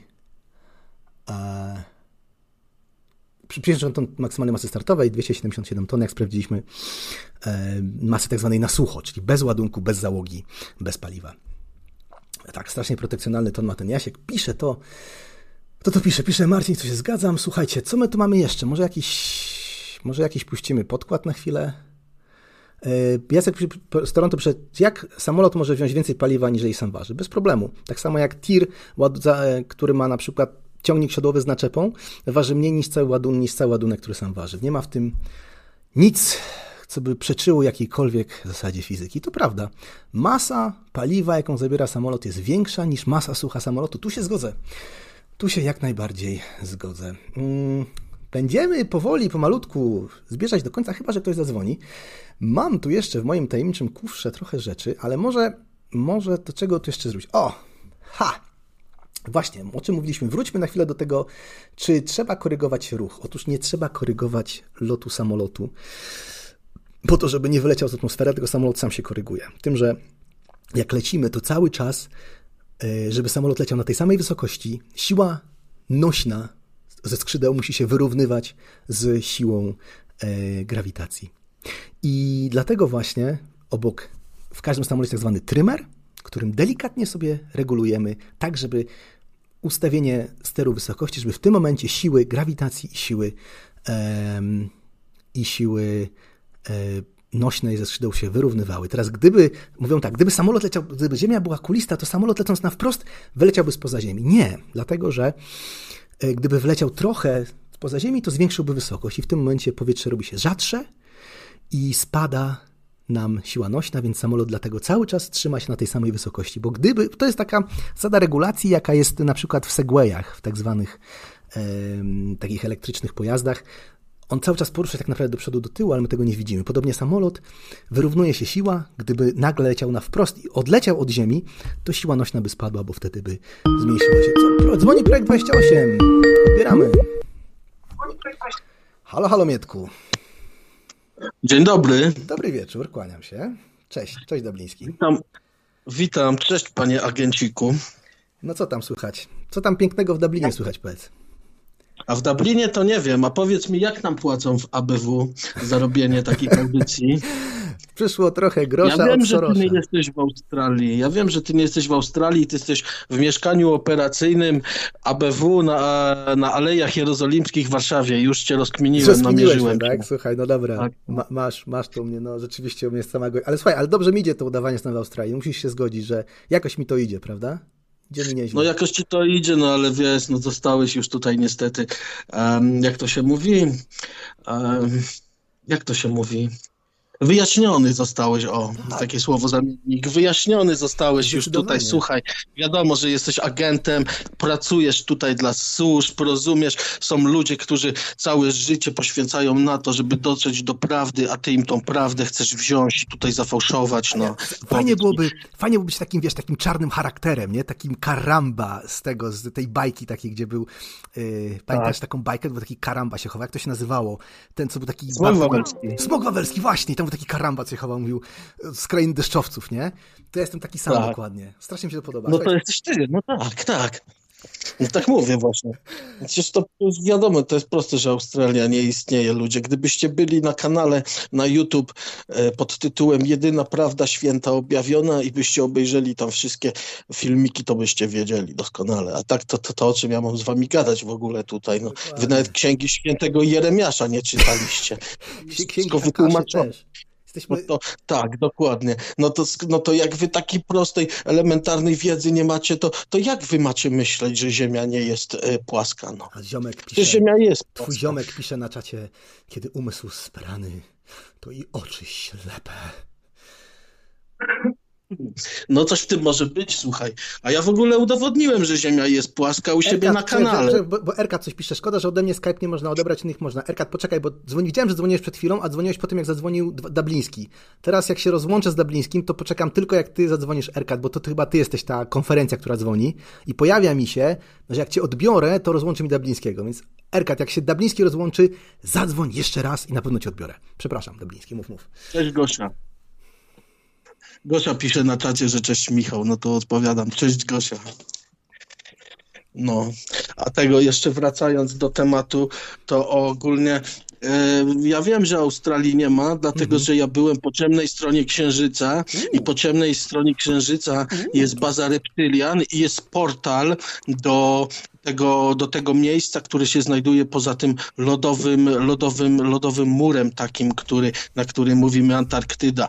To żeby się tam dostać, to tam trzeba najpierw przez ciemną stronę Księżyca się przez ten portal reptyliański tam się transportować, bo jakbyście chcieli tak iść z buta, to wyskoczą tam agenci z, z ostrą amunicją, z karabinami i was zatrzymają i wam nie pozwolą iść dalej. Dokładnie tak będzie. Tak to będzie. Tak będzie, tak. Tak jest. Ja w ogóle, ja, się, ja obiecuję, pojadę tam, gdzie są ci agenci. Naprawdę, tylko powiedzcie, gdzie to jest. Powiedzcie, bo mi się serce kroi. No, po prostu serce mi się kroi. Powiedzcie, gdzie to jest, kurde, no. Ja chcę tam pojechać. Tylko ja muszę się dowiedzieć, gdzie. Bo ja, ja też bym chciał, żeby ktoś, wiesz, to jest fajne, zatrzymują cię, nie? Wyskakują tacy goście z giwerami, gleba, gleba. Masz co wnukom opowiadać. Ale mi się to w Australii nigdy nie zdarzyło. Ja chcę tam wreszcie pojechać. Powiedzcie, gdzie to jest, no. Jak też chcę mieć przygody w życiu, nie tylko nudy, komputer, programy piszę. Kurde, no. A w ogóle to ja udowodniłem ostatnio, że Ziemia jest płaska u siebie na kanale. Jak mi nie wierzycie, w Heroesy grałem, można zobaczyć. Tam mapa jest pokazana i dookoła mapy jest taka ściana i za tą ścianę się nie da przejść, ani nic zobaczyć. No proszę, i pozamiatane, i pozamiatane. No. No, także, także no. Każdy, kto grał w Heroesy, to wie, jaka jest prawda. Także nie ma, nie ma sensu tutaj się kłócić. Dobra, zwalniam antenkę, bo jak tam Eckhart chciał dzwonić, Także może dzwoni- coś ciekawego Słuchajcie, ja idę, włączę na chwilę małą muzykę. Dzięki wielkie, Dabliński. Trzymaj się, do usłyszenia. No, siema, siema. Erka, poczekaj, tylko zrobię trysnąć humorkiem, bo już 3,5 godziny tutaj siedzę i za... włączę może jakąś małą... Zrobimy sobie malutką, drobniutką przerwę muzyczną. Co my tu mamy? I pójdę sobie trysnąć humorkiem, a jak tylko się zgłoszę, to jak najbardziej Erkat wpadaj i dzwoń. Co by wam tu wybrać? Słuchajcie, znalazłem pewną rzecz, hu, hu, hu, z dawien dawna, coś absolutnie pięknego. Ciekawe kto to... Ciekawe, czy ktoś to pamięta. Jeszcze z czasów sławetnego, sławetnej kontestacji. Na koniec mam dla Was małą niespodziankę przygotowaną, ale co my tu mamy? Idę trysnąć z humorkiem, zaraz wracam.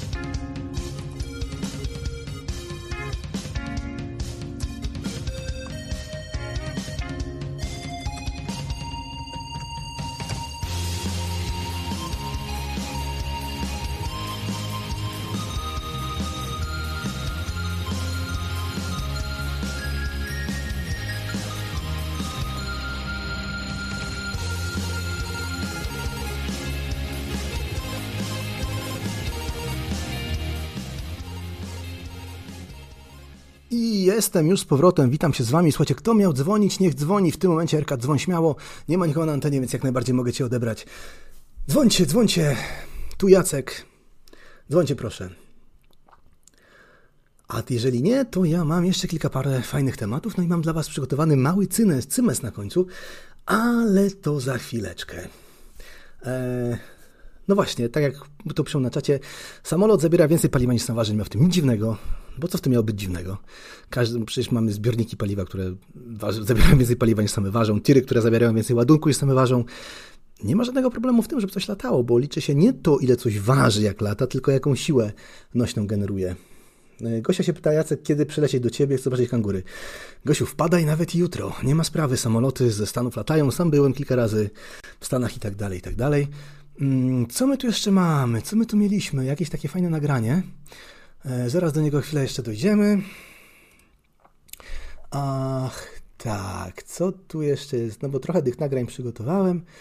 Ziemia się kręci i tak dalej, po to samoloty latają. Ach, no właśnie, jeszcze jedno nagranie, skoro na razie nikt nie dzwoni, to chyba było to.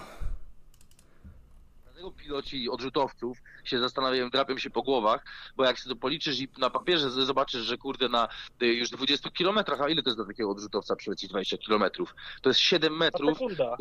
y, były wody, no to już byś chyba to widział, że trochę musisz skorygować, tak? Te ileś tam naście Ale, metrów. czy- ale, czy, ale na przykład, czy wierzysz na przykład, że, że, te, że te kontynenty, które są pokazane, powiedzmy na globie, że one tak wyglądają? Nie wydaje się na przykład y, trochę podej, podejrzane na przykład, że lot, lot, lot na przykład do Australii odbywa się przez tego, przez Los Angeles, czy tam, nie, nie przepraszam, y, y, nie, gdzie tam oni lecą? To jest jakieś w ogóle dziwne. Loty do Australii przez Los Angeles. Jak najbardziej, słuchajcie, jak najbardziej można dolecieć do Australii przez LA, przez Kalifornię. Jest to tak zwana trasa pacyficzna przez zachodnią hemisferę. Leciałem już w ten sposób kilka razy pomiędzy Europą a Australią. Nie ma w tym absolutnie nic dziwnego. Eee, co prawda nie przez LA, a przez San Francisco, e, ale też przez Kalifornię. To było w okolicach świąt. W okolicach świąt wybrałem się pierwszy raz po czterech latach, po czasach okropnego COVID-u do y, Europy i nawet sobie zrobiłem przyjemność, bo kupiłem biznes klasą przez San Francisco prosto do Warszawy e, z Canberry. E, Bardzo przyjemna trasa. Można się zatrzymać w Stanach na dzień albo na tydzień, tak jak ostatnio, bo ostatnio znowu leciałem przez Stany. Leciałem przez e, Sydney do Auckland, dalej do Chicago, do Nowego Jorku. I polecam, jeżeli będziecie kiedyś lecieć do Australii, będziecie mieli czas, to trasa pacyficzna jest jak najbardziej do przemyślenia. Filip, Filip, to nie dzwoń teraz, Filip, bo ja czekam na Erkadę. Jak nie zadzwoni, to wtedy cię odbiorę. Filip, nie dzwoń na razie, bo czekam na Erkat miał dzwonić, a to chyba nie ty, więc e, czekam aż zadzwoni. E, co my tu mamy dalej? E, no właśnie, więc jeżeli kiedyś będziecie lecieć do Australii, przelecie przez Stany, to jest trochę dłuższa trasa niż tak zwany Kangaroo Route, czyli Kangaroo Route przez południowo-wschodnią Azję, ale można te loty y, przez Stany dostać w naprawdę dobrych cenach. Często amerykańskie firmy wyprzedają te bilety. Nawet można loty biznes klasą w zupełnie normalnych cenach dostać za kilka tysięcy dolarów.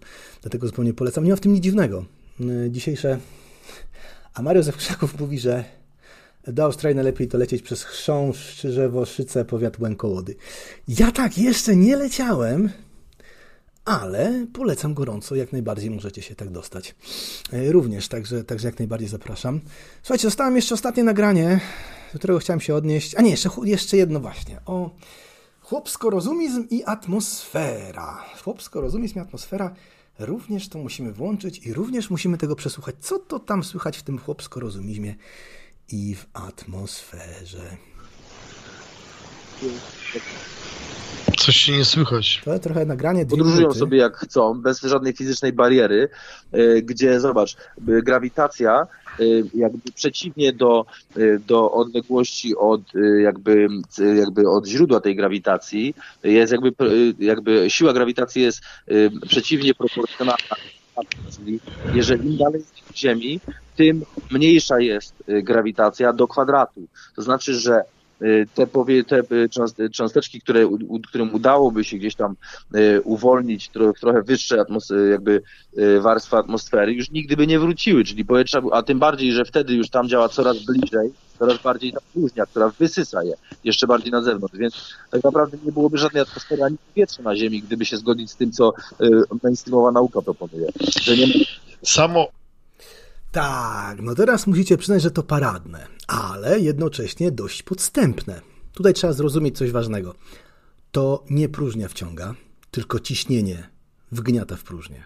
I ten przykład z balonikiem bierze się stąd, że jeżeli balonik włożycie w próżnię, to on zacznie się pompować dlatego, że w tym baloniku wciąż jest trochę powietrza. I to ciśnienie powietrza, które jest w baloniku, zacznie rozsadzać ten balonik, dlatego że będzie większe niż próżnia dookoła. I nie jest dlatego prawda, że w atmosferze im bliżej próżni, tym bardziej próżnia wciąga. To jest błąd myślowy. Otóż jest dokładnie odwrotnie. Yy, Ten kolega mówił, że jeżeli mamy atmosferę, która jest wokół Ziemi, to te rzeczy, które te cząsteczki powietrza, które są dookoła atmosfery, najbliżej granicy kosmosu, powinno wyciągnąć w atmosferę. Nie, nie powinno, dlatego że tam się wyrównuje ciśnienie, które jest na tej dużej wysokości, z grawitacją. Dlatego, że to nie próżnia wyciąga, tylko ciśnienie. I nie jest tak, że im wyżej, tym bliżej próżni, więc tym mocniej ona ciągnie.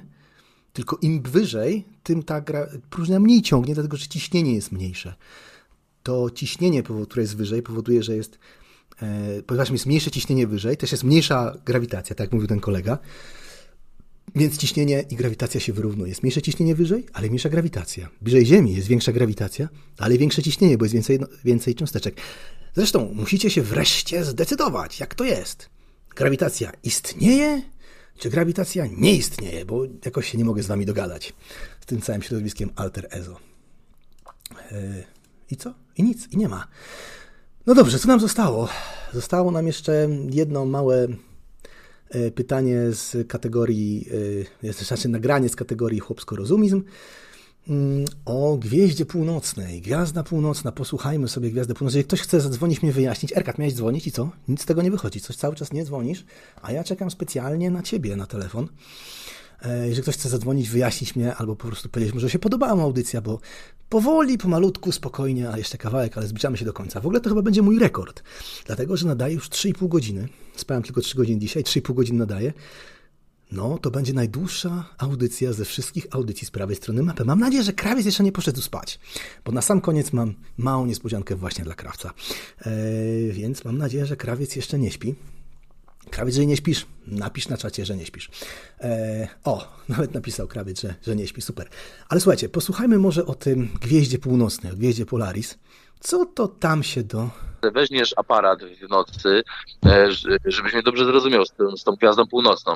E, Aparat i se na, zrobisz na długie naświetlanie se ustawisz, tak jak na przykład robisz zdjęcia miasta i widzisz te takie podłużne światła, jak, jak auta przejeżdżają, że nie widzisz aut, tylko światła, linie, linie świateł. Tak jak zrobisz takie zdjęcie z długim naświetlaniem, naświetlaniem, no to na, i sobie ustawisz aparat na gwiazdę, na Polaris, na gwiazdę północną, no to, zrobi, to zo- zobaczysz, że gwiazda północna nie drgnie nawet o milimetr, a wszystkie gwiazdy tworzą okręgi coraz to większe wokół Polaris. No to, no to jak to jest możliwe, że my się kręcimy wokół własnej osi? No to Mm. musielibyśmy się, musielibyśmy być jakby na szpilce y, przebici przez, wiesz, w jednej osi z tą gwiazdą Polaris i to od tysięcy lat, żeby ona nawet nie drgnęła. To jest niemożliwe. Możliwe. Jak ona jest miliardy lat oddalona od nas. No to, to ten Hawking moim zdaniem, no to, no to czemu na przykład na takiej, czego, takiego czegoś, takiego fenomenu nie wytłumaczył? Tak, Hawking, głupek. Einstein, głupek. Typowy, typowe takie teksty, jakie słychać ze środowiska Alter Ezo. To, co mówił ten kolega, to bardzo ciekawe, tylko że to nie jest prawda. Rzeczywiście, Gwiazda Północna, czyli Polaris, tak naprawdę to nie jest jedna gwiazda, tylko układ trzech gwiazd. Tej gwiazdy jest takie same przez tysiąclecia, dlatego że tysiąclecia to jest, to jest mgnięcie oka e, w porównaniu z całą, z całą historią, z, całą, e, z całym czasem istnienia kosmosu. I jest ona z nami, w układzie razem z całą galaktyką, z drogą mleczną i rzeczywiście znajduje się prawie, prawie idealnie ponad e, osią obrotu Ziemi, ale nie jest prawda, że Gwiazda Północna nie robi okręgów. Jeżeli postawicie aparat, robi. Jak najbardziej, tylko te okręgi są bardzo, bardzo małe, i nie ma w tym dziwnego. Są gwiazdy, które są dalej, niektóre są trochę bliżej. No ale już płaskorozumizm, płaskorozumizm na tarciu. Jest to świetne doświadczenie. Jeżeli postawicie sobie aparat z długim czasem naświetlania, skierujecie w niebo, to zrobi wam piękne zdjęcie, gdzie te gwiazdy się tak rozmazują w okręgi i im gwiazda jest dalej od y, osi obrotu Ziemi, tym ten okrąg będzie miał większy promień, a im bliżej osi obrotu Ziemi, tym ta gwiazda będzie robiła mniejszy promień. Gwiazda polarna jest bardzo blisko osi obrotu Ziemi, ten promień będzie malutki, ale jak najbardziej będzie. Więc y, znowu chłopsko rozumieć na tarciu i znowu jest ten sam problem. To znaczy, znowu mamy mm, takie mieszanie prawd z nieprawdami. Stwierdzenie, że ona jest idealnie jak, jak pineska padło w tej audycji. Nie, nie jest. Po prostu nie jest.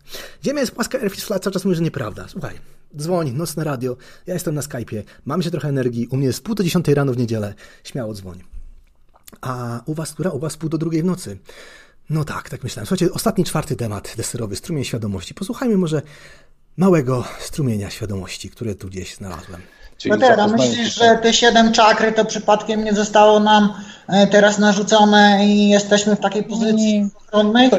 Te 7 czakr to jest po prostu chwilowy, że tak powiem, rozkład światła. y, Mieliśmy czakry poza danego zakresu w danym środowisku postrzegany przez dany zakres, czyli to jest tylko z, dla ciebie 7. Dla innych No jest więcej. że mieliśmy czakry poza kiedyś, a teraz jest tylko szkoła węża, która jest totalną y, obroną, tak jakbyśmy już byli na ostatnim jakimś kurcze y, stopniu obrony przed tymi y, wyżej wymiarowymi, którzy się kurcze y, tutaj żywią tymi naszym smogiem. Oni się niczym nie żywią. To są często to, to, jest, to jest też błędne postrzeganie, ta wiara, że to oni się żywią, złomą. Jest tak, że ładujecie po prostu przez bycie na niższym zakresie i niższe emocje ładują te niższe zakresy i to, to jest to przenośnia, że oni się żywią jakąś niższą energią. Po prostu ładujecie pole niższym zakresem. Tak, wybaczcie, ale mnie nikt nie ładuje. Ładujecie pole niższym zakresem i otrzymujecie gorszy efekt. No czego nie rozumiecie? To, co usłyszeliście, to był typowy przykład tak zwanego misz-masz new age'owego tutti frutti shuro opowieści. Energie, poziomy, gęstości, czakry światła, oko węża, dupa pawiana.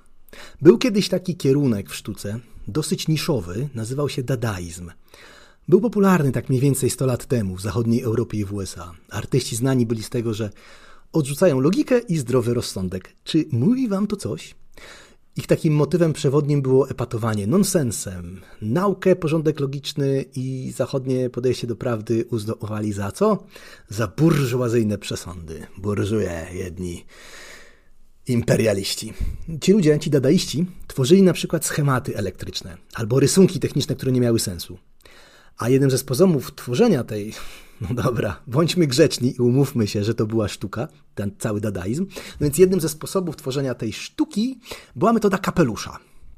Brało się garść karteczek, zapisanych różnymi słowami, wrzucało się te karteczki do kapelusza, po czym losowało się na przykład trzy słowa i wychodziło wam coś. Na przykład osioł, hamulec, Bin Laden.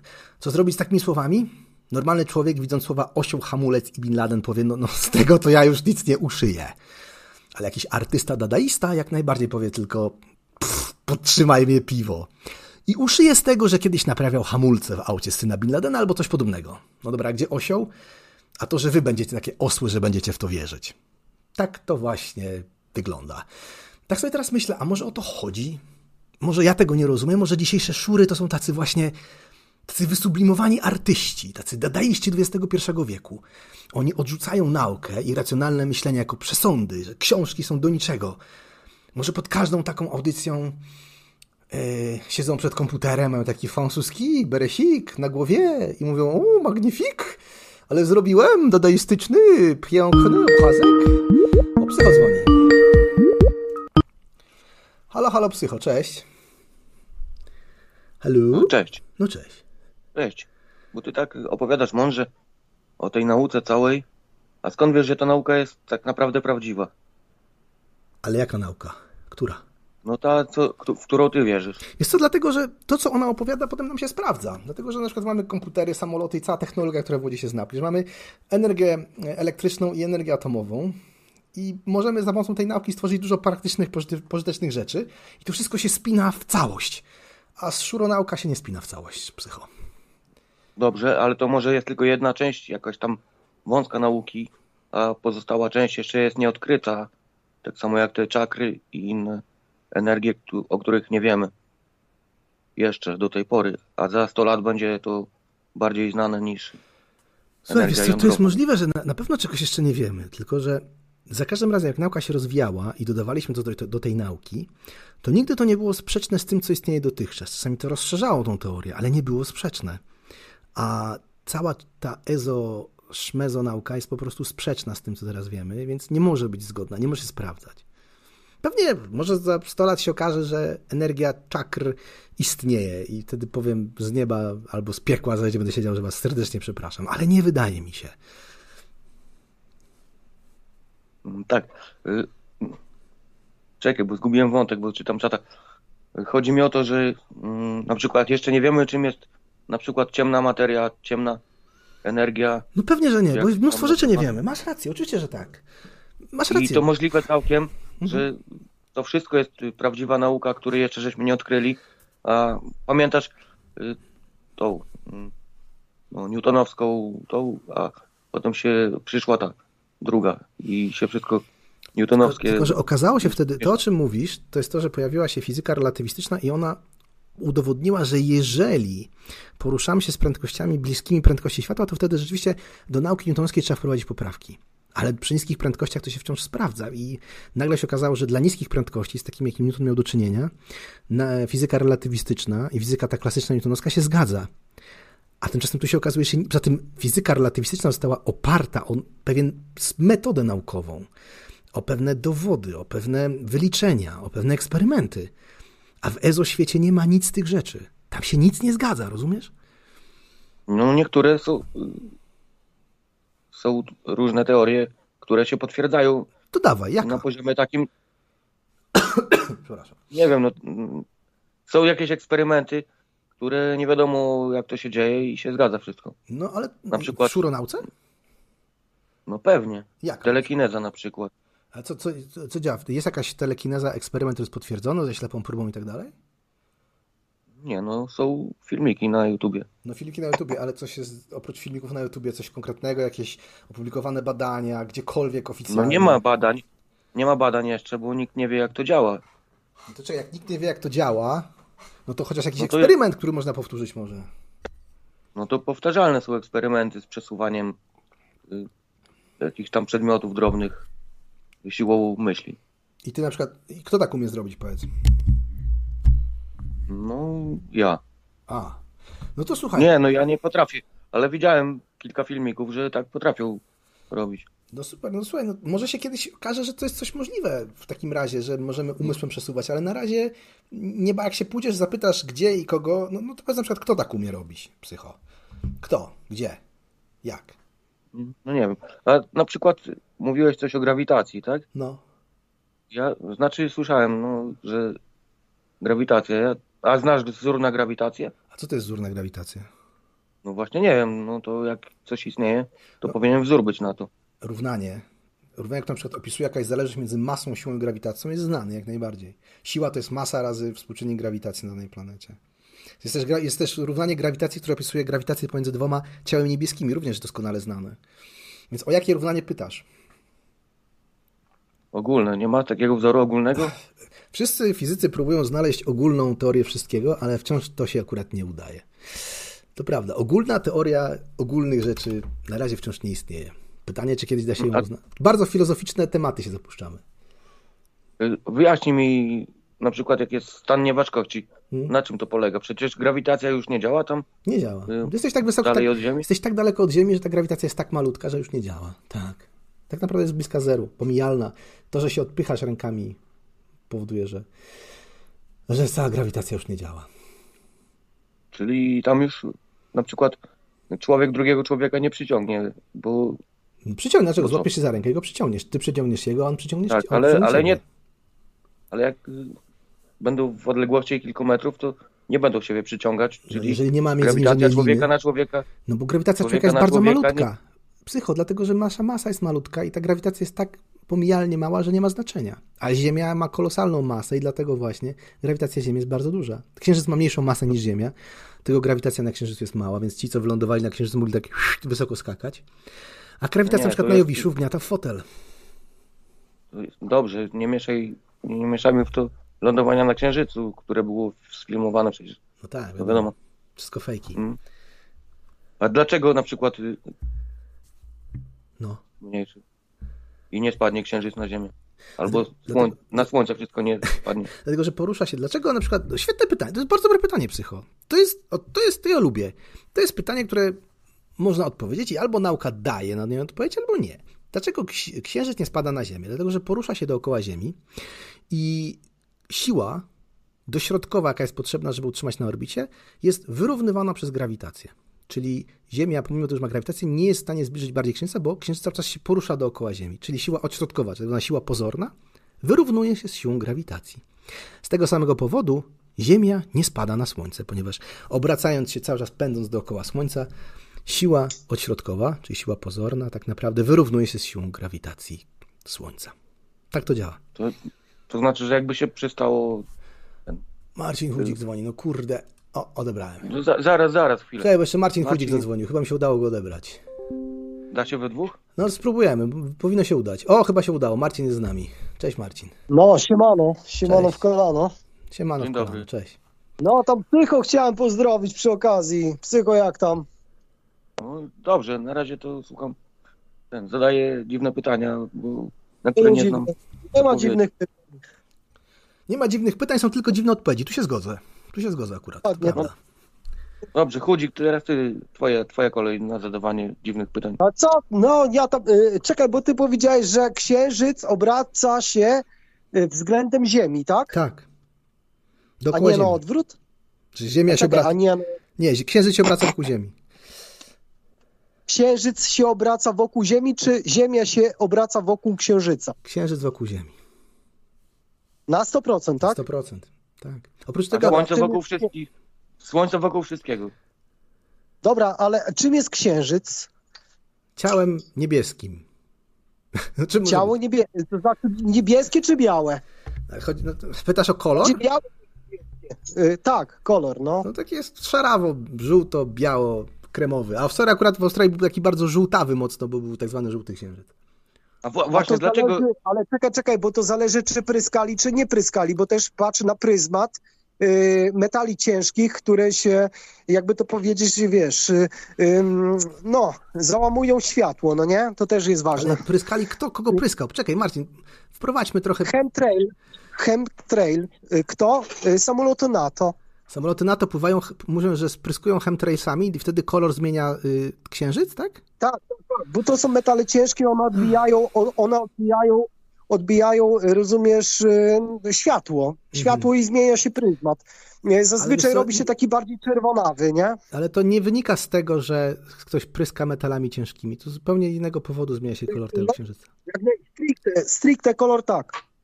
To pryskają one- samoloty NATO metalami ciężkimi. A masz jakieś dowody? Marcin, masz jakiś dowód na coś takiego? Znaczy ja obserwuję niebo, wiesz, No i widzę, no różnia, różnie y, smugi kondensacyjne od, smug chemicznych. A czym się różnią? No, Powiedz, jak może- odróżniasz? Powiedz mi proszę, jak odróżniasz smugę Ja kondensacyjną od smugi chemicznej? Smuga kondensacyjna Mhm. na wysokości, dajmy na to, ile tam masz, 5000 metrów? Ale zależy jaki Dajmy samolot. na to, nie? Samoloty latają wyżej niż 5000 No metrów. zależy, czy tam jak najbardziej. Ale ta smuga kondensacyjna, czyli to jest para, która wydziera, y, zostaje wydzielona poprzez wysoką temperaturę. Rozumiesz? Wysoką Mhm. Tak, ja rozumiem, temperaturę poprzez, poprzez, Wiesz o co chodzi, nie? No. Czyli ta para wodna skroplona, skro, sklapr- skraplana, ona zanika de facto jakieś tam na oko 5 kilometrów za samolotem. Nie, ona to nieprawda. To nieprawda. Ona może się utrzymać, Tak, jak, jakie są warunki. Marcin, ja coś powiem. Zależy tak, jak są warunki, na jakiej wysokości samolot leci, bo samolot może być, zostawić smugę kondensacyjną na wysokości od dosłownie kilkuset metrów, aż do 10, 11, 12 kilometrów. To masz, Może zup- być, jak najbardziej. nie, nie polemizuję. Jak masz, masz zupełnie różne ciśnienie i różną temperaturę. Ale. I ale, może się- ale poczekaj, ale ona się rozpuszcza. Ale zależy w jakim tam, y, czasie. Ona się może rozpuścić po godzinie, a może rozpuścić po dwóch Zależy- minutach. To zależy, jakie są warunki. Zależy na jakiej wysokości, jaka jest różnica temperatur przede wszystkim. Jaka różnica temperatur między czym a czym? E, między, między wydzielonym powietrzem z silnika, a wysokością, czyli im wyżej, tym zimniej. Nie zawsze prawda? tak jest. Marcin, czasami tak jest, Jak? na ogół tak jest, ale nie zawsze. Wyżej- Im wyżej, tym cieplej? Tak, czasami, czasami zdarza się inwersja temperaturowa. To się czasami zdarza na dużych wysokościach. Tak zwana inwersja temperaturowa na chwilę masz, że to jest, y, to się oczywiście nie zdarza często, ale tak, zdarza się inwersja temperatur, że im wyżej, tym cieplej. To się zdarza. Mhm. Może się Na zdarzyć. wysokości. Na dowolnej. Inwersja temperaturowa może być na dowolnej Ale wysokości. czekaj, czekaj, jeżeli by była inwersja temperaturowa, Mhm. to by lodowce, lodowce topniały. Nie, nie topniały, dlatego że ona się nie pojawia, a potem znika, ale jak najbardziej inwersja temperaturowa może się utrzymywać przez jakiś czas. To jest zupełnie normalne, nawet w górach się to pojawia. Dobra, ile, ile tam, y, odtylując, pół godziny? Ale o czym mówisz teraz? O tych smugach kondensacyjnych. Mogą się utrzymać pół godziny, mogą się utrzymać dwie minuty, zależy od tego, jakie są warunki. Dobra, do, y, okej, od pół godziny do jakiej maksymalna, y, ma, maksymalnej y, ilości czasu? No, podejrzewam, że jak masz odpowiednie warunki, to może się smuga kondensacyjna utrzymać. Podejrzewam, że z godzinę na spokojnie. Szczególnie, że dlatego, że to, jakie masz smugi, słuchaj, jaki jest rodzaj smug, zależy od tak gęstości tej, e, tego gazu, który tam masz, bo to nie jest tylko para wodna, a tak skład tej, tej, skład tej smugi zależy w bardzo dużej ilości na przykład od tego, jakie paliwo lejesz i jakie masz budowę silnika. Dosłownie ilość łopatek, sprężarek w silniku odrzutowym mogą ci wygenerować zupełnie różny typ smugi. Okej, dobra. Słuchaj, No. Ta smuga kondensacyjna, tak jak mówisz, po godzinie czasu powinna za tym samolotem zaniknąć. Zaniknąć kolokwialnie, tak? No może, tak najbardziej, tak. Oczywiście, że A może co? A, a co byś powiedział, jeżeli ta smuga się rozszerza i zostaje na 4 godziny? No to co z tego? To znaczy, że masz takie warunki, które powodują, że para tam zostaje. No i co w tym dziwnego? I ona się rozszerza, dlatego że jak najbardziej się rozszerza. No, mm, zmienia się po prostu, zmienia się warunki. I jeżeli ona zostaje szczególnie tak długo, tak jak mówisz, to zmieniają się warunki, zmienia się ciśnienie, jak najbardziej może się rozszerzyć. Nie ma w tym nic dziwnego. Szczególnie, jeżeli tak Słuchaj, długo się po, jeżeli taka para, okej, po 4 godzinach, dajmy na to, Mhm. ona się powinna rozpuścić, czyli de facto niebo po, po, po, zostałoby y, po tym wyparowaniu czyste, tak? Nie, Czyste, dlaczego miałoby zostać czyste? Nie stałoby czyste. Słuchaj, razem, No pamiętaj jak? proszę, No że... para Marcin, Marcin, wiesz. ale to nie jest tylko chmura para. się robi. Marcin, nie. Pamiętaj, że to nie jest No to tylko co, para. to znikoma ilość metali ciężkich, znikoma nie, ilość. nie, nie znikoma. Ona jest, po pierwsze, tam, się- tam się To jest tlenek azotu, wydają się metale ciężkie i cały ten syf, który jest w paliwie odrzutowym. Pamiętaj proszę, paliwo odrzutowe jest dużo cięższe, cięższe niż benzyna, więc jest troszeczkę tylko lżejsze niż diesel. Dlatego ilość ciężkich cząsteczek, ilość niespalonych węglowodorów, ilość niespalonych meta- znaczy metali ciężkich, które się w ogóle nie palą, ilość y, związków azotu jest kolosalna. Słuchaj, ten- I to są jądra słuchaj, to- to by, kondensacji. Poczekaj kolego, no to w tym przypadku to by naprawdę te silniki kopciły, a to są, to są si- silniki przede wszystkim wysokooktanowe, które spalają. Nie, tam nie ma nic, spalają Marcin, tam nie ma nic wspólnego z oktanami. Co spalają? Co spalają? Praktycznie wszystko, co zostaje nadane do silnika. Nie, to jest Tam nieprawda, nie ma... Marcin. To jest nieprawda, jest dokładnie odwrotnie. Po No pierwsze, nie ma to nic wspólnego z oktanami, dlatego że wprost przeciwnie, tam jest raczej liczba cetanowa, a nie liczba oktanowa istotna, dlatego że te silniki to są silniki, które działają na zupełnie innej zasadzie i te silniki nie spad... właśnie jest odwrotnie. Silnik odrzutowy zostawia dużo więcej syfu niż silnik taki tłokowy, dlatego że spalanie jest zupełnie innego typu. W silniku tłokowym masz wysokie ciśnienie, które spręża ci powietrze. Tak? Ja, ile, jaka, jest, jaka jest ilość oktanów w tym paliwie? Nie ma oktanów tego paliwa w ogóle. To jest bardzo niska ilość oktanowa, dlatego że to jest, pamiętaj, kerozyna, a nie benzyna. Więc tam nie ma oktanów. Ok ilość, liczba oktanowa to jest odporność na zgniatanie paliwa, odporność na detonację. Tam nie ma mowy o żadnym oktanach, dlatego że to nie jest w ogóle istotne. To nie ma, liczba oktanowa nie ma znaczenia. To jest zupełnie inny rodzaj spalania. Liczba oktanowa w silniku Ja benzynowym. byłem gówniarza, słuchaj, jak, jak byłem za w wojsku, to myśmy kradli paliwo wysokooktanowe i to były paliwa przeznaczone do odrzutowców. Nie, do oktanów to nie ma, palnik, nie ma czegoś tak jak paliwo wysokooktanowe do odrzutowców. Paliwo wysokooktanowe to, to jest tak zwany avgas. To jest benzyna lotnicza, która służy do silników tłokowych, które zasilają samoloty. Tak, avgas, czyli benzyna do silników tłokowych lotniczych, rzeczywiście jest paliwem wysokooktanowym, bo ponad nawet 100 oktanów, jak najbardziej, ale ono nie jest w najmniejszym stopniu przeznaczone do silników lotniczych. Tam silników lotniczych... Dlatego No. innym paliwem, tak? silniki lotnicze, czyli e, tak zwane tłokowe, latają na avgas. To jest zupełnie inny rodzaj paliwa, jest tak zwana benzyna Czekaj, lotnicza. tłukowe na avgas, a, w- a y, silniki odrzutowe. Na kerozynę latają. To nie ma nic wspólnego z liczbą e, oktanową. Y, Tak tylko kolokwialnie zapytam, y, czy miałeś okazję y, zobaczyć jakieś tam zajawki na temat y, II wojny światowej, że Niemcy wynaleźli jako pierwsi y, silnik odrzutowy? Tak, to prawda, chociaż to jest, jest tym troszeczkę mitu, dlatego że Niemcy i Brytyjczycy robili to razem. Pierwszy silnik y, pra- można stworzyć praktycznie wspólnie. E, Ten silnik e, niemiecki to był silnik Jumo, który stworzyli pierwsi, natomiast silnik Brytyjczycy wtedy stworzyli silnik, on się nazywał bodajże Goblin, a w ogóle jed, pierwszy silnik odrzutowy świata powstał, nigdy byście się nie domyślili w jakim kraju, w Rumunii. E, Z tego, tak, w Rumunii. Henry Coanda stworzył pierwszy silnik odrzutowy świata, jeszcze przed wojną, II wojną światową, ale Rumunia była za bardzo zabiedzonym krajem i to się do niczego nikomu nie przydało. Natomiast Niemcy... A czyli kupili patent. Nie, nie, nie kupili patentu. Nie, tam nie było w ogóle mowy o patencie. Oni sami stworzyli silnik Jumo na podstawie różnych tam badań naukowców, równolegle z Brytyjczykami, którzy stworzyli, bodajże ten silnik się nazywał Goblin brytyjski. Natomiast Niemcy, trzeba przyznać, pierwsi go zastosowali w e, odrzutowcach. Pierwszym takim odrzutowcem, który został powszechnie wdrożony do y, produkcji był Messerschmitt Wiem. 262 Schwalbe z silnikiem odrzutowym. Ja słyszałem taką teorię spiskową, kolokwialnie mówiąc, że Niemcy podobno y, wzięli tą technologię za garty. No tak, tak, jasne. I z księgi Akaszy. Mhm. Kolokwialnie tylko mówię. No ale to jest nieprawda, no przecież silniki odrzutowe, koncepcja silnika odrzutowego znana była przed wojną. Naprawdę. To był to jest pomysł znany przed wojną, żadni Niemcy tego nie musieli znać za garty. Tutaj mówisz o resecie, że na przykład y, przed resetem były hulajnogi na prąd, a później po resecie Resety nie istniały, Marcin, to jest są bzdury. Ja ci powiem więcej. Nie wiem, czy o Znaczy, tym... Może nie kolokwialnie, tylko mówię reset, tylko, tylko jakieś tam zacofanie, zacofanie technologii, ukryta technologia poprzez jakieś tam, y, no można kolokwialnie powiedzieć, szajki, którym y, było niewygodnie, żeby się społeczność rozwinęła. Słuchaj... Było tak? Nie, nie było nic myślisz? takiego. Nic takiego nie istniało. Takie, takie to jest bzdura. Myślę. ale zwróciłeś uwagę, żeby filmy, y, filmy są na YouTubie, tam starodawne filmy, że y, y, w Niemczech na przykład sobie jeździli hulajnogami na prąd. Samochody były na prąd, nawet takie małe dla, dla dzieci. Ja ci powiem więcej. Prąd. Pierwsze samochody, jakie powstały na świecie, były na prąd, tylko że okazało się, że nie mamy wtedy, bo silniki na e, prąd elektryczny są o wiele sprawniejsze i o wiele przyjemniejsze w produkcji i użytkowaniu niż silniki spalinowe. Pierwszy Porsche, e, Ferdynand Porsche, czyli starszy Porsche, to nie ten od, od filmy Porsche, tylko ten, który produkował czołgi, ten od Volkswagena Garbusa, on w ogóle pierwsze swoje samolot, samochody robił na prąd. Nie ma w tym nic niesamowitego, ale okazało się, że technologie baterii są tak A zwróciłeś uwagę, że, że wtedy nie było linii trakcyjnych? Ale jakich linii trakcyjnych? Czego linii trakcyjnych? Nie było słupów. Na tych filmach, bo ja tam, wiesz, oglądałem te filmy, tak Ale mówisz o weryfikowałem. słupach na przykład takich, z, które, które niosą... Lin, linie trakcyjne prądu. Ale- Rozumiesz, słupy i linie. czekaj, Marcin, Ja- linie trakcyjne to są linie, które napędzają jakieś tramwaje, trolejbusy albo, e, bądźmy precyzyjni, tak, albo pociągi. To tak, są linie trakcyjne. najbardziej.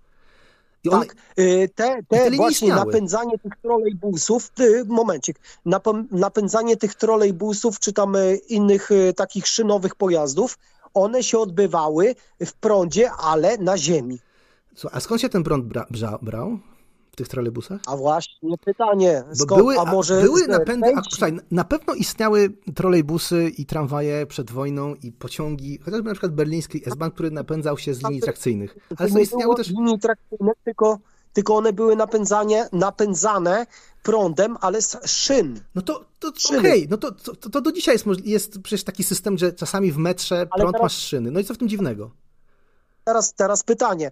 Y, Skoro były napędzane, bo tam duży voltaż był potrzebny, nie? Y, Niekoniecznie. wo- Kilkaset voltów wystarczy przecież. Do tramwaju masz 600 kilkaset, ale te kilkaset nadepnąwszy na tą linię trakcyjną mogło cię zabić. Jeżeli, jeżeli nadepnąłeś na linię trakcyjną, jednocześnie mając drugą nogę na tym, na y, ziemi, to tak, mogłeś jak najbardziej. Mogło cię to zabić. Tak, tak, tak, ale tak czy, się, tak czy siak, de facto, deszcz pada, to już masz wykluczone, żeby stanąć na linii trakcyjnej, jak deszcz pada. Bo de facto Ale nie woda było jest takich linii trakcyjnych, po których można było chodzić, Marcin. Takie coś nie, nie istniało nigdy, bo tylko czekaj, debil czekaj, czekaj, ale tutaj, tutaj, na, tutaj nawiązuje do technologii Tesli, Mhm. DCAC. Co? DCAC? To mówisz o przetworniku z prądu stałego na prąd przemienny? DCAC to jest A przetwornik. konkretnie rzecz biorąc, Nikola Tesla, y, mia, miałeś, y, oczywiście, że miałeś. Nikola Tesla, który przedstawiał prąd, który nie zabija, na przykład.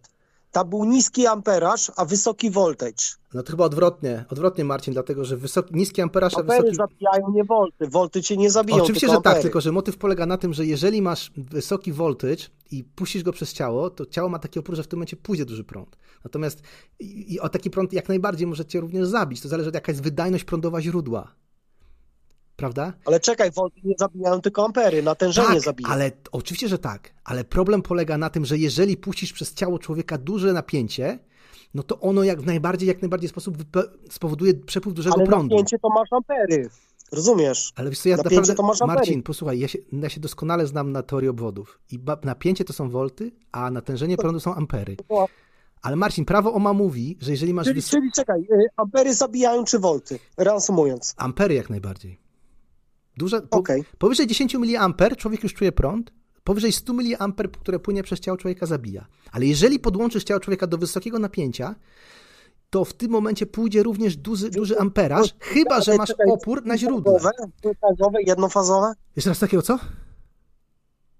Powtórz proszę. Wysokie napięcie względem trójfazowe czy jednofazowe? To nie ma znaczenia. Tutaj To nie ma kompletnie tylko nawiązuje do, do sieci energetycznej. Ale to nie ma znaczenia, Marcin. W sieci energetycznej masz trzy fazy, które świetnie zabijają, potem masz jedną fazę, która jest doprowadzona do gniazdek, po prostu jedną z tych faz wyciągniętych i to nie ma znaczenia, czy prąd jest przemienny, czy stały. Jeżeli chodzi o zabicie człowieka, Jedna również może zabić. Słucham? Jedna również może, może Oczywiście, zabić. że może zabić. Ale nawet nie, nie potrzebujesz fazy. Prąd stały też cię może zabić. Jak najbardziej, jeżeli ma tylko odpowiednie napięcie. To, o czym mówię, Marcin, to że jeżeli podłączysz do człowieka wysokie napięcie, to pójdzie również wysoki amperaż, chyba że masz gdzieś inny opór, na przykład opór źródła, który spowoduje, że to, ten amperaż zostanie ograniczony. Rozumiesz? Czyli odejście, tak? Nie, jak nie odejście. Nie odejście. Po prostu jeżeli do człowieka podłączysz wysokie napięcie, prawo OMA mówi, że jest tym wyższy amperaż, tym wyższe natężenie prądu, im wyższe napięcie. Ale możesz to regulować za pomocą oporu. Opór człowieka jest, ludzkiego ciała jest taki, że jeżeli bezpośrednio podłączysz, na przykład już 100 V, no to poczujesz, przy 200 V człowieka zabijasz, przy 150 V nawet człowieka zabijasz. Ale jeżeli podłączysz wysokie na- napięcie do człowieka, tak na przykład w takiej zapalniczce, którą masz, e, którą, mm, którą możesz kogoś porazić, to opór tej zapalniczki, opór wewnętrzny źródła jest tak duży, że i tak pomimo tego wysokiego napięcia pójdzie mały prąd. Rozumiesz? Y, nie. No trudno, to już nic nie poradzę, to musisz, prze, musisz przestudiować Nie, teorię nie, nie. obwodów. Nie, nie, nie, czekaj, czekaj, czekaj. Dlatego y, zapalniczka tutaj tak kolokwialnie, ale y, względem paralizatora No. na przykład. No. Tam masz y, w paralizatorze masz około 800 V. O, Tak najwięcej. strzelam, nie? No. 800. Wiem, dużo Y, więcej. Znaczy tam Marcin, w paralizatorze masz dużo więcej, masz kilka tysięcy voltów, tylko że bardzo niski amperaż. Na tyle niski amperaż, że nie, raczej człowieka nie zabijesz, natomiast poparzysz i... ale żeby cię kopło, nie? Słucham? Żeby cię nie zabiło, ale żeby cię kopło. Tak. I teraz spójrz, proszę Marcin, jeżeli podłączysz się pod sieć energetyczną, która ma kilka tysięcy voltów, to cię absolutnie spali. Jeżeli się natomiast podłączysz pod e, taki e, paralizator, to cię nie spali, dlatego że mm, na- natężenie prądu, jaką wytworzy paralizator, będzie o wiele mniejsze, ponieważ opór wewnętrzny źródła jest, jest kolosalny, natomiast opór wewnętrzny źródła sieci energetycznej jest bardzo mały. Dlatego pójdzie przez ciebie, przy energe- sieć energetyczna cię spali w popiół w ciągu ułamku sekundy, a pomimo tego, że mm, paralizator ma dokładnie takie samo napięcie, Natężenia.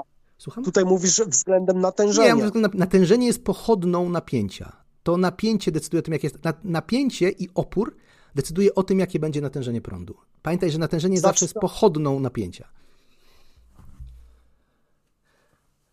Rozumiesz? Natężenie, dajmy na to, to nie jest spadek energii No y, podczas przysyłu. Nie, to nie jest spadek energii. Znaczy, natężenie prądu, jaki.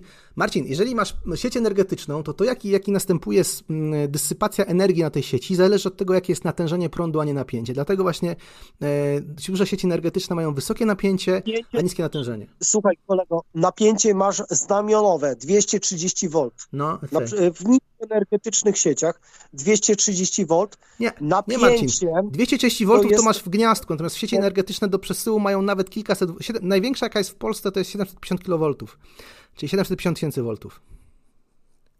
Jak, w gniazdku? Nie, mówię o sieci energetycznej przesyłowej. Natomiast w gniazdku masz 230, Ja mówię o mocy znamionowej w gniazdku, w którym ty odbierasz w domu. To jest To masz 230 V, Marcin, ale to jest tylko, pamiętaj, że to jest tylko napięcie skuteczne, bo tam jest napięcie jednofazowe. Jeżeli mówisz o jednym fazie, to masz jedną fazę napięcia zmiennego, czy przemiennego, 50 Hz, gdzie najwyższe napięcie masz 310, ale to jest tylko napięcie w piku tak zwanym, natomiast napięcie skuteczne jest 230 V. Ale dlaczego, powiedz mi, dlaczego nagle zaczęliśmy gadać o teorii obwodów? Przecież to ludzie już usypiają tam po tych wieczorem. Do czego do tego doszliśmy? Być może. No, to słuchaj, wiesz co, teoria obwodów to prawda? jest fascynująca historia, ale nie wiem dlaczego o tym rozmawiałem. Może przejdźmy do następnych tematów, bo jak nie, to psycho już usnął, ludzie usypiają, jest u was w Polsce jest druga w nocy, a my o teorii obwodów gadamy. Marcin, masz coś ciekawego, to jeszcze powiedz. Y, Ja bym chciał z psychem y, dwa zdania zamienić, No, jeżeli psycho, jest. włącz się, jeszcze. bo Marcin chce są dwa zdania, a powoli będę kończył. Marcin, ale to nie jest moja audycja, tylko Jacka Ale. Marcin chciał z tobą dwa zdania, więc może coś, dwa zdania, Marcin. Do Jacek, Jacek co, co w Australii w ogóle? A Dziękuję. jeżeli chodzi o psycho, tylko dwa zdania wtrąć. Kurde, zawsze masz coś do Australii, powiedzenia. słuchajcie, dzisiaj. kończy się zima, y, piękny, widzę słoneczny poranek niedzielny się zaczyna. Tak jak mówiłem, przed nami głosowanie w sprawie mm, tak zwanego The Voice to Parliament w październiku, a ja już powoli myślami jestem w y, okolicach Świąt Bożego Narodzenia. Mam nadzieję, że przyjadę jeszcze przed świętami do Polski, ale kiedy przyjadę na pewno, to nie wiem. Słuchajcie, mm, dobra, ja powoli będę kończył. E, Marcin, ty się chyba... Czekaj, czekaj, czekaj. No, co tam, psycho? Czekaj, a gdzie, gdzie przyjeżdżasz do, do Polski? No tam gdzie zawsze, słuchaj, tak jak to Do jakiego bywa. rejonu? Szczecin, Poznań, Warszawa A. i każde inne miejsce, w którym mnie ktoś zaprosi. No, ja jestem, wiesz, człowiek z... Ja jestem głównie człowiek z zachodu, muszę przyznać, a nie z Lublina, ale na ogół jestem na zachodzie, w okolicach Szczecina. Ale Lublin, fajne Okej, strony. okej, bo... Tak, mo- mogę.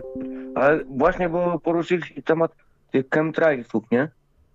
Ja tak nie zdarzyło ci się, że musiałeś wozić jakiś ładunek, który powinien, y, powinieneś, który musisz rozpuścić gdzieś tam Nigdy mi się nie zdarzyło. powietrzu, w atmosferze? Nigdy, pamiętaj, że ja nie jestem zawodowym pilotem, to po pierwsze, ale też nigdy mi się nie zdarzyło, nie słyszałem, żeby jakiś zawodowy pilot musiał rozpuścić ładunek w atmosferze. Jedyne ładunki, jakie się rozpuszcza, to nad polami, yy, gdzie się rozrzuca na przykład środki ochrony roślin, ale w dzisiejszych czasach, szczególnie w Australii, robią to raczej drony niż ludzie i to się zawsze robi z niskiej wysokości.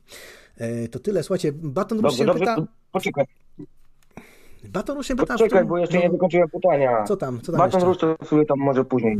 Jasne. No bo y, jest taka teoria, jest taka teoria, że dlatego są te bilety tak tanie, tam po 5 zł do Londynu, bo właśnie te linie lotnicze biorą takie ładunki, za to biorą grube miliony od firm jakichś tam utylizacyjnych, żeby to gdzieś w powietrzu rozpuszczać. Fantastyczna teoria. rozrzucać. Znaczy, tylko tutaj, tutaj, jeżeli chodzi, ja tylko przerwę, jeżeli chodzi o y, samoloty pasażerskie, one nie mają takiej możliwości, żeby cokolwiek wozić ze sobą ekstra, ale tutaj konkretnie Mają, rzecz jak biorąc, najbardziej, o miejsca jak najbardziej mają. Marcin, tak zwane... Ja, ale nie do rozpylania, Cargo nie do belly. rozpylania. Dokładnie, Tam, ale istnieje takie cargo belly tak zwane, czyli coś, co się wozi dodatkowe ładunki, znaczy tylko, tak, ładunki, czyli cargo w Ja rozumiem pasażerskich. ekstra, ale, ale, ale ja tutaj y, chciałbym tylko zauważyć, że y, tutaj jeżeli chodzi o jakiś dyskont, jeżeli y, tam w kwestii tych przylotów, oni płacą miejsca parkingowe na lotniskach. I to jest tak zwany charger, znaczy charger, nie, może, może nie charger, ale, ale oni płacą miejsca parkingowe i oni muszą oblatać i te samoloty muszą tam być. To nie jest tak, Ty że tym, że, że linie lotnicze muszą trzymać sloty, no ale to, to jest bardziej, o wiele bardziej skomplikowane i tych biletów za 5 zł już tak naprawdę nie ma i one są, nie ma ich zbyt wiele, jest to raczej kilka biletów na, na cały samolot po to, żeby można powiedzieć, u, leci do Londynu za 30 zł, prawda, i tak dalej, ale w dzisiejszych czasach to już wszyscy dobrze wiemy, że tak nie wygląda i tak dalej. Mm. Nie ma ale, ale w kwestii, w kwestii de, definitywnie mu, mówisz, że tego nie ma, tak? Nie ma. Nie ma chemitrailsów, nie. A twój ziomek mówi, Nie ma, zobacz...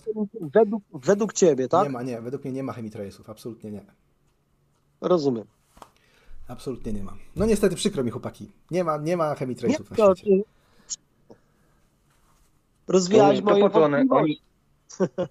Nie, to poczekaj, to po co oni te wszystkie robią takie na niebie jakby No. te samoloty wojskowe? Ale jakby robią co? Bo nie, nie wiem, co robią. Mówisz o, o smugach kondensacyjnych? One same się robią. To jest to, co zostawiam silniki ze sobą. No. Mhm. Ale, ale czasami to wygląda tak jakby wzory jakieś chcieli utworzyć na niebie i im się udaje. No czasami tak, dla, dla, specjalnie dla tak, jaj czasami ludzie robią takie, że nawet jest taka technologia pisania po niebie, które robią małe samoloty awionetki. Na przykład chcesz napisać kocham Jolkę. Pentagramy.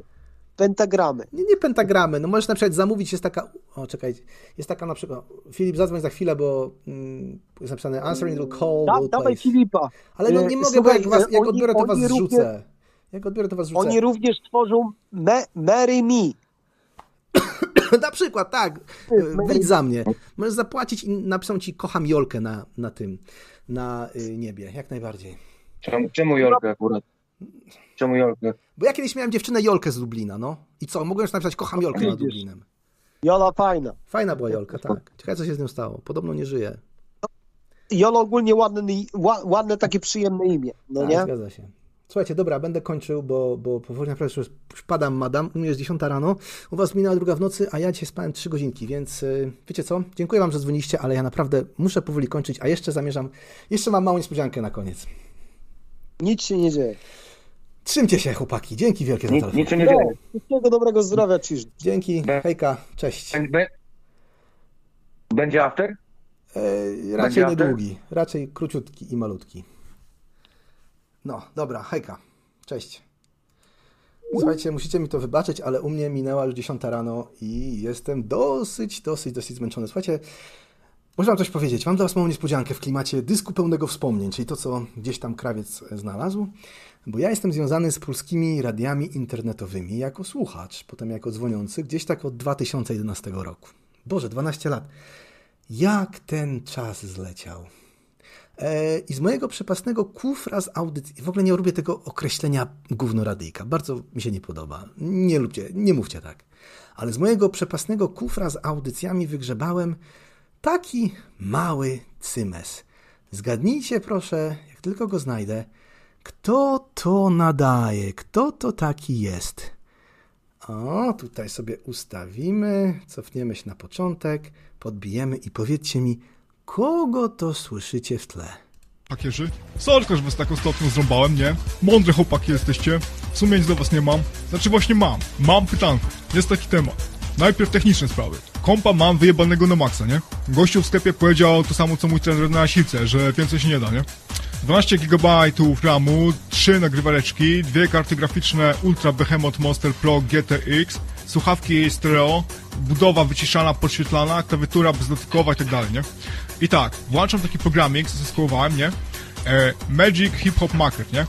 I wyskakuje mi takie coś, nie? Invalid Serial, nie? I pytanko teraz, co ja muszę jeszcze dokupić, żeby mi to działało, nie? No, no, no, to weźcie tam między sobą ustalcie, który tu do mnie przyjedzie, nie? Mi to ustawi, żeby działało, nie? Ja, ja też mogę wpaść, ale wtedy będzie inna rozmowa, nie? Spoko, żartowałem, nie muszę. Na odpowiedź czekam do jutra. No to czuwaj. Geek Cloud. Audycja nie tylko dla geeków. Tak, to był uwielbiam, uwielbiam tego jingla. To był oczywiście nasz drogi ojciec dyrektor.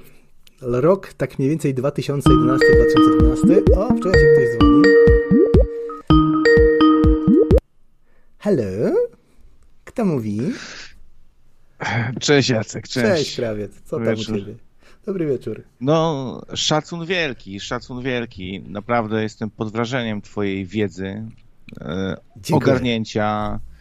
Kurczę, fajnie by było, jakbyś wrócił do nocnego radyjka, bo gromisz szurów, tempaków, idiotów.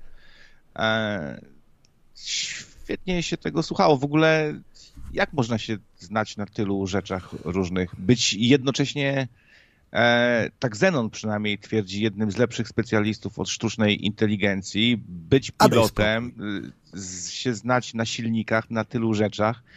E, kurde, na, naprawdę. To nie jest tak naprawdę, że ja się po prostu znam na technologii i to tylko na wycinku technologii jakiś tam. Trochę znam na lotnictwie, trochę się znam na komputerach i tyle, a na przykład nie wypowiadam się o medycynie.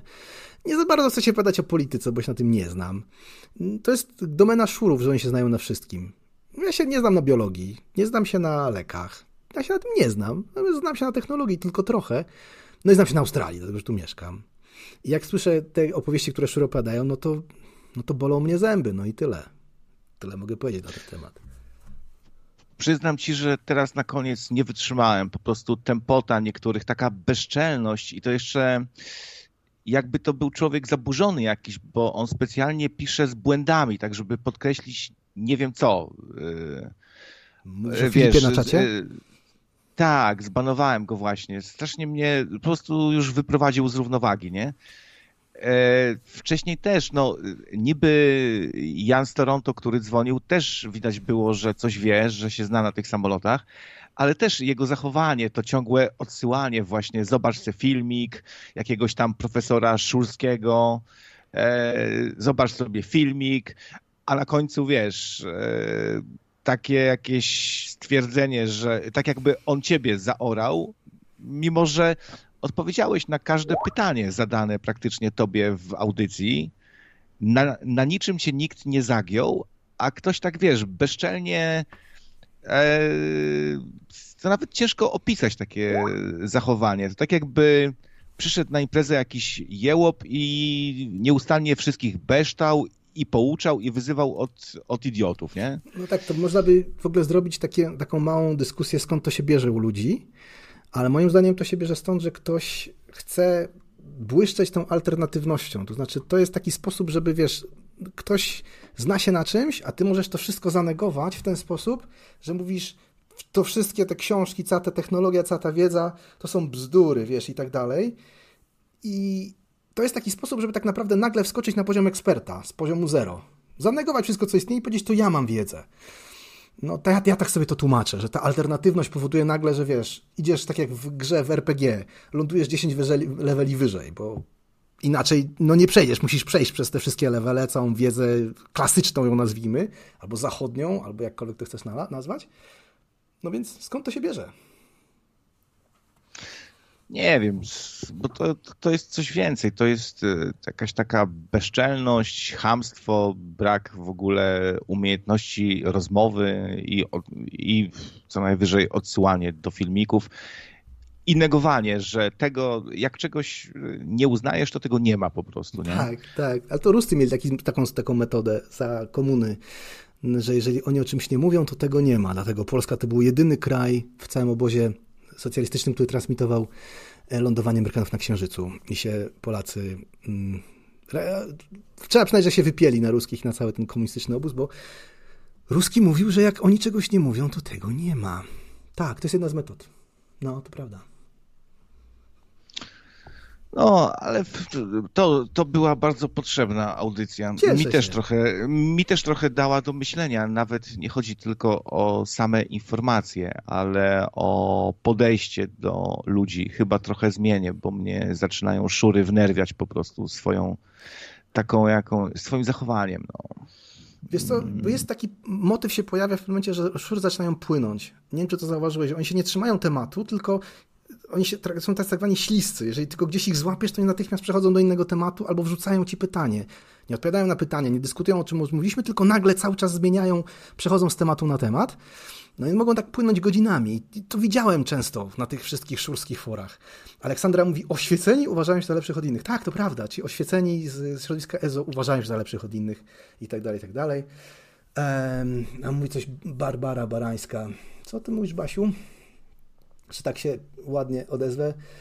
Też coś na czasie mówi, że tutaj jakoś do szpryc nie publikowali wyników badań. No właśnie, ja się nie wypowiadam na temat medycyny i covid bo się na tym nie znam. Nie mam pojęcia o tym. Więc nie będę o tym dyskutował. Ja mogę tylko mówić o tym, na czym się znam. E, No natomiast to, że ty chcesz zmienić podejście krawiec do, do niektórych dzwoniących, ja to gorąco popieram. Super, bo ja zrobiłem tą audycję dlatego, że ja do nocnego radia wróciłem po kilku miesiącach, bo w pewnym momencie wszystko mi się przejadło, musiałem sobie zrobić przerwę. I jak wróciłem, to się trochę przestraszyłem, że y, to już nie jest to samo radio, które było kiedyś, bo dawniej jak był Bajtiter, dawniej jak był Kotkiewicz, jeszcze jako potrzeba, to to radio wydawało mi się inne i nawet y, ono było bardziej mm, cywilizowane, rozsądne, rozsądno myślące. Natomiast jeżeli zostawiasz, wiesz, ludzi, którzy opowiadają swoje historie na 2-3 godziny, no to w pewnym momencie, no mi się to nie podobało. Może tak. To nie jest moja bajka, więc chciałem, żeby trochę wróciło to tak do mojej starej bajki. No i to jest dobry pomysł, żeby to wróciło. Tak trzeba to zrobić po prostu. Tak po prostu. Bo e, to, to był, wiesz, jakiś tam eksperyment. Nadal się trzymam. Jestem takiego zdania, że dobrze jest udostępnić to forum dla wszystkich żeby był i pluralizm, i wolność słowa i tak dalej, ale po prostu strasznie mi się nie, nie spodobało dzisiaj zachowanie niektórych ludzi i nie ma z kim gadać za, za bardzo po prostu. No, trochę tak, ale to jest, wiesz, dlatego do, moim zdaniem to, co się gdzieś tam wyrobiło w standardzie Radyjek, że jednak ludzi się nie trzyma godziny na, na czacie, znaczy na, na, na połączeniu, tylko 15 minut już jest długo, to jest dobra metoda, bo jeżeli ktoś 15 minut się nie sprawdzi, ktoś opowiada jakieś pierdoły, albo nie potrafi zainteresować czymś, tylko zaczyna, wiesz, bluzgać wszystkim dookoła, no to wietrzyma antenę i to trzeba wietrzyć w miarę często. Tak mi się wydaje. Ja wiem, że twoje audycje trwają długo, więc to jest trochę inna dynamika, ale na przykład ta audycja trwa już 4 godziny, nie? I, i nikt nie siedział jakoś tak bardzo długo. Więc myślę, że to, to jest też ważne, by wietrzyć antenę w miarę często nie pozwalać ludziom być chamskim, płynąć i po prostu powiedzieć, nie umiesz się zachować, to spadaj. No ale słuchaj, ja nie będę ci tu mówił, jak, tu, jak prowadzić radio, bo przecież ty masz dużo większe doświadczenie niż ja, to trzeba przyznać, uczciwie. Nie, no wiesz, doświadczenie, no okazuje się, że właśnie popełniam e, błędy. Będę teraz na pewno ostrzej gonił tutaj. Jak tylko zobaczę, że ktoś na przykład pyskuje na dzień dobry, albo jak dzisiaj zadzwonił człowiek i wyzywał cię, nie? No tak. Po prostu. Wrze, wrzeszczał, wrzeszczał, wyzywał i był dumny z tego, że jest jełopem niewychowanym i takie jakieś traktowanie z góry, wiesz, y, teraz jak, jak już po tylu godzinach ko kończysz audycję, to ten ci, o, idzie, u, ucieka dziecina, he, he, he, to wiesz, po prostu nienawidzę czegoś, czegoś takiego, nie? Ale to, so, sorry, musiałem to z siebie Nie, jak najbardziej. wyrzu wyrzucić po prostu, bo się zdenerwowałem. KGB Rut fajnie napisał, wiele razy mówiłem, że to nie są żadne szury, na miano szura trzeba sobie zasłużyć.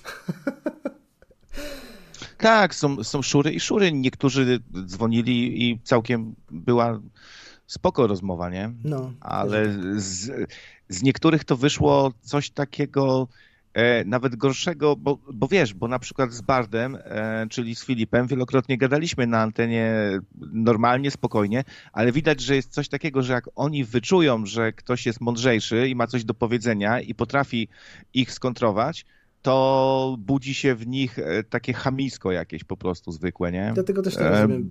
Jest, jak, jak można się w ogóle zacząć, wiesz, podniecać i denerwować takimi rzeczami, że ktoś ma inne zdanie? Filip, czyli Bart, robi świetną muzykę, bardzo mi podpowiada.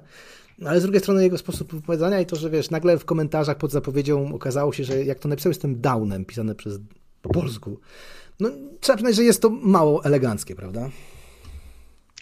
Tak, tu, tu wyzywał w komentarzach od e, downów to, i, i po takim czymś dzwoni i, i dalej, wiesz, coś tutaj stęka do ciebie i pokrzykuje, jakieś odzywki krzywe.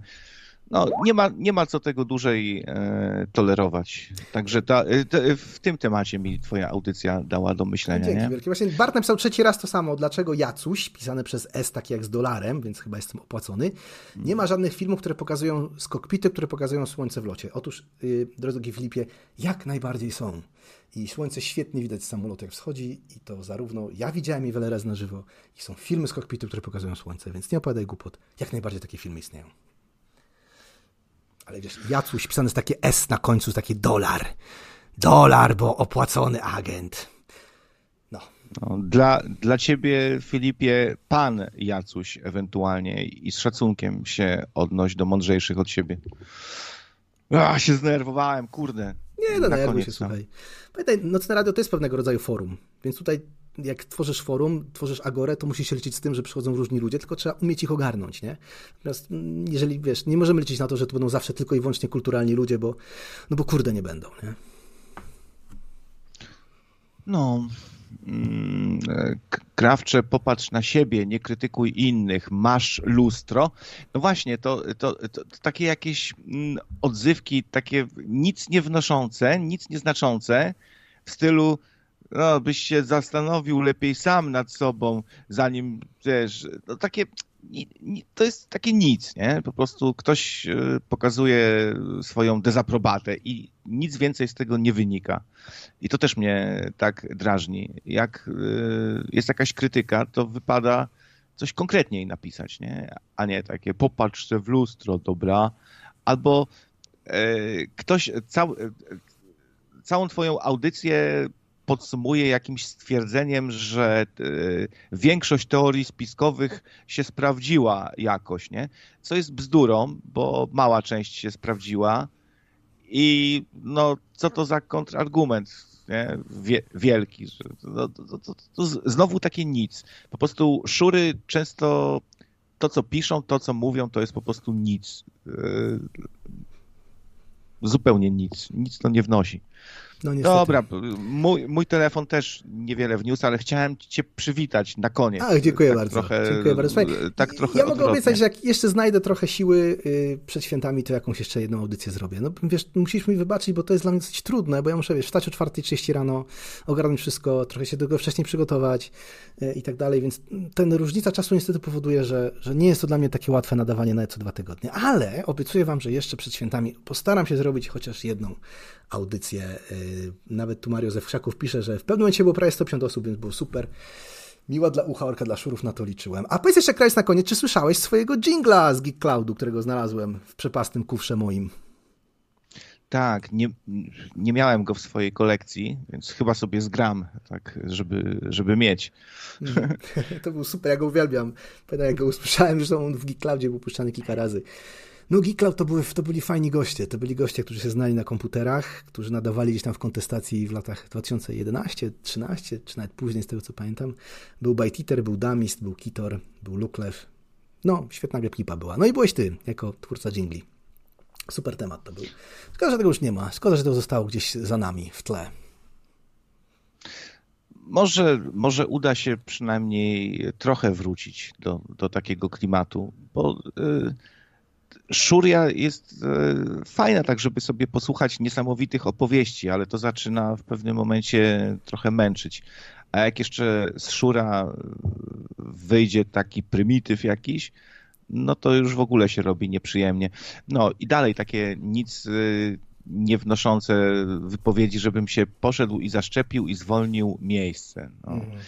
E, no i, i, i na takie komentarze można liczyć od, od wielu ludzi z tego środowiska właśnie, nie? To, to, to, tak, takie jak na, na podwórku, nie? A twoja mama nosi okulary, a, a, a, tw- a mój brat jest dwa razy większy od twojego jak cię kopnie, to polecisz na księżyc. I takie, wiesz, takie rozmowy to nawet dla mnie, co, co ja jestem bardzo, bardzo prosty chłopak, ale nawet mnie takie coś po prostu irytuje, męczy, więc spoko, ja, ja, cię, ja cię będę Jacku molestował teraz, y, że, żebyś ty do nas wrócił. Będę cię molestował. Masz to jak w banku. Trudno, ci... słuchaj. Już mam problemy, jak to mówią. Sam w tego chciałem. No. Super, fajnie. Cieszę się, że się podobało. Ale też na koniec powiem, wiesz co, ja lubię czasami posłuchać audycji tak zwanych szurów, czy alter ezo, tam gdzie są pewne rzeczy takie szczególnie historyczne, których nie wiemy, już się nigdy nie dowiemy. Czy Europejczycy dotarli do y, na przykład Ameryki 2000 lat temu? Jakie są dowody, jakie są za, jakie są przeciw? Czy wikingowie dotarli do Nowej Zelandii? Czy naziści uciekli do Argentyny, nie? To są rzeczy, których się nie dowiemy, których możemy jakoś tam sobie spekulować, które są gdzieś tam w odmętach historii i są pewne rzeczy, które mówią, że a może są jakieś poszlaki i tego się fajnie słucha. Ja lubię tego słuchać, naprawdę. To jest ta część szuri, która jakoś tam dobrze gra z moim serduszkiem. Ale jak się słucha, wiesz, opowieści o tym, że tak naprawdę samoloty nie latają, no to a w Australii na kangurach jeżdżą niemieccy żołnierze, no to no ja wymiękam dosłownie. E, Była, była też, e, pojawił się też temat a- anten satelitarnych, które nie są zwrócone do góry, Mm. tylko w bok, nie? No to dla mnie to też jest normalne, bo one są po to, żeby właśnie ominąć, że- żeby sygnał przeszedł jakoś przez krzywiznę Ziemi. Ja tak to rozumiem, tak? To wynika z tego, że te y, wszystkie satelity, które służą transmisji, to są satelity geostacjonarne. No i one znajdują się gdzieś pod różnym kątem. Czasami wiszą nisko bardzo nad, nad horyzontem, bo na przykład jakaś satelita może być e, geostacjonarnie znajdować się na przykład nad Hiszpanią, prawda? No i w tym momencie e, zwrócona ona jest w tym momencie taka satelita nie pionowo w górę, tylko gdzieś tam właśnie e, w prawą stronę. Jeszcze Marcin Chudzik dzwoni na chwilę, nie wiem czy go odbierać. No dobrze, spróbuję cię odebrać, Marcin, jak chcesz coś dodać. E, dobrze, odbiorę jeszcze Chudzika na chwilę. Co tam, Marcin? Co, z czym nas dzwonisz? A nie, coś się, chyba się nie udało go odebrać. Coś Skype mnie wkurza, wiesz? To, to, o nie, jest z nami Marcin. Krawiec, Marcin z nami. No, sorry, sorry, że się wtrącam e, tak na koniec.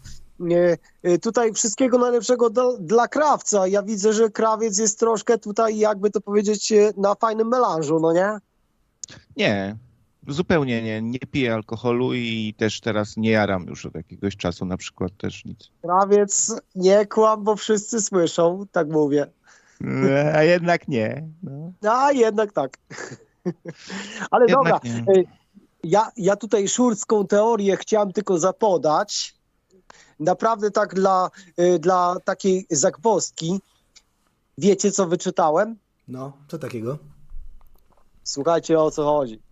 Te wiatraki, które zostały postawione na ziemi, no nie? Tak. Wiatraki do niby robienia prądu. No, co z Wiecie, wiecie, o które wi- wiatraki chodzi? Tak, Takie wiemy. wysokopowierzchniowe. Wysokopowierzchniowe, no dobra, no niech ci będzie. Ale, ale słuchajcie, ja oglądałem bajkę Simpsons. No, I w Simpsonsach było jaśnie i wyraźnie pokazane, że, ty, że te wiatraki mają napędzać wiatr, a nie zbierać y, energię wiatru do napędzania tam y, turbin i w ogóle do robienia prądu, tylko z tym, że one mają na zasadzie kierować wiatrem. Tak. Taka teoria sztuczna. ja słyszałem o Co tej wy na teorii to? też. To jest doskonała. Ja jest jedyna z teorii spiskowych, w którą wierzę. Po to są... Tak, to, y, powiedz mi to, ale rozkminiałeś temat? Co na ten temat sądzisz? Uważam, że jest to absolutna, totalna i koszmarna bzdura i nawet dziwię się, że ktoś może to A- traktować na poważnie, ale to jest, to jest super bajka, to jest genialna, tylko- to jest genialna rzecz, to jest cudowne, jak się o tym myśli, że to jest takie, to jest takie coś jak, jak wiesz, ogl- jak oglądasz film science fiction, nie? Jak na przykład film science fiction Nolana, Nolan nawet mówi, że to nie musi być prawdziwe, nie Ale, interesuje ale go. czekaj, czekaj, czekaj, bo, bo w każdym filmie science, science fiction są różne przekazy. No pewnie, że są Wiesz, różne przekazy, ale o co chodzi? Są przekazy podprogowe. Jak najbardziej, to nie ma co polemizować nawet na ten temat. Tak, są te przekazy, ale słuchaj, wiatraki nie robią prądu. Wiatraki właśnie robią prąd, a nie robią wiatru. Marcin, ja bym się wiatrakami tak bardzo nie zajmował. To prawda była taka, że robiono. Słuchaj, Marcin, robiono wały na wiatrakach. To prawda.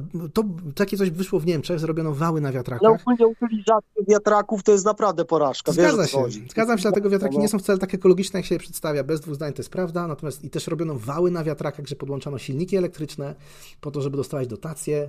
Jak ktoś prowadza nierynkowe rzeczy i zaczyna wprowadzać dotacje na wiatraki, to takie rzeczy się pojawiają. Ale. Ale tak generalnie to nie. Nie robią wiatru. A ja, a ja słyszałem, że samochody tak naprawdę tymi kołami obracają ziemię. I Tak, tak. Ale one, one muszą, ale czekaj, ale jak stoją w korku, to ziemia się przestaje obracać. Tak, dokładnie tak jest.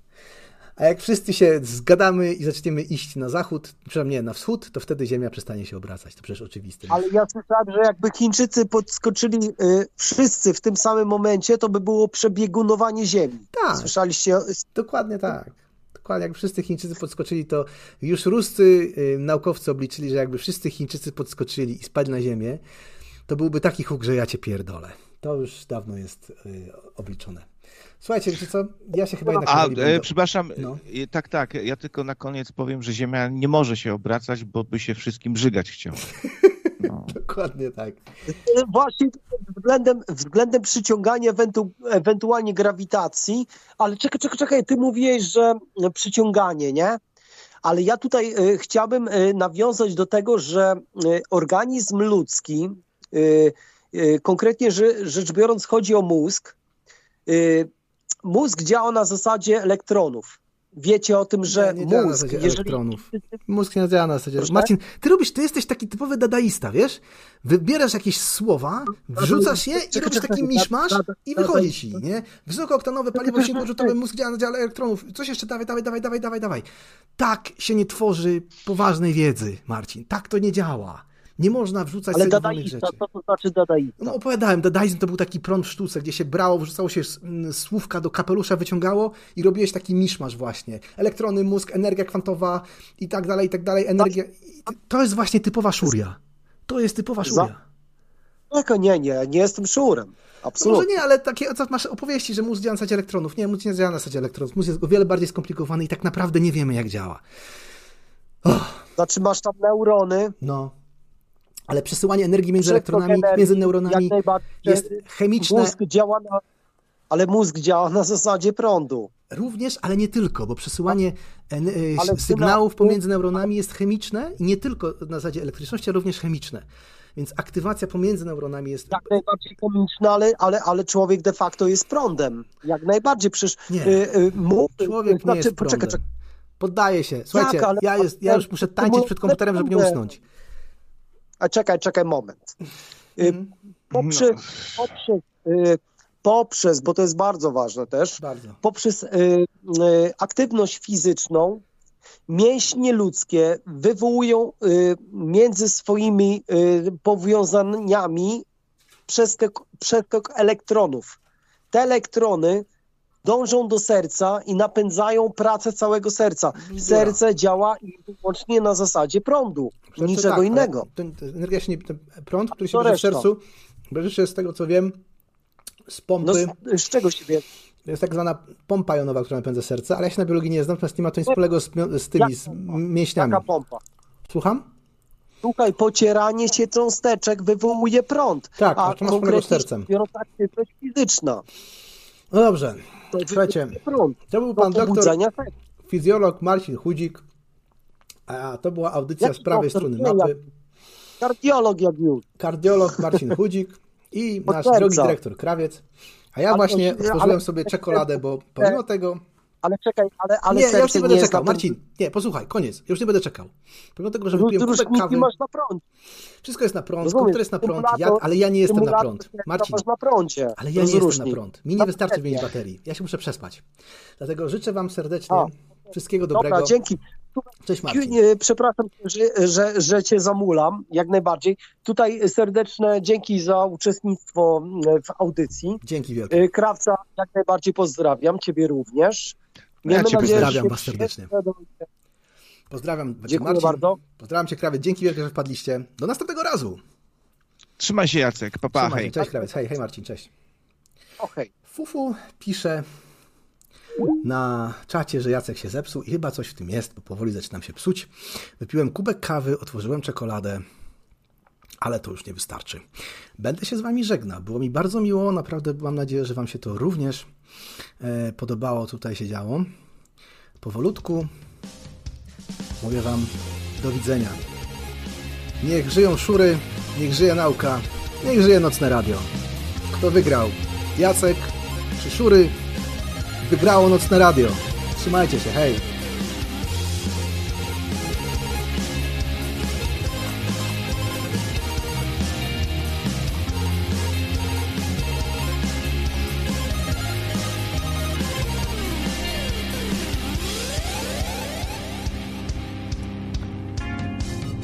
Ale ja lubię tą muzę.